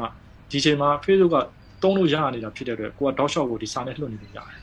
ဗီဒီယိုအတွက်ကကြတော့ပြင်ရဆင်ရတာနဲ့တက်မှာပို့ပြီးတော့အချိန်ယူရတဲ့သဘောရှိတာဟုတ်တယ်သဘောကလေအဲအဲ့လိုမျိုးလို့ရှိတယ်စာကတော့ပွင့်လင်းပြရင်ဒီနေ့ idea ရတယ်ဒီညနေကောက်ရေးပြလိုက်လို့ရတယ်ဟုတ်ကဲ့အဲ ဗီဒီယိုကတော့ idea တစ်ခုကိုပေးချင်တယ်ဆိုလို့ရှိရင်အချိန်တော့တော်တော်ယူရမယ်နောက်ဘာပါလာမလဲဆိုတော့ကျွန်တော်အထင်ကုန်ကြစိတ်ပါပါလာလိမ့်မယ်ဟုတ်ကဲ့အဲ့လိုတော့ရှိတယ်ဒါဟိုဘယ်ဟာအားတာတယ်ဘယ်ဟာအားနေတယ်ဆိုတာတဲ့ဟိုနှိုင်းရှင်ကြတာပေါ့နော်ဆိုလိုတာလေကျွန်တော်တို့တကယ်လက်တွေ့လုပ်တဲ့အခါကျတော့ဟိုဘာခေါ်မလဲကိုယ့်ဘက်ကလုံနိုင်တဲ့လူဘက်ကလည်းဘယ်လောက်ထိအကျိုးသက်ရောက်မှုရှိမရှိဆိုတာလည်းရှိသေးပါဟုတ်ကဲ့ဆရာဟုတ်ကဲ့ဟုတ်ကဲ့ဆရာကျေးဇူးတင်ပါတယ်ဆရာဟုတ်ဟုတ်ကဲ့ဒီနေ့ ပေးထားတဲ့ live comment တွေကျွန်တော်တစ်ချက်ကြည့်လိုက်ပါမယ်ဟုတ်ဟုတ်အော်ကိုတယောက်ရေးထားတော့ဘာဘာသာပြန်အစောင်းမလေးလုပ်ပါအောင်နဲ့မေးကြံခဲ့ရလားမသိဘူးဆိုပြီးတော့ comment ပေးထားပါတယ်ဗောနော်ဟုတ်ကြီးကအမျိုးစားရေးထဲမှာကြံခဲ့ရလို့ထင်ပါတယ်ဟုတ်အော်ဟုတ်ကဲ့ဘာသာပြန်ဟုတ်ကဲ့ဘာသာပြန်ကြတော့လေပွင့်နေပြောရင်စူလိုရဗျာဟုတ်ကဲ့ဟိုခုနကကျွန်တော်ဘာသာပြန်လိုက်တဲ့ topic ကတက်ကြမ်းဖြစ်နေတက်ကြမ်းနဲ့ပါသွားတော့ဒါပေမဲ့ဟိုဘာသာပြန်ဆောင်းမအနေနဲ့တော့ရတယ်လေ ဘာသာပြန်ဆောင်းမဆိုတဲ့အခါမှာဟိုကိုကအဲ့ဘာသာပေါ်နိုင်နေမှုတော့လိုသေးတော့ကျွန်တော်တို့ကဥမာထားပါတော့ဟိုဖွင့်နေပြောရင်တော့ English ကောင်းအောင်လည်းတော့ဘာသာပြန်စာရေးစရာမဖြစ်ဘူးဗျဥမာအထူးသဖြင့်ကျွန်တော်တို့ဒါထင်ရှားရှားဥမာတွေပြရရင်ဆရာမြတ်တန်းတင်းတို့ဆရာပြင်းမင်းတို့ဆိုတာဘာသာပြန်တက်တယ်ဒါပေမဲ့အဲ့ဒီမူရင်းရဲ့ရတာမပြောက်အောင်တုံးနိုင်တယ်လူတွေဟုတ်ကဲ့ဒါကြောင့်မလို့လေသူတို့အဲ့အဲ့လိုအဲ့လိုဖြစ်နိုင်မှုလို့တို့တာပေါ့နော်ကျွန်တော်တို့ကစကလုံးတစ်လုံးကိုတီးအောင်နဲ့ ဟိုဘာသာပြန်လို့တော့မရအောင်အဲ့ကိုပြန်တဲ့စာပေါ်မှာမူတည်ပြီးတော့နောက်အထူးသဖြင့်တချင်းတွေဆိုလို့ရှိရင်ဟိုကျွန်တော်တို့လေးစားတာဆရာဝင်းမင်းထွေးလို့ဆိုရင်ဒါရှင်းတယ်တော့ဝစကလုံးနဲ့ဟိုတော့ပြောရရင်ဟိုထတ်တူနီးပါတော့လေမူရင်းရဲ့စကလုံးမှာပြန်နိုင်တယ်ဒါပေမဲ့အဲ့တချင်းအရသာတော်တော်ကောင်းတယ်ဆိုလိုတာလေမူရင်းလည်းမပြတ်ဘူးသူ့အဓိပ္ပာယ်လည်းမပြတ်ဘူးစကလုံးကလည်းအဲ့အဲ့လောက်နီးပါအောင်ဖြစ်အဲ့လိုမျိုးအဲ့တော့ကိုကကျွမ်းကျင်မှုလို့ဆိုတော့ဘာသာပြန်ဆောင်းပါးနဲ့ပတ်သက်ပြီးအကြံပေးရရင်တော့ သူကလည်းဘာသာပြန်ဆိုတော့ခုနပြောသလို subject ကိုဒီဒီခုနပြောတဲ့သက်ဆိုင်ရာဘာသာပေါ့နော်သူရဲ့မူရင်းစာအုပ်ရဲ့ဘာသာကိုကျွမ်းကျင်ုံနဲ့မရအောင်အဲ့စာပေပညာကိုကနားလည်မှာပြီးတော့သူ့ရဲ့ဆိုလိုရင်းဘာဆိုတာကိုကကြက်မိမှာအဲ့ကြက်မိမှာဘာသာပြန်တာပို့ပြီးတော့ထိရောက်ဟုတ်ကဲ့ဆရာဟုတ်ကျေးဇူးတင်ပါတယ်ဆရာဟုတ်ဟုတ်ဟုတ်အာဟုတ်ကဲ့အော်နောက်တစ်ခုကကြတော့ ဟိုကလောင်ကလောင်အောင်ညီပေါ့နော်အဲ့ဒါတော့ဆရာတို့ကျွန်တော်ဟုတ်ကဲ့ဖြည့်ပြီးသွားပါပြီဟုတ်ခုနဖြည့်ပြီးဟုတ်ဒီမှာမေးတယ်ဟုတ်မေးမလို့လည်းမသိဘူးမေးပြီဟုတ်ဟုတ်ကဲ့ဒီမှာပေါ့နော်အမတယောက်ကမေးထားတာပေါ့နော်ဟုတ်ခုနောက်ပိုင်းမှာဆိုလို့ရှိရင်နဲ့နယ်ပယ်မျိုးစုံကနေပြီးတော့ content တွေရေးလာကြတယ်ပေါ့နော်ရေးတဲ့အခါမှာစကားပြောသလိုပဲရေးလာကြတာများပါတယ်တဲ့ပဲတို့တဲတို့နဲ့အဆုံးသတ်တယ်ပေါ့နော်။အဲတချို့ဆိုလို့ရှိရင်လည်းစလုံးမောင်းမှားတာတွေတွေ့ရပါတယ်တဲ့။အဲ့ဒါတွေများလာလို့ရှိရင်တဲ့အာ Facebook ကလည်းအရန်လွှမ်းမိုးနေရဆိုတော့အဲ့ဒါတွေကနောက်ပိုင်းမှာတဲ့အမှားကိုတဲ့အမှားမှမသိပဲနဲ့မှန်လို့ထင်သွားကြမှာမျိုးတွေဖြစ်ဖြစ်လာနိုင်တယ်ပေါ့နော်အဲ့လိုမျိုးတွေကိုရောတဲ့ဘယ်လိုမြင်ပါသလဲရှင်တဲ့ပြီးတော့ဘယ်လိုဖြေရှင်းနိုင်မယ်လို့လဲထင်ပါသလဲတဲ့ပြီးတော့အပိတဲ့အနက်တွေကိုရောနောက်ပိုင်းမှာတက်ရောက်မှုရှိနိုင်လားဆိုတာကိုသိချင်ပါတယ်ဟုတ်ကဲ့တကူတော့ရှိအောင်ရဟိုကျွန်တော်မြန်မာစကားမှာတော့ရှိတာပေါ့အမှားကြရင်အမှန်ဖြစ်တယ်တဲ့နော်အမှားကြရင်အမှန်ဖြစ်တယ်ဆိုတော့အဲ့ရေးတဲ့လူတွေများလာရင်တော့တချို့စကားလုံးတွေပဲပေါ့ဟိုမှာအခု ကျွန်တော်သတိထားပြီးသလောက်ဆိုရင်ကျွန်တော်ဖေးလည်းခဏပြောပါတယ်ကျွန်တော်ကျမစလုံးမောင်းနေတကယ်တမ်းသူ့ရဲ့အမှန်ကတော့ကျွန်းတော်ပေါ့ဗျာကျမဟုတ်ကဲ့ကျွန်မအဲ့လိုပဲပေါင်းကြတာပေါင်းကြရင်ဖြစ်ဖြစ်နေတာသူတို့ကဗျာဒါပေမဲ့တချို့ကလည်းသူ့ယူဆနေသူတို့ကဒါတွေကကျွန်းလို့ယူဆလို့လို့ပါအမှန်တော့မဟုတ်ဘူးလေဗျာတပ်ပုံရပဲဒါကတော့ဒီလိုပဲပေါင်းထားတာဟုတ်တယ်မကျွန်တော်တို့ကဒီဟာကြီးကိုသွားပြီးတော့အားကြောင့်မလို့ပေါင်းနေဆိုရင်တော့တကယ်တမ်းကမြန်မာသာအဖွဲ့ဆိုတာကကျွန်တော်တို့တက်ကြွတဲ့မြန်မာသာပညာရှင်ကြီးတွေနဲ့ဖွဲ့စည်းထားတာလေ ဒီမြန်မာအပိဒံတို့တပ်ပုံညာတို့ဘာလို့ဆိုတာဒါတွေအားလုံးကလည်းအကုန်လုံးဒါသူတို့ကပဲဟိုအားလုံး confirm လုပ်ပြီးတော့ဒီဟာဒီဒီ date ပဲရှိတယ်ဒီဟာဒီတော့ဒီလို date ပဲရှိတယ်ဒါကြောင့်မလို့ဒီစလုံးမောင်းအမှန်ဒါမျိုးယူထားတာအောင်အဲ့တော့ဘယ်လိုလုပ်အောင်လဲဆိုတော့အဓိကတော့ Facebook မှာကတော့စောတော့ကျွန်တော်ဆွေးနွေးခဲ့တဲ့အချိန်မှာလည်းပါတယ်လူတိုင်းမှာလွတ်လပ်ခွင့်ရှိနေတဲ့အခါကျတော့ကိုယ်အဆင်ပြေသလိုရေးကြတာဟုတ်တယ်အဲ့လိုရေးတဲ့အခါကျတော့အဲ့ဒါကိုလိုက်ပြီးတော့ကျွန်တော်တို့ကကြောက်ချင်းစီလိုက်ပြောသွားတယ်ဘယ်လို့မှမဖြစ်နိုင်ဘူးလေ အဲ့တော့ကျွန်တော်တို့ဆိုရင်ဘာလုပ်လဲဆိုတော့ကျွန်တော်တတ်နိုင်တဲ့အပိုင်းကကျွန်တော်ဆလုံးမောင်းတပ်ပုံတွေကိုအဲ့လိုတခုပေါ့နော်အမှန်နဲ့အမှားနဲ့အမှန်နဲ့အမှားနဲ့ကျွန်တော်ရှင်းရှင်းပြီးတော့ကျွန်တော် post တွေရေးရေးပေးတယ်ဟုတ်ကဲ့ဟိုရတာပုံစံနဲ့ပေါ့ဟိုတူတာနဲ့တော့မပေါ့ကျွန်တော်ရတာနဲ့ပဲရှိတယ်ကိုပြောချင်တဲ့ topic တခုတဲလိုက်ပြီးတော့မှဒီစကားလုံးကတော့ဒီလိုရှိရတယ်အဲ့လိုပြောပြလိုက်တယ်အဲ့တော့အဲ့လိုမျိုးဝိုင်းလို့မှရအောင်နော်ဒါကိုသွားပြီးတော့စလုံးမောင်းမှလို့ action ဆိုတာမရှိဘူးလေ ဘလို့ action ဆိုတာဘလို့မှလုပ်လို့မရအောင်ပြီးတော့ Facebook ကလည်းဒါစလုံးမောင်းမှလို့ ban နေဆိုတာလည်းသွားလုပ်လို့မရအောင်ဟုတ်တယ်မလားဒါသူ့မှာသူ့မှာဘလို့ဒါမဆိုင်သူ community standard နဲ့လည်းဘလို့မှမပတ်တော့အဲ့တော့ကျွန်တော်တို့ကဘာပဲလုပ်လို့ရလဲဆိုတော့ educate လုပ်တဲ့နည်းနဲ့ပဲသွားမှာဆိုလိုတာလေဒီလူတွေအားလုံးဟုတ်တယ်အားဆိုလို့ရှိရင်ကြုံတဲ့နေရာမှာကြုံနေပြီးတော့ကိုဒါကိုသိတယ်ဆိုလို့ရှိရင်ဒီလိုစလုံးမောင်းတော့ဒီလိုရှိတယ်ဒါပေမဲ့ခက်တာကျွန်တော်တို့ချိန်မှာဘယ်လိုဖြစ်လဲဆိုတော့တခုခုထောက်ပြပြန်ရတယ်ဆရာကြီးလုပ်တယ်ထင်တာဗျအခက်မတင်ဆဲခံသေးတာကျွန်တော်အဲ့တော့ ကို post မှာကိုကျွန်တော်တို့ကိုဘောမှာကိုအဲ့လိုပြောချင်တာရှိရင်အကုန်ဆုစုပြီးတော့မှကြုံလာတဲ့ဟာကိုမှတ်မှတ်ပြီးတော့မှအဲ့လိုရေးပြတာနော်အဲ့လို educate လုပ်ဖို့လိုတယ်အဲ့တော့ခုနပြောတဲ့ဟိုဒီ technical ဘိုင်းဘာညာဆိုရင်တခုရှိတာကျွန်တော်တို့နားလည်ပြရမှာပေါ့သူပြောချင်တဲ့ဒီထားပါတော့ content ပဲဖြစ်ဖြစ်ပါပဲဖြစ်ဖြစ်သူပြောချင်တဲ့ topic ကမပြောက်ဘူးသူပြောချင်တဲ့အဲပြောချင်တဲ့အကြောင်းအရာမှန်နေတယ်အဲ့လောက်ထိတော့ကျွန်တော်လက်ခံပေးရအောင်အဲ technically point of view ကမှားနေပြီဆိုရင်တော့ထောက်အောင်ခုနစလုံးပေါင်းကကြတော့စလုံးပေါင်းကိုကြတော့ကျွန်တော်တို့ တယောက်တည်းမဟုတ်ဘူးဗျဖြစ်နေတဲ့ပြဿနာခုနပြောဆိုတော့ဟိုမှာနေ့ကလေးမှာဆိုအကုန်မားနေပြီလားကျွန်တော်ပြောဆိုတယ်နေ့လေးမှာတော့အကုန်အကုန်လုံးကဒါကြီးကိုအမှန်လို့ဆိုတာအဲကြောင့်မို့ကျွန်တော်လိုက်ပြောတယ်အဲဟိုတကားလေးဆိုကျွန်တော်ဟိုစိတ်ထဲကနေဟိုဖြစ်တော့ကောက်တောင်တင်လိုက်ပြီးဒီအဲ့မှာကျွန်တော်တို့ပဲလဲနေကြတာလို့ချိန်လုံးလဲနေကြတာလဲညတ်တာပဲလဲနေကြတာလို့အဲ့ဒါဟိုအဲ့လိုအဲ့လိုတော့ရေးဦးတယ်အဲ့တော့ဆိုလိုတာဝိုင်းပြီးတော့လုံးမရမှာကိစ္စလေသိရမှာဟိုလိုကြီးသွားပြီးတော့ကျွန်တော်တို့ကစီကန်းတစ်ပါအဲ့လိုအဲ့လိုတော့လုံးလို့မရဘူးအဓိကအသိပညာပေးဖို့ အဲဒီလိုလေးတွေရှိတယ်စလုံးပေါင်းလေးရှိတယ်ပြီးတော့စာရေးရင်အဲ့လိုခုနပြောတဲ့တပ်ပုံနဲ့ဘာညာကိုကားဖို့လိုတယ်ဒါမျိုးလေးတွေသိတင်တယ်လေနော်ဟုတ်ကဲ့ပါဆရာဟုတ်ကဲ့ဆရာအဲ့ဆိုရင်တော့ဟိုကျွန်တော်တို့အဲမေးထားတဲ့မေးခွန်းလေးကတော့ဒီလောက်ပါပဲဆရာ ဟုတ်ကဲ့ဟုတ်ကဲ့ဟုတ်ကဲ့အဲ့တော့ဟိုကြည့်နေတဲ့လူတွေမှာလည်းအကယ်မေးခွန်းလေးရှိရင်လည်းကျွန်တော်တို့အဲ live ပြီးသွားရင်လည်း comment ရေးထားလို့ရပါတယ်ဟိုဆရာအဆင်ပြေရဆိုရင်အဲ့မှာဝင်ပြန် reply ပြန်ပါလိမ့်မယ်အကယ်အဲဆရာကိုတိုင်းမေးခြင်းနေဆိုလည်းဆရာရဲ့ Facebook account ပေါ့နော်အဲအမျိုးသားစာပေစုရစုသစ်ဆိုပြီးတော့ဆရာရဲ့ Facebook account ရှိပါတယ်အဲ့မှာလည်းဆရာစီမှာလေးလာလို့ရပါတယ်သိချင်တာတွေရှိရင်မေးမြန်းလို့ရပါတယ်ဟုတ်ကဲ့ဟုတ်အဲဆိုရင်တော့ဟုတ်ကျွန်တော်တို့ဟုတ်ညီမမေးတယ်ဖူဆက်ဟိုလုပ်ပေးပါဟုတ်ကဲ့အာ ပထမဆုံးအနေနဲ့ပေါ့နော်ဒီနေ့ဆရာသမီးတို့ဒီ EHS မြန်မာကိုဟိုချိန်ပေးပြလာရောက်ဖြေချပေးတဲ့အတွက်ကျေးဇူးထူးတင်ရှိပါတယ်သမီးတို့လည်းဆရာစီကနေပြီးတော့အများကြီးပေါ့နော်လေ့လာလိုက်ရတယ်ပြီးတော့ရှင်အများကြီးလည်းမှတ်သားလိုက်ရတယ်ပေါ့နော်ဟုတ်ကဲ့အရင်ကျေးဇူးတင်ပါတယ်ဟုတ်ကဲ့ပြီးတော့ရှင်အာကျမတို့ face Facebook live ကိုကြည့်ရှုနေတဲ့ဒီတူတယောက်ချင်းစီကိုလည်းကျေးဇူးတင်ပါတယ်မိကွန်းနဲ့မေးပေးကြတဲ့အတွက်လည်းအကုန်လုံးသူကျေးဇူးတင်ပါတယ်လို့ပြောရင်းနဲ့ကျမတို့ရဲ့ဒီအစီအစဉ်လေးကိုဒီနားမှာလည်းရပ်နားလိုက်ပါမယ်ရှင်ဟုတ်ကဲ့ ကျွန်တော်လည်းအားလုံးကျေးဇူးတင်ပါတယ်လို့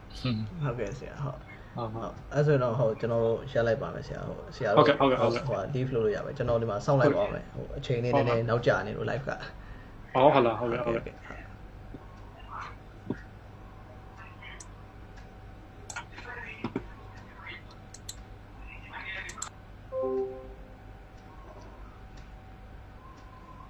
ဆရာညီမမေးတဲ့ဖို့ထွက်ချင်တဲ့ထွက်လို့ရအခုဒီမှာအန်လိုက်မယ်ဟုတ်ကဲ့ I'll get across. I'll leave my. Okay, bye.